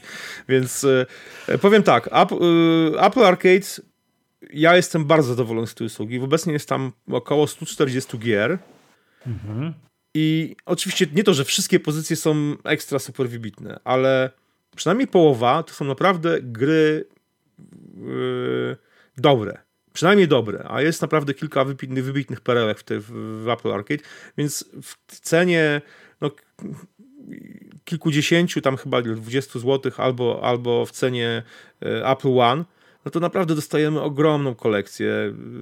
Plus, mówię, plus ja mam, no, rodzina, prawda, dwóch, dwóch synów, e, żona, więc Apple Family to wszystko po prostu jest dzielone i naprawdę są niewielkie sumy, więc mnie oczywiście konsumentami gier na, na Apple Arcade ja najmniej w te gry gram, bo ja po prostu nie mam, robię inne rzeczy, ale generalnie moi synowie grają dużo, ja, ja, mam, ja przeglądam te gry, instaluję, uruchamiam i to naprawdę są pozycje ciekawe, w większości, w większości dość, dość ambitne. E, co dalej? Apple TV. E, no, czek, ciekawy jest. Ja jestem bardzo zadowolony z Apple TV. Naprawdę, co ciekawe, ja płacę za tą usługę, płaciłem za tą usługę, ponieważ e, z, z, pierwszy sprzęt jakby jakiś tam tego Mac, Mac, MacBooka Pro i iPady dla dzieciaków do nauki, które kupiłem, to był marzec. Okazało się, że już, ponieważ jestem już subskrybentem tej usługi, to nie dostaję tego okresu darmowego. E, na tym Apple ID. Na tym Apple ID, nie? I, mhm. i, i powiem, powiem szczerze, że jakby nie czułem z tego powodu jakoś tam na zasadzie, o kurczę, nie, to, to teraz odsubskrybuję. Nie. Eee, ja myślę, że tutaj Apple, tutaj jest chyba największy, największa inwestycja Apple. To jest, to jest e, i wydaje mi się, że Apple tutaj z tym, z tym wiąże dużo, dużą, dużą przyszłość, w sensie w, w, jakby przekroczenie pewnej bariery, wejście na, na stanie się korporacją medialną w dużym stopniu. Apple, Apple będzie, przepraszam za porównanie, to będzie trochę jak, jak Sony, które robi komputery, robi świetne aparaty fotograficzne, kamery profesjonalne, sprzęt audio, ma smartfony a jednocześnie ma swoją wytwórnię filmową, prawda? Którą chyba już teraz nie wiem, czy nie sprzedali, ale generalnie no, robią filmy. Więc podejrzewam, że Apple chce wejść trochę też w taki, e, stać się taką szeroką korporacją, korporacją też medialną i, i moim zdaniem się udaje to, bo te to content, który jest w Apple, w Apple TV Plus, jego jeszcze wciąż nie, oczywiście już, już jest go sporo, jak ktoś teraz zasubskrybuje, no to ma co oglądać przez kilka miesięcy. Ale tak naprawdę powiem szczerze, ja tam tam nie ma złego serialu. Znaczy, no jest tam jakiś tam jeden, ten taki o tej, o tej podcasterce i tam w San Francisco się dzieje jakiś taki kryminalny Nie, podcastem. to nie jest złe. To, to, ja, to ja, ja, ja, ja, się, ja się trochę, od, trochę od, odbiłem, ale My ale to, tak. przepraszam, my to kazaliśmy słuchaczom oglądać, no bo to jest o podcasterce. Nie? Tak, tak ale, ale, ale, ale to, tak. wiem, Truth Be, Truth Be Told. I tam tak, gra ten gość, told, tak. przepraszam, i tam gra ten gość z Breaking Bad. No to to jest, wiesz. No, ja, ja, nie, jest, ja nie jestem wielkim fanem Breaking Bad akurat, także... O! Nie ma... No. A ja wielkim. A ja, ale, ale, ale tak. The Morning Show, no wybitny. Jak na przykład ja nigdy nie lubiłem Jennifer Aniston. No, nie trawiłem tej baby, no powiem szczerze, nie? Jestem wielkim fanem przyjaciół, a, a Nie, Rachel, ja właśnie, ja, ja, właśnie przyjaciół nie, no za cholerę po prostu przyjaciół nie, nie ma opcji, nie? Więc, więc, że... Musimy Mich Michał zapraszać Krystiana do kącika kulturalnego. więc, Czekam, co się będzie działo. Jenny, Jenny, Jennifer Aniston po prostu nie trafiłem, no w, chyba tylko w tym, w Marley i ja, w tym takim filmie o psie, który po prostu był super, ale tak. The Morning Show, jak mówię, ja Jennifer Aniston nie, nie trawiłem. Świetna rola, w ogóle świetny serial, po prostu no, dla mnie wybitny, naprawdę. To jest po prostu wręcz niesamowity jest ten serial, po prostu już nie będę wnikał w szczegóły, kwestie społeczne, prawda, Too i w ogóle, ale, ale bardzo, bardzo fajnie ten, w ogóle, ten temat Too został poruszony, bo został poruszony trochę w takiej formie yy, pokazano też druga strona medalu, pokazano, pokazany ten tak zwany oprawca, prawda, opresor, który, który, który czy jest opresorem, czy nie, czy, czy nie jest opresorem do końca. No to jest, to jest trudne, tak naprawdę bardzo fajnie. To, no, tak, dokładnie. Kolejny, kolejny, kolejny, kolejny serial y, For All Mankind. No kurczę, no dla mnie jest to po prostu nie no, jest, jest, jest to wybitny serial, naprawdę. Jest po prostu super, bo, bo to, co jest fajne, to, co, to, nie, to co, to, co mi się, to, co mi się w tym serialu podoba, to jest to, że tam jest... E, to nie jest serial tendencyjny, w sensie takim, że wiecie, że jest, jest była fala na MeToo, prawda, e, te takie coming outy wykorzystywanych kobiet, które... E, a ten serial pokazuje, że to nie jest tak czarno-białe, prawda, że tam to nie jest pokazane w takiej formie czarno-białej, że teraz będziemy jechali po tych złych producentach, reżyserach, czy tam i w ten sposób. Nie, to jest pokazane właśnie, że to jest tak naprawdę pewien chory system, który wszyscy akceptują i w którym wszyscy funkcjonują, albo wchodząc w niego też stają się w jakimś sensie źli, albo, albo nawet nie są źli, bo, bo, bo po prostu bo, no, funkcjonują w jakiejś rzeczywistości i oni nie, nie mają punktu odniesienia często do, do tego, że to, co robią, to jest, to jest złe. Więc super, no mówię, For All Mankind, prawda, czyli ta alternatywna wizja piękny serial, po prostu piękny, utrzymany. Ta, oni tam bardzo w szczegółach poszli, jeśli chodzi o rekonstrukcję wnętrz tych, tych ale to, to, jest, to nie jest serial science fiction, to nie jest serial o technologii, to jest serial o ludziach przede wszystkim, o tym, co się ludzie przeżywają, to jest w ogóle niesamowite, nie? W tym barze. Tym... To, wiesz, to wiesz, co Michał powiedział o tym serialu? Że oni nie mieli budżetu na efekty specjalne i posadzili dwóch ludzi w nie, barze, żeby tylko nie, gadali. Nie, nie, nie, nie. Jest, jest, to, jest, to jest super, super naprawdę film pokazujący często co przeżywały żony lub mężowie tych, tych, tych astronautów, prawda? Jak, jak, jak, e, jak presja, te lata 60, tam, nie wiem, 50 w sumie jeszcze, prawda? Gdzie, gdzie pewne też e, masy jakichś ograniczeń społecznych, e, kulturowych się, istnieje. Co, kolejny serial. No, wiecie, czym jestem najbardziej zaskoczony? moi synowie uwielbiają Ghostwritera. Mhm. Ten serial o tych e, postaciach z książek, które się pojawiają w rzeczywistości, nie? I to wiecie, oni to, oni to oglądają, połykają po prostu każdy odcinek, jak, jak, jak nowy, nowy sezon wyszedł, to oni to po prostu i to wiecie, serial z napisami, nie? Gdzie nie ma polskiego dubbingu, ani kurczę nawet lektora. Więc... Czekaj, e, czekaj. Krystian, bo ty się na raz sekundkę, bo muszę, muszę się wtrącić, hmm. bo zachwyciłeś się na razie nad serialami Morning Show i For All Mankind, które ja tutaj zjechałem na antenie dramatycznie, nie? Ja dostrzegam wszystkie te e, cechy, o których mówisz, że to jest właśnie też w tym mitu, że to jest takie właśnie, wiesz, takie podejście do tematu, ale o czym by to nie było i tak dalej, to mnie to obydwa seriale, no je tak one po prostu złapałem na tym, że ja ziewam na nich. Że patrzę, nie, dla mnie, dla, mnie, dla mnie ekstra. Ale dobra, w związku z tym, poczekaj, ale to dobrze, bo są różne zdania, ale zapytam cię w takim razie no. o dwa seriale, które z kolei ja tutaj wychwalałem pod niebiosa. No dobrze. Czyli moim, czyli moim zdaniem Defending Jacob jako arcydzieło. Mhm. Zaskoczenie, Jesz, jeszcze go nie oglądałem, no. na razie go zostawiliśmy sobie do Aha, tego. Bo ja no. tu postawiłem taką mhm. tezę, że po, po tym jak Defending Jacob się, wiesz, ten wniosek do Apple'a, że jak Defending Jacob się pokazało, że, że, że, że ten chłam, czyli Mm, For All Mankind, to, to nawet nie stałoby tego. To się skasować, bo to jest niegodne, żeby na tej samej nie. platformie było nagrywane. Więc, ale no, wiesz, ludzie są różni. I drugi mm. serial, który oczywiście mm -hmm. też mi, to z kolei ja lubię takie, wiecie, gra o tron, leje się krew, tam Spartacus i tak dalej, nie? Czyli Sea. Nie, znaczy jest dobrze zrobiony, ale nie, nie, nie. O, Ten Jason Momoa, nie. Weźcie, weźcie go stąd, bo nie, nie, nie, nie, nie, nie. To, to ja chcę posłuchać recenzji. Nie, nie, nie, znaczy jest fajnie zrobiony, oczywiście są tam te sceny super, nie wiem, jak tam Perfect Day, prawda, leci z gramofonu i tam ile, 200-300 lat po, tak, po, po jakiejś tam tej, tej całej chorobie. Tak, tak. Ale nie, ja, znaczy ja, ja nie lubię, wiecie, Aquamena, tych różnych filmów o superbohaterach i ten Jason. No, znaczy, ten serial jest dobrze, jeżeli jesteś fanem właśnie tam gry o tron, takich rzeczy, to spoko, a ja nie jestem fanem gry o tron i takich, takich seriali, więc, więc po prostu nie. Ale, Ale co, co to oznacza? To oznacza, że na tej platformie jest wszystko dla każdego. Tak. Zobaczcie, tak, tak, tak, tak, jest, tak, kurde, tak, tak, tak, dokładnie, tak, dokładnie. Ogromny ale, ale dokończę jeszcze, jeszcze tak. E, super serial rodzinny, kryminalny mm, o tej e, Elzi, on, chyba Elza, Łysiak, tak? Jak ten, jak ten serial się nazywał? Zapomniałem. No, na, na, faktach o tym, że tam dziewczynka, tam nastolatka, która odkryła tam... Prowadzi dochodzenie. Prowadzi dochodzenie. Super. Trzyma w napięciu, bardzo fajnie. Ale e, więc tych, tych seriali, no izraelski, bardzo fajny, Te szpiegowski. Teheran. Teheran, super, nie? A to, a to, przepraszam, no nareszcie ci się coś tak, podobało, tak, co tak, mi się tak, podoba. Tak, Teheran, super, super, zgadzam super. się. No ekstra. Pierwszy, pierwszy odcinek Teheranu urywa głowę. Później troszkę eee, spowalnia, ale pierwszy Teraz, teraz... Yy, a Ted Lasso. Ted, Ted Lasso też jeszcze nie oglądałem. Ale Losing Alice zacząłem oglądać i powiem fajny. Izra izraelski kolejny serial. W ogóle Izra Izrael po prostu jest mhm. jakimś potentatem, jeśli chodzi o dobre seriale i naprawdę filmy. To jest, to jest, to jest niesamowite.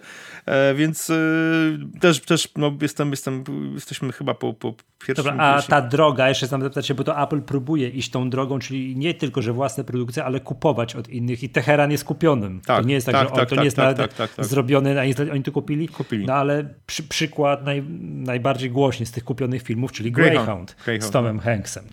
Mhm. To, to, to, to, jak ten film, no to tak. Jak wydaje. ten film? E, no, wiesz no, co, za, za, dużo, za dużo CGI. No to znaczy ja rozumiem, że widać, że ten, tak, że ten Tom Hanks tego morza nawet nie oglądał podczas kręcenia.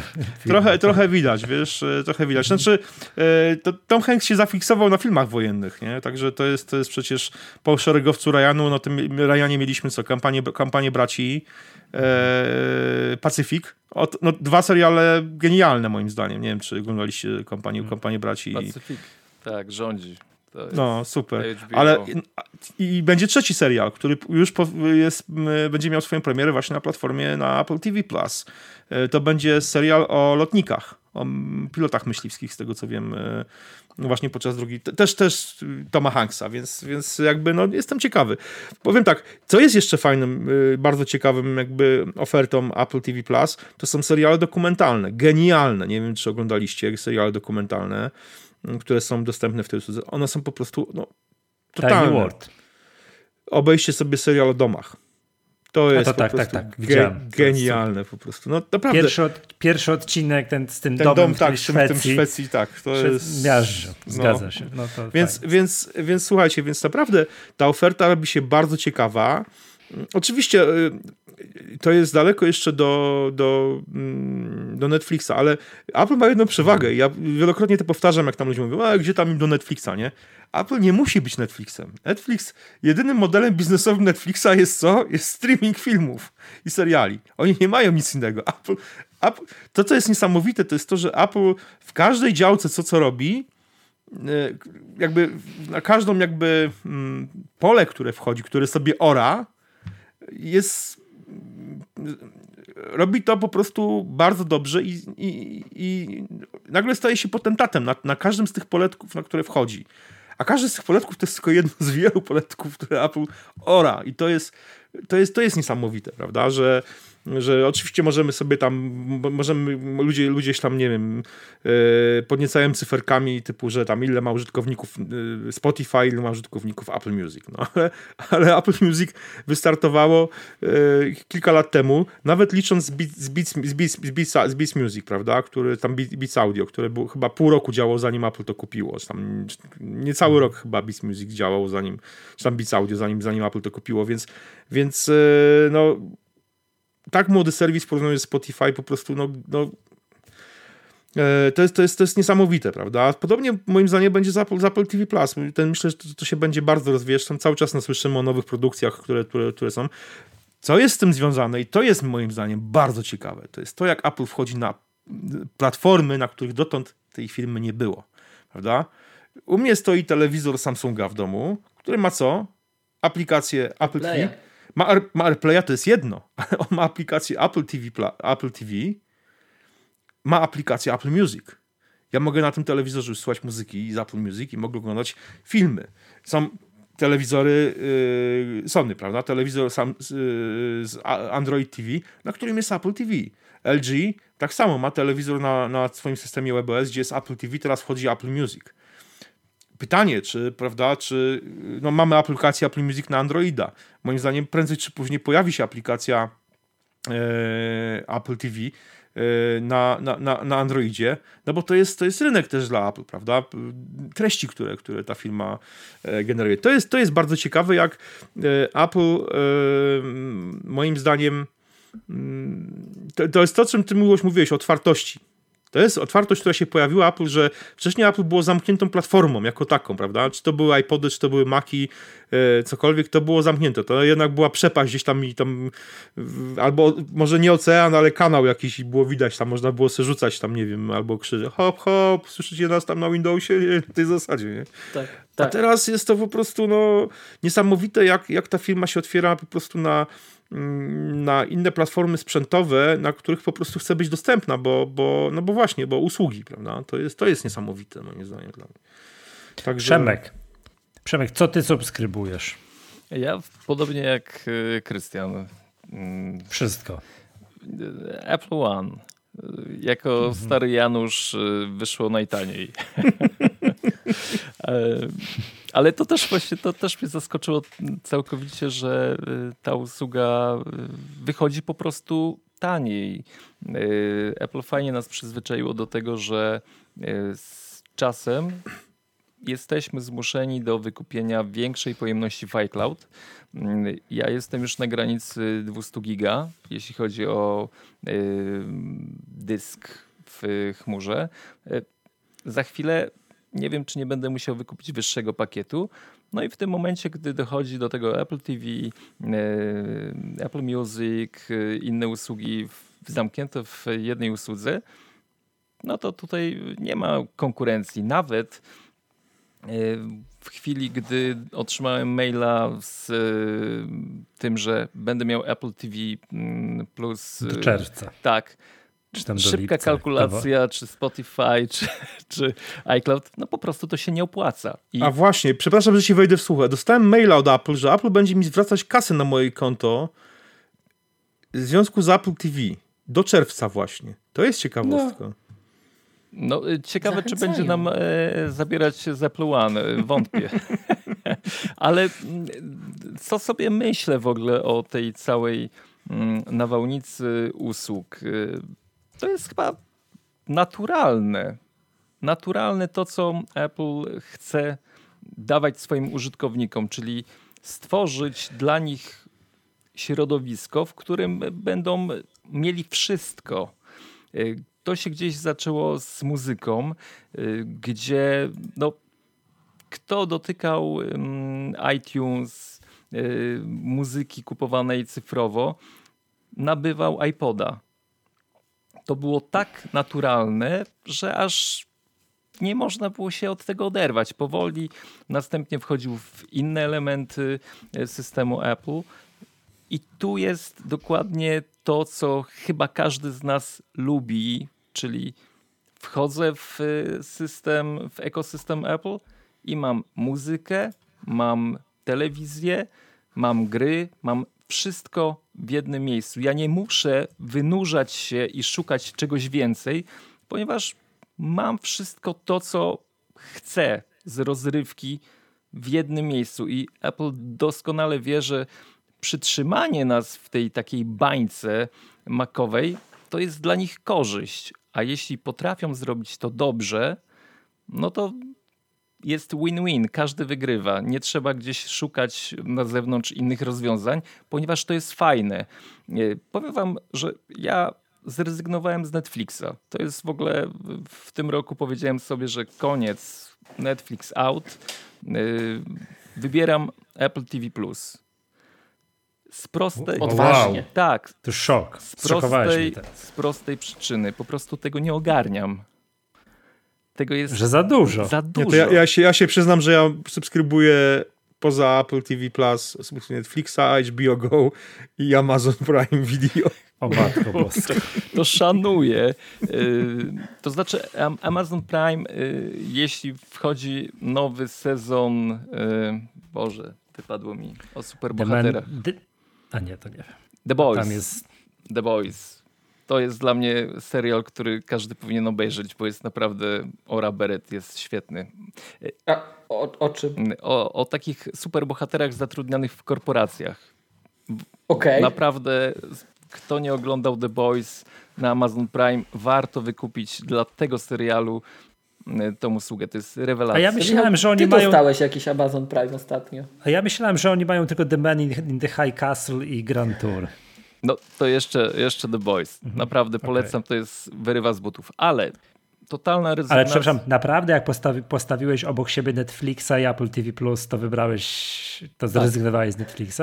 Tak, Jasne. zrezygnowałem z Netflixa, ale to nie jest mm, rezygnacja taka, że no, ja tyle jest w Netflixie, a tyle mam y, rzeczy w Apple TV+. Po prostu Tylko wartość. gdy skalkulowałem, do czego siadam przed telewizorem, ja tak naprawdę siadam y, raz w tygodniu do obejrzenia jakiegoś filmu, serialu, to jest piątek, sobota. Nie mam czasu na tygodniu oglądać telewizji. W ogóle nie mam odbiornika telewizyjnego stricte. To jest tylko jedyna rzecz, którą oglądam, to jest właśnie usługi streamingowe. I y, zastanawialiśmy się, y, była prosta kalkulacja, ile czasu spędzam przy Netflixie w ciągu tam ostatnich paru miesięcy, y, a ile y, y, filmów wypożyczam. Wypożyczam, płacę za nie. I okazało się, że w większości przypadków ja więcej pieniędzy wydawałem na wypożyczenie filmów niż na oglądanie Netflixa. I doszedłem do wniosku, że to jest chore. Bo masa jest genialnych seriali w Netflixie, ja to wiem, ale to, co oferuje Apple TV, te seriale, które wymienialiście, y, są naprawdę godne polecenia, godne czasu, który spędzamy przed telewizorem. I Apple TV naprawdę, ja nie jestem wymagającym może użytkownikiem, może dlatego y, jakby ktoś, kto spędza więcej czasu przed telewizorem pomyśli, kurczę, bredzi, ale tam, a któ- który serial na Apple TV? Bo tu Krystian powiedział, to już ja tutaj, wiesz, ja tu się za głowę łapałem, no ale dobrze, no takie gusta są różne, a, two, a Powiem ty wam, że które? miksuję, miksuję między wami. Yy, Ted Lasso to jest yy, dla mnie kultowa rzecz, genialna, fantastyczna i, i The Morning Show, bardzo fajna rzecz do obejrzenia. Też właśnie yy, to pokazanie z takiej nie oczywistej strony pewnych problemów. To jest świetne i, i tego się y, nie spotyka w innych y, produkcjach. Ja naprawdę nie widziałem. Na przykład ostatnio oglądałem Palmera. A to Też po, nowość, do polecam. Naprawdę bardzo sympatyczny film, gdzie tam łezkę uroniłem. No, jest naprawdę sporo tych rzeczy. Sea, dla mnie świetna rzecz. No, uff. No. Złoty. naprawdę. No, Przepraszam, Krystian, C to nie jest tylko naparzanka Jasona Momoa. Ja wiem! to, że, on tam, że on tam ładnie zabija, tak, że to i krwi się. To tam też jest, ta- tam, tam też jest jakaś historia opowiedziana, nie? Naprawdę je- jest bardzo, znaczy no bardzo, dla mnie to jest bardzo dużo rzeczy. Ja, ja jak patrzę to, co jest w Apple TV, to tak sobie myślę, kurde, jeszcze to bym obejrzał, to bym obejrzał, to bym obejrzał, a po prostu to jest y, jeszcze przede mną, nie? Dlatego ja mówię, decyzja była dla mnie dość y, jasna i klarowna i, i że tak powiem brutalna. Ja całkowicie przesiadłem się na usługi Apple w, i, i n- nie wychylam się poza nie. Tak, no, To powiem wam szczerze, to, ty Miłosz, nie oglądałeś nic na Apple TV, To więc ja, ciężko ci ja będzie... właśnie tylko oglądałem to z Marejem, ale słuchajcie, ja mam dwa pytania. Bo tego się, to, Michał, musimy wykorzystać okazję. Tak, Jak tak. mamy tu chłopaków, weteranów, to nie wolno nam obok tych pytań przejść obojętnie. Ja mam dwa pytania do was, panowie, bo to ja, ja, ja nie wiem i ja chcę od was usłyszeć, bo wy będziecie mieli lepsze instynkty niż ja na pewno. Pierwsze pytanie. Czy wam, czy wy w ogóle odczuwacie brak w Polsce Apple News? A drugie pytanie, i to zrobię coś, co jest bardzo nie moje, co ja zawsze ganię, ale tak się okazało, że zostałem na to wyeksponowany i muszę. No pojawiły się plotki, słuchajcie. Ja wiem, że teraz na mnie wszyscy krzyczą, że się na plotki powołuje, ale trudno. Pojawiły się plotki, że Apple Podcasts ma być zamykane i płatne. I teraz kto jak kto, ale tak jak tu siedzicie, to to jest normalnie legenda polskiej podcasterki, na pewno Apple'owej. Jak się dzisiaj wszyscy robią podcasty, wy zaczynaliście podcasty.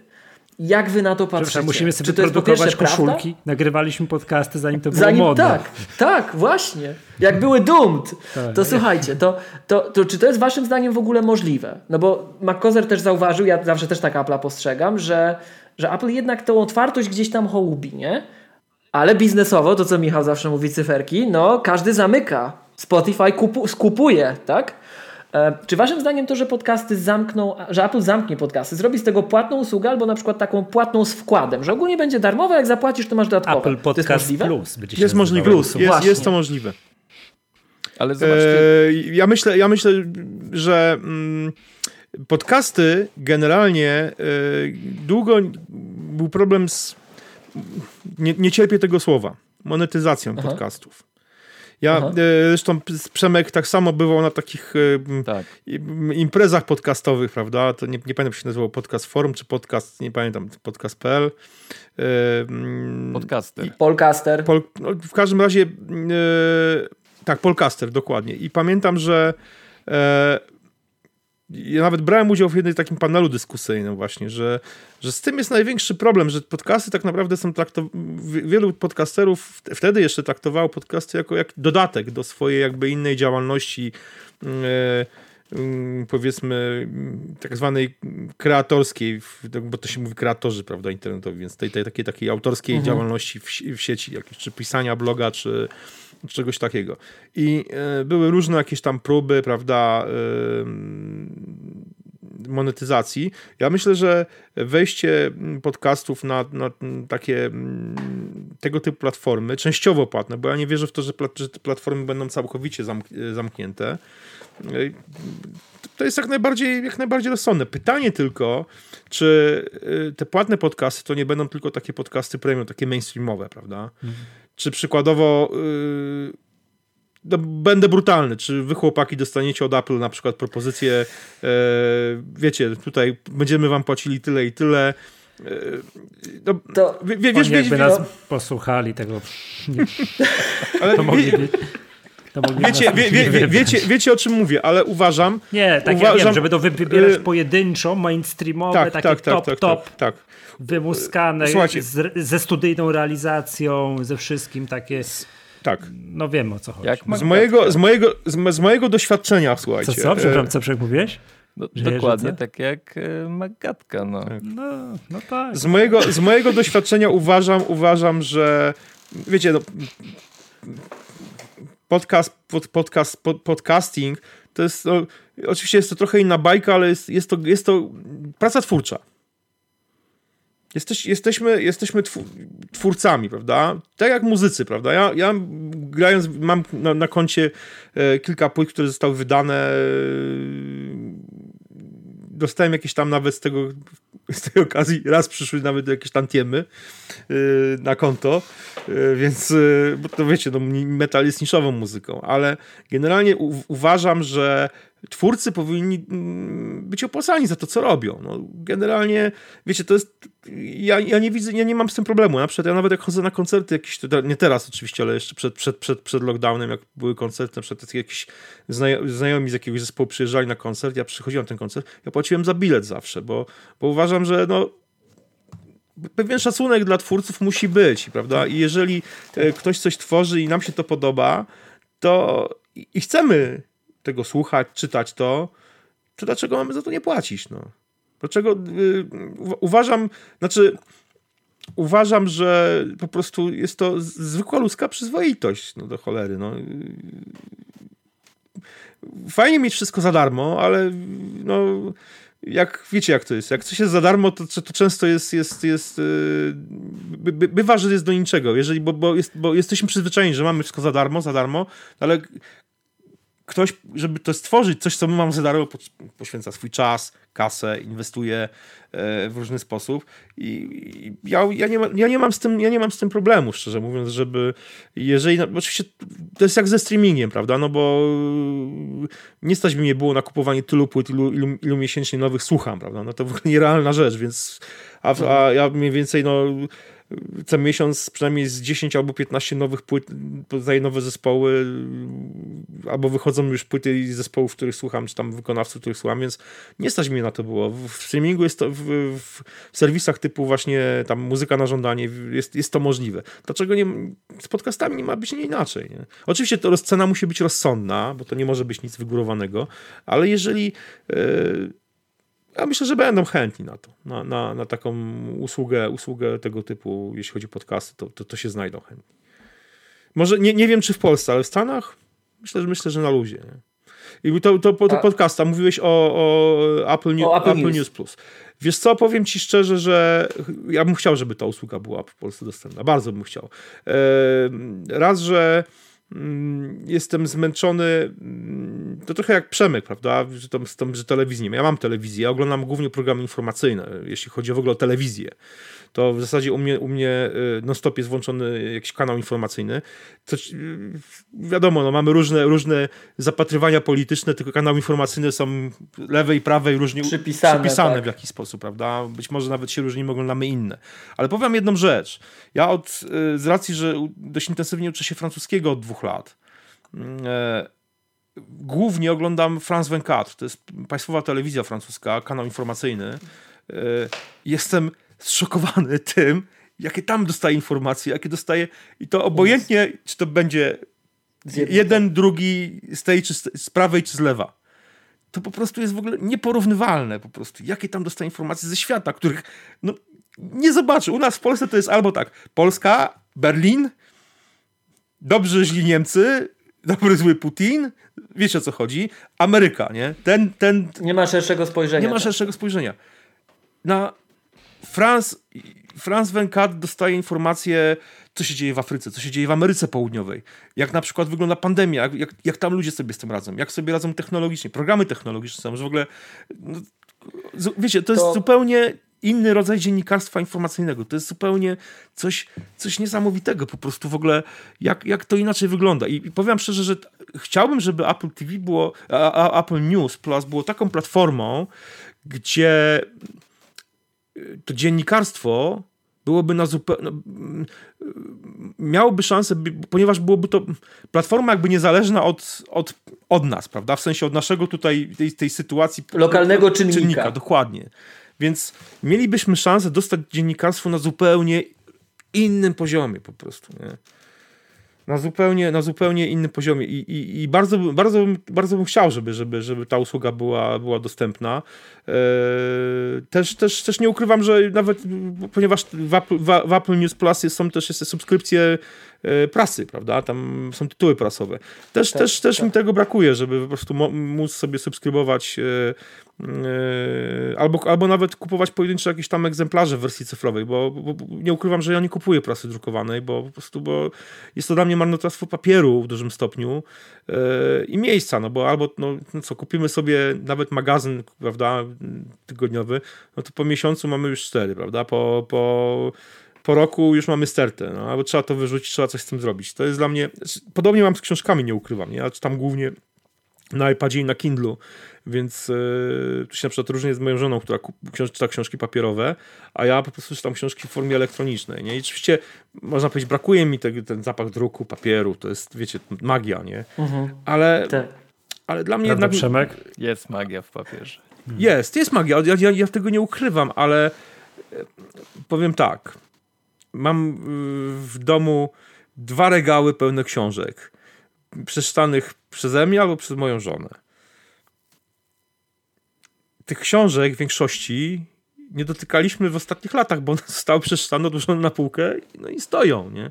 Można by je rozdać, no tak, ale no szkoda się rozstawać, prawda, bo to jest do, do, do.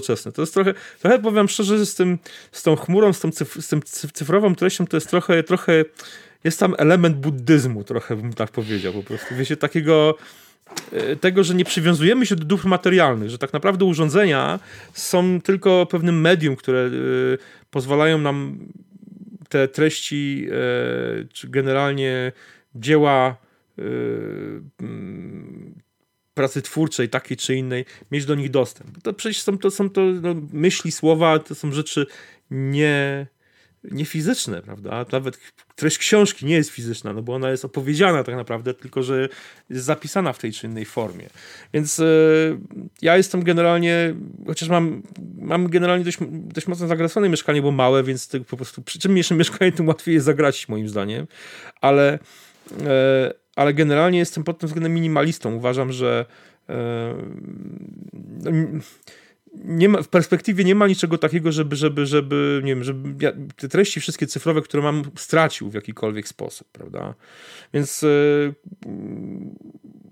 jeżeli był Apple News Plus było w Polsce, to, to bym tą usługę subskrybował w ogóle bez dwóch zdań. Nie? Także, także i, liczyłbym, jeszcze... i, licz, i liczyłbym właśnie na, na, na, na, zupełnie inny poziom, poziom dziennikarstwa po prostu od tego, co mamy w Polsce. Niezależnie od której strony patrzeć po prostu, bo można, można pewnie tutaj kolejne godziny temu poświęcać, a mi właśnie brakuje takiego dziennikarstwa globalnego, który, który jakby wychodzimy poza własne nasze poletko yy, okładania się pomidorami i czymkolwiek na, na, na zupełnie inny poziom, gdzie się po prostu okaże, że to, co się dzieje na świecie, to po prostu w ogóle no, nasze problemy są często zupełnie totalną błahostką. tak, tak. No, to jest... No... Mhm. Przemek. Przemek. Szam, szamok, szamok, pamiętasz szamok? Szamak. Ja szamok. Y, już wiem dlaczego z Krystiatem... Przepraszam, przepraszam, ten dowcip, żeby wszyscy zrozumieli, tak byście zobaczyli miny pracowników Starbucksa, którzy proszą zawsze imię. W, w San Francisco, tak. Tam w San Francisco, żeby tak. I Przemek przedstawił się Przemek. No i ten pa, ta pani czy tam pan patrzyli, tak na niego patrzyli, coś tam pisali. Nie? Także I potem wołają, jest... hej, szamak! Szamak. tak, okay. no, szamak, jedziesz. Um, no. Ja się śmieję, że żeby nie przedłużać, to już wiem, dlaczego z Krystianem nigdy y, podcastu nie nagrywaliśmy, bo bym tylko przytakiwał mu y, w tym, co mówi. Y, no, powiedział w sumie to, co też myślę. Dodam tylko, że wprowadzenie płatności w ogóle po pierwsze to jest rewolucja, znowu Apple wychodzi tutaj do przodu i to jest mega, dlatego że może to dać y, wiatr w skrzydła podcasterom i dać im możliwość zarabiania pieniędzy. A nie ukrywajmy, że jeśli coś wpada do naszej kiesy, bo coś robimy, jeśli nawet to lubimy, robimy to z pasji, ale jeśli jeszcze przy okazji jesteśmy w stanie na tym zarobić, cokolwiek, niech to będzie naprawdę grosz, to nam się chce, nie wypalamy się. Y, I myślę, że tutaj, mm, jak obserwuję przynajmniej fanów y, Maggatki na socjalach, znajdą się ludzie, którzy będą chcieli płacić. Nie wierzę w to, że wśród tych słuchaczy nie będzie osób, które, no niech to będzie nawet, słuchajcie, złotówka. To jest jakiś sygnał dla twórców, że szanuję twoją pracę i chcę, żebyś to dalej robił. To jest, zresztą no, Krystian to już powiedział, nie, nie będę się rozgadywał i powtarzał to, co mówił, bo zgadzam się z nim w całej rozciągłości. E, odnośnie mm, Apple News, radzę sobie... Przepraszam, przepraszam. Tak? Ja tylko wracając jeszcze do, do twojej poprzedniej myśli, chciałbym gorąco pozdrowić i podziękować. Lifter, I podziękować? Lifterowi i Pombie. Właśnie. E, e, no, Dziękujemy i pozdrawiamy. To, i pozdrawiamy. to jest mega szacunek e, dla, dla firm, które... Mecenasów sztuki. tak, właśnie. Mecenasów Dziękuję za przypomnienie. Dziękujemy i pozdrawiamy. Pozdrawiamy i dziękujemy. Wracając do myśli o Apple News, powiem tak, że radzę sobie w ten sposób dzisiaj. Nie wiem, czy kojarzycie usługę Zinio. Mhm. To jest e, tak. kiosk z gazetami i ja kupuję po prostu tam magazyny, które e, no, subskrybuję. E, jeśli... Przemek, mogę pytanie? Jasne. A ty to na, jako polski użytkownik możesz kupić przez Zinio cały czas, tak? Tak, tak. tak. No, okay. nie, ma, nie ma żadnego problemu. Karta jest przyjmowana pieniądz jest zabierany, subskrypcja, mm, no tam mają rozmaitości, różne gazety, w zależności co chcecie, od rowerów, pobieganie, po gotowanie, fotografie, wideo, no wszystko tam jest e, jest, jest to niestety na pewno droższe niż e, Apple News, mm, no ale jest taka możliwość e, Jestem w ogóle ciekaw, jak, jakby to Apple rozegrało w Polsce w, w temacie wykupu mm, praw do prasy lokalnej, do tygodników w Polsce. To musiałoby być, mhm. wiecie, już sobie wyobrażam, na jednej tak. półce. Tak. Niezły majstersztyk. tak, to musieliby się nieźle mm, nawyginać. Jeśli mi to się uda, chylę czoła, słuchajcie, myślę, że im się może udać. Wszystko zależy od pieniędzy. No to jest czysty biznes. Y, jeśli my, użytkownicy, będziemy mogli na tym skorzystać, y, jestem za. Nie wiem, czy to się uda, aczkolwiek kibicuję im. A te podcasty to też, dobra. A słuchajcie, to ja mam jeszcze, ja mam jeszcze do Was takie pytanie, bo wy, wy jesteście bardziej obeznani w takim szerokim świecie medialnym niż ja. Um, Michał, nie wiem czy wiesz, nam na Twitterze wrzucili, że w momencie publikacji odcinka Amazon ogłosił, że wchodzi do Polski. Tak, tak, tak, tak. E, I czy, czy wy kojarzycie, bo ja, ja nie wiem, tak? Ale zauważyłem ostatnio, czegoś szukałem na Amazonie i widzę, że oni tam mają w lokalnym języku właśnie twórczość, czyli nie wiem, po niemiecku i tak dalej. Czy na przykład kojarzy, no bo Amazon jest takim dużym graczem e-bookowym, tak? Czyli jeżeli Amazon wejdzie do Polski to on zacznie oferować po polsku e-booki, stanie się konkurencją dla jakiegoś Empiku i innych Legimi i tak dalej. Wy to kojarzycie, czy nie? Ja, ja, ja, znaczy, ja, myślę, że, ja myślę, że tak, że to jest to, wiesz, to nie jest jakiś specjalny wydatek, bo oni mają całą infrastrukturę gotową, prawda, swojego sklepu z książkami. A te książki, które wychodzą w formie e-booków, one są dostępne we wszystkich księgarniach. Czy to będzie właśnie, nie wiem, Empik, czy to będzie Woblink, czy to będzie Publio. To generalnie większość tych książek jest dostępna, ta oferta jest porównywalna, więc e, ja się nie spotkałem jeszcze z czymś, żeby czegoś konkretnie nie było w jednej księgarni, a było w drugiej, więc... E, więc ja myślę, że dla, dla Amazona nie będzie to żadnym problemem po prostu. No. A dla twórców yeah. podobnie, no to jest, będzie, będzie dostęp. No to jest, to jest ja bardzo, słuchajcie, pytam, bo bardzo długo od tej strony technologicznej mówiło się, że polski rynek jest wyjątkowy. Jeśli chodzi o polski rynek właśnie e-booków i tak dalej, że my tak potrafiliśmy, słuchajcie, sami zawalczyć. Mamy książki bez DRM-a popularne, a, a globalnie jest wszędzie DRM, tak? No nawet spójrzcie, Przemek chyba e, w historycznych Maggatkach, jeśli dobrze pamiętam, przypominał różne publikacje, które byli, były przez Orelli wydawane. Dobrze kojarzę? Pitch Pity Orelli. I e, jak spojrzycie właśnie na tą dystrybucję, takiej naszej prasy, wiem, naszej, naszej literatury, to wiem, że McCozer bardzo często wspominałeś Reja Wenderlicha, jego książki, prawda? Mhm, że tak, się tak, uczyłeś tak, z nich tak, tak, bardzo dobre książki swoją drogą. E, materiały generalnie. To zobaczcie, że ten rynek globalny, przede wszystkim amerykański, nie wiem jak w Chinach na przykład jest, czy w Indiach, tak? E, to on został zdominowany najpierw przez DRM-owy rynek, a później ucieczkę w taką usługę właśnie. Tak? I Polska się bardzo broniła. Polska jest taka, ja tak słyszałem, że Polska jest takim rynkiem idealnej konkurencji, że nieważne czy to ci Empik sprzeda, czy to właśnie dzięki MacCozer Publio, czy, mhm. czy Czytio, czy cokolwiek innego, tak? To możesz to sobie prze, y, przeczytać, bo to jest w dużej mierze niezderemowane. I teraz jeżeli Amazon wejdzie, tak, tak samo jak Apple wejdzie, jak rozumiem, tu jest jeszcze cała dyskusja z Apple News i RSS-ami, nie?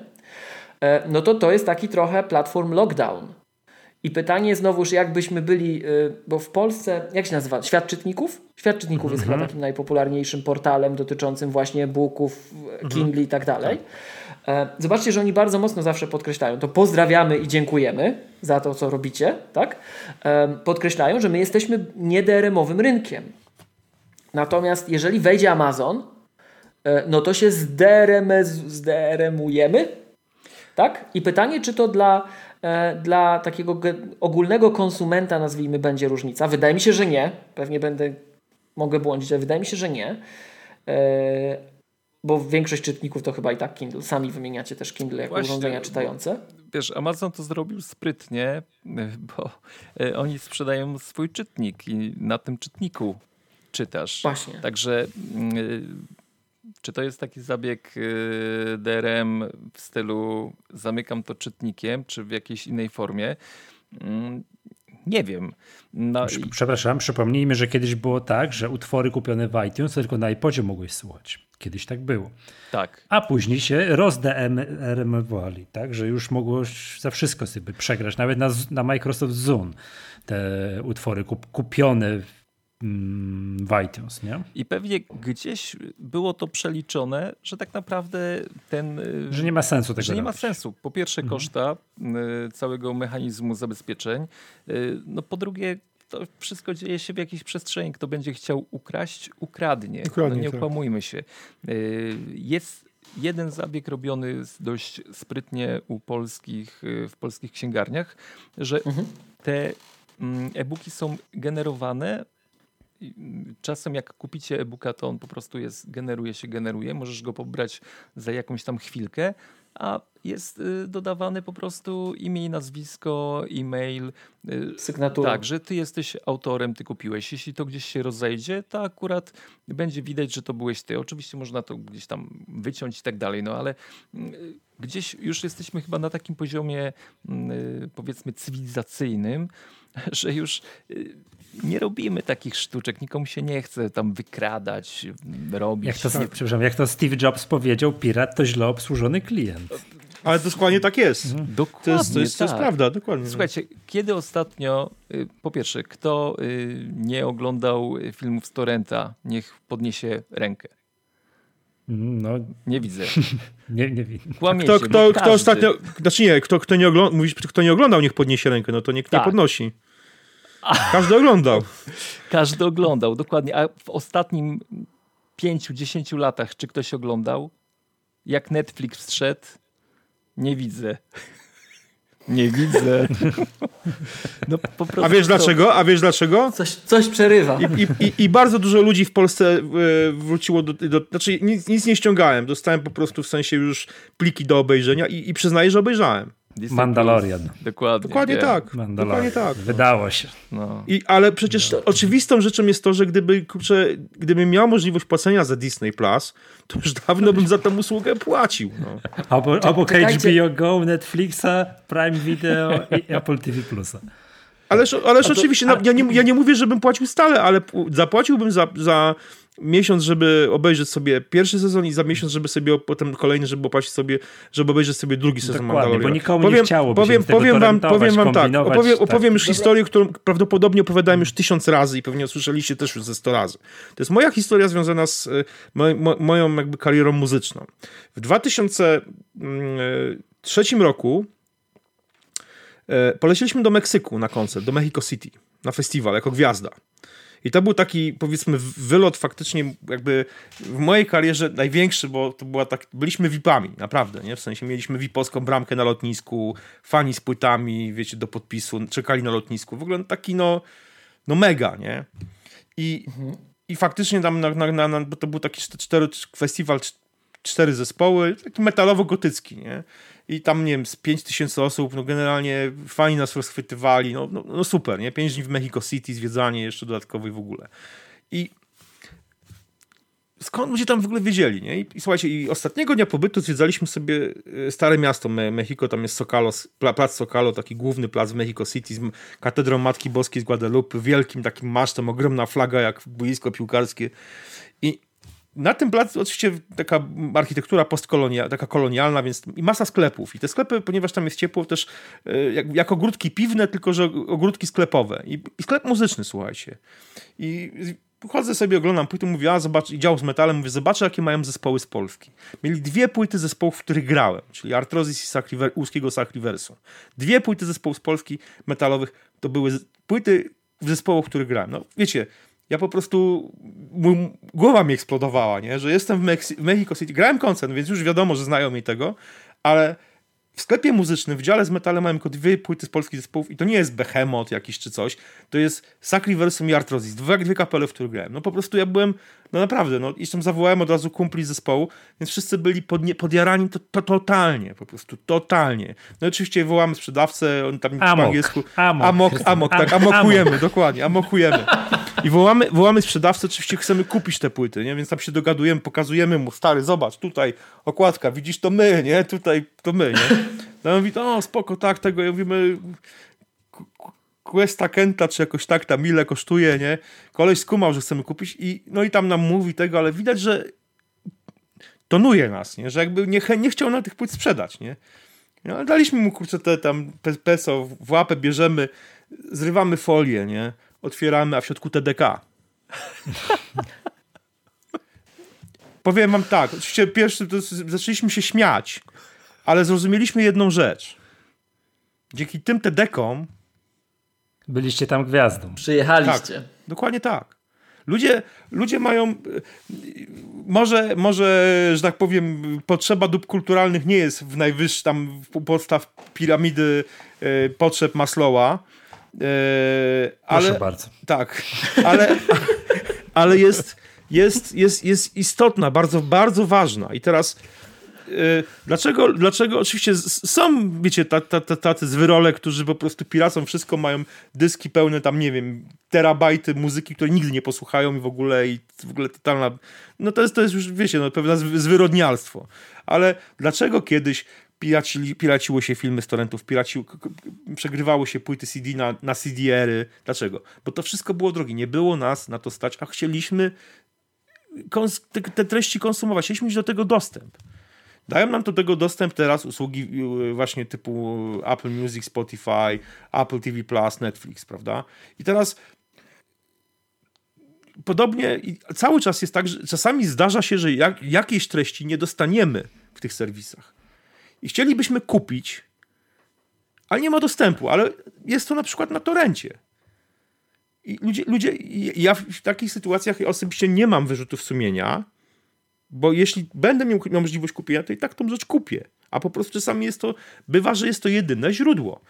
Na przykład jakieś stare filmy telewizyjne, coś, których nie znajdziesz na Netflixie czy tam gdziekolwiek. No po prostu ich nie ma. No. Czasami jest to. No przykładowo, chciałem chłopakom, moim synom puścić goście goście z Jean Reno, tę komedię francuską.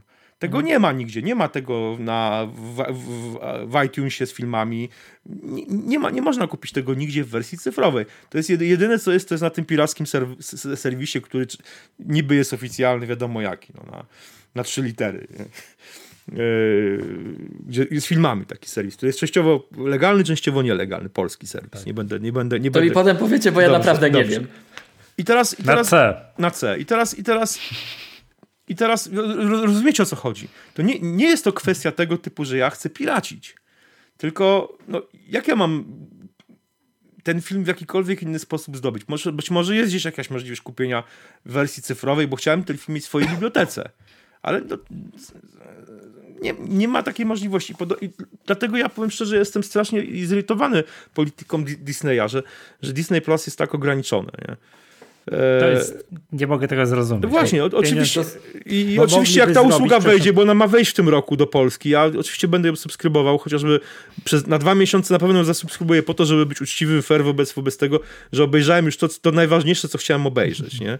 Ale ale no serio, ja, ja, bym był skłonny za tą usługę zapłacić, przynajmniej na, na, jakiś czas, kiedy bym te filmy oglądał. Wiecie, u mnie dochodzi jeszcze jedna ważność, są dzieci, które po prostu no, chcą mieć dostęp do pewnych, do pewnych treści, więc po prostu już tam pal licho i też opłacam po prostu w jakimś, w jakimś stopniu. Pewnie podobnie byłoby z Disney+. Plus, ale, no ale tak jest, no po prostu... Yy wystarczyło popatrzeć na serwisy społecznościowe, po prostu każdy o Mandalorianie pis pisał, mówił i wiecie, podniecał się Baby Yodą i w ogóle. No to, to no, no przecież, to, przecież nie, nie, okazało się nagle, że wszyscy mają amerykańskie karty płatnicze albo holenderskie i... To, to ja mam jeszcze dwa pytania, słuchajcie. Jak już tak mi oświecacie, bo ja naprawdę nie wiem, co to za serwis. Powiecie mi po nagraniu. Dobrze. Ale mam dwa pytania. Jedno z takiego gatunku wyjaśnijcie mi rzeczywistość. Um, a drugie trochę obok. To pierwsze pytanie z gatunku wyjaśnijcie mi rzeczywistość, to znajomy oglądał to ponoć bez kombinowania, bo ma Tesla i żartował, że wystarczy Tesla kupić i można obejrzeć Mandalorian. Jak to działa? VPN-a ma? Dlaczego on w Tesli mógł oglądać bez może kombinowania? Być, być, ma, być może ma VPN-a w Tesli, tak. Bo faktycznie masz, masz przez A, VPN-a, przez VPN-a, jeżeli, ale musisz, musisz mieć chyba też, też kartę w danym kraju, bo ja Odpaliłem raz VPN-a y, testowego. MacPow niedawno wypuścił swojego całkiem fajnego VPN-a właśnie takiego tak do tunelowania i faktycznie mogłem odpalić Disney Plus, ale nie mogłem się zarejestrować, bo nie miałem amerykańskiej karty płatniczej na przykład. Nie, nie chciało mi polskiej karty przyjąć, więc nawet Revoluta mi nie chciało przyjąć, bo Revolut mam już na polskie konto chyba, czy tam na litewskie tak, tak, zmienili więc, tą politykę. Więc, no. no. właśnie, więc, więc nie, nie, no nie szło, nie dało rady. No. Dobra, to jest, to jest jedno. Drugie pytanie.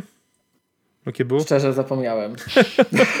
panowie, panowie, przepraszam, przepraszam, bo zróbmy tak, przejdźmy jeszcze przez punkty obowiązkowe, czyli skończy kulturalne magatki, a potem jak będziemy mieli siłę, to będzie już jeszcze cię oświecimy w paru rzeczach. Mieliśmy... Tak, tak, dobrze, to ja, popro ja poproszę. Ja tutaj się uczę życia, słuchajcie. Panowie, to jeszcze na szybko, każdy poleca e, jeden film, I też od razu hurtem aplikację tygodnia poproszę Ale, ale film czy serial może być? Może być serial? Może być, oczywiście. Oczywiście pytam gości tylko, tak, tak, bo Bo ja i tak nic nie powiem. no właśnie.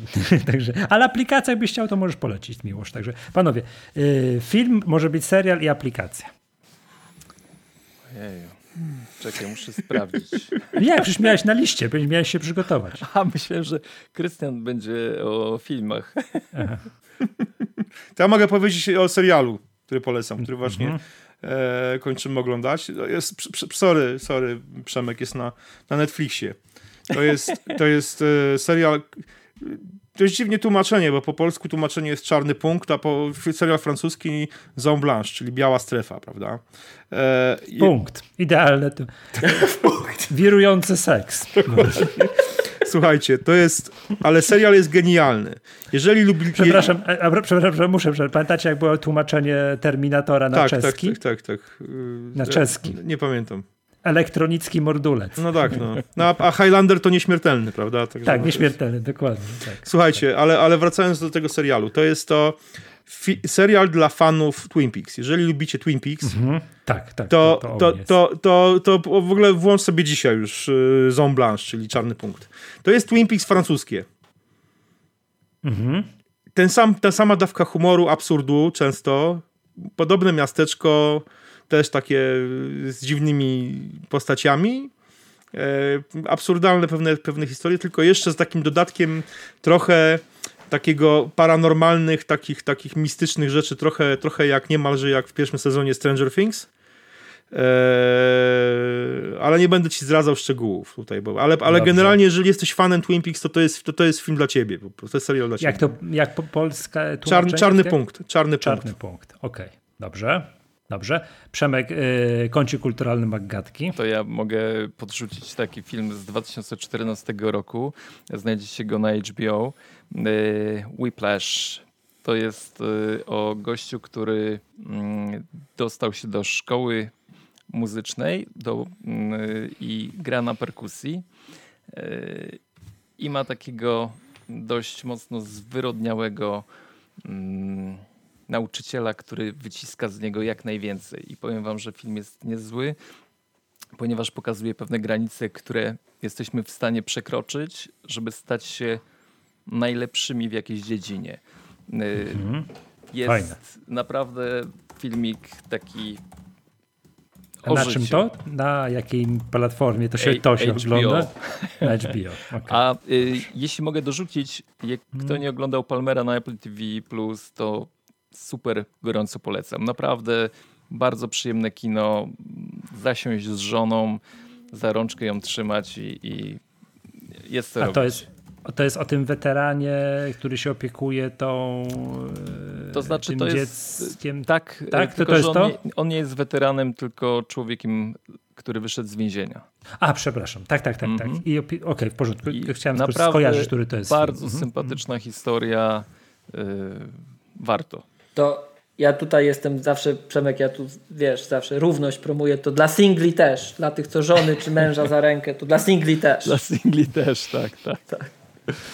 Dobrze, i panowie, to apli- jeszcze wróćmy w takim razie na, na aplowskie tematy, czyli aplikacja tygodnia. Co tam zainstalowaliście na swoich y, komputerach lub iPadach lub iPhone'ach? Ja ostatnio na, na Macu. I, i przynajmniej, no, powiedz.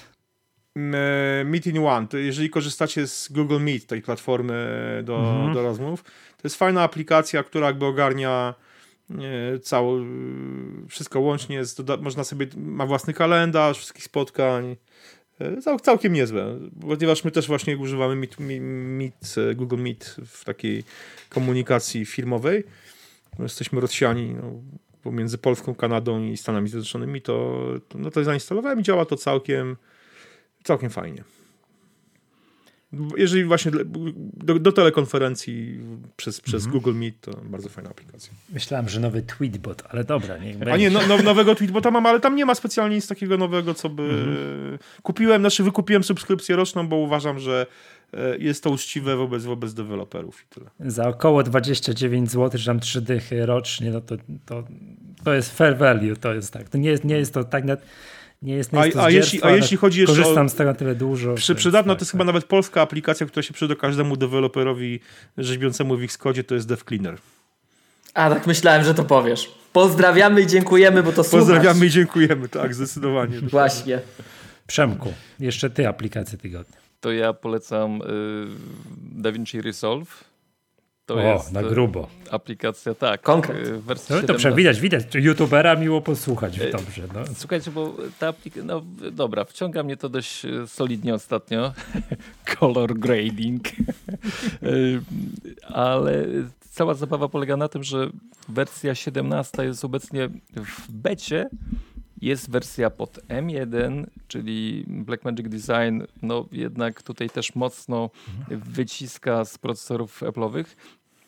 A co jest w ogóle totalnie genialne, to y, oczywiście program jest darmowy, można go pobrać i robić fajne rzeczy, a jeśli chcecie kupić aplikację w wersji studio, y, no to jest wydatek 1400 zł i może to się wydawać, że to jest wow, drogi temat, ale ludzie, którzy zajmują się mm, wideo i zestawią go chociażby z Final Cutem, y, to dowiedzą się, że DaVinci Resolve w wersji 17 wjedzie również z wersją Fusion Studio, czyli aplikacją do tworzenia efektów specjalnych y, i po prostu Blackmagic Design dołożył do DaVinci Resolve 17 y, tak samo płatną do niedawna właśnie Fusion Studio, także zrobili niezły skok tutaj na użytkowników y, aplikacji do montażu wideo. No, myślę, że warto się zastanowić. A jeśli mhm. nie, to jest apka płatna w wersji darmowej, tam z ograniczeniami mocnymi, aczkolwiek do takich podstawowych rzeczy jak najbardziej wystarczająca. Przemek, a to ja dopytam, bo ty siedzisz w temacie. E, przy okazji to, co powiedziałem, jak się zaczął e, DubDub, były takie trzy rzeczy. Jedna to, e, no zaczął się DubDub, wszystko nowe i tak dalej, e, ale były dwie jeszcze rzeczy, to ten Fleetsmith, że Apple kupiło Fleetsmith, ale w Apple Training Apple wycięło kursy właśnie kreatywne, czyli wycięło kurs Final Cut'a i wycięło kurs Logica. Zostały tylko kursy techniczne. Czy ty jesteś w stanie powiedzieć, czy to właśnie coś się dzieje, czy to znowuż jest takie mm, odpowiedź na to, co się obiektywnie dzieje w szerszym ekosystemie wideo, że z jakiegokolwiek powodu Final Cut, nie wiem, zostaje w tyle? E, czy twoim zdaniem, nie wiem, należy się, bo ty korzystałeś choćby z tych podręczników e, tak, oficjalnych tak. Final Cut, myśmy kiedyś o tym rozmawiali. Czy, ja myślę. Czy, to, czy będzie coś nowego, Twoim tak, zdaniem? Dokładnie. Myślę, że mm, Apple tutaj przy premierze nowego Maca Pro, który gdzieś już się szykuje z tej nowej architekturze, oni wypalą już z dobrym tematem. Z jakimś nowym Final Cutem i kursem na przykład. Tak, bo no nie ukrywajmy, że w tym momencie płacąc za Final Cuta, płacimy za motion, y, za mm, kompresora, to są wszystko jest oddzielnie, że tak powiem, y, rozbite, mm, czyli też do efektów specjalnych, do tworzenia kompresji wideo.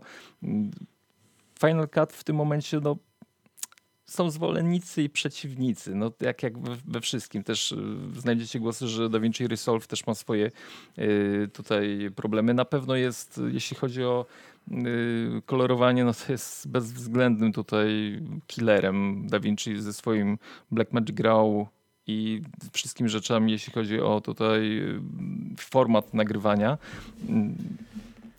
Uważam, że no, myślę, że nie odpuści. Apple nie odpuści Final Cut'a. No jednak y, dużo firm y, poważnych y, studiów, dobrze mówię, studio filmowych jednak pracują również na Final Cut'ie. To jest narzędzie dla bardziej też zaawansowanych użytkowników, dlatego na pewno coś się szykuje. To jest, nie wierzę, że mhm, tutaj mhm. y, nie ten, a z drugiej strony ludzie, którzy zajmują się zawodowo takimi tematami jak wideo czy audio, oni nie lubią zmian takich drastycznych. Nie? Final Cut y, DaVinci Resolve niby co jakiś czas wypuszcza tę wersję, ale ci ludzie jednak siedzą na poprzednich w dużej mierze y, odsłonach y, programu, ponieważ to jest środowisko, to jest narzędzie, to jest młotek do roboty. To nie jest coś, że tak jak ja sobie pozwolę na to, że instaluję betę i tam bawię się. To jest zabawa. Nie? Ja, ja robię rzeczy y, do zabawy.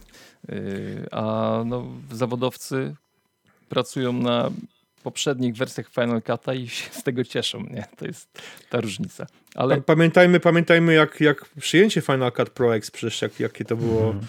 kontrowersje. Myśmy mieli, no. nie wiem czy pamiętacie chłopaki, tak. myśmy mieli okazję poznać e, po, po, po, po siedzibie Apple, czyli jeszcze, na, Infinity Loop oprowadzał nas jeden z inżynierów e, programistów, który tak. pracował właśnie przy Final Cutie Pro X i nam tłumaczył dlaczego program tak, został stary Final Cut był tak narośniętą konstrukcją, tak, tak, tam tak, było już wszystko na wszystkim, że w pewnym momencie trzeba było odciąć i zacząć napisać ten program od, od zera.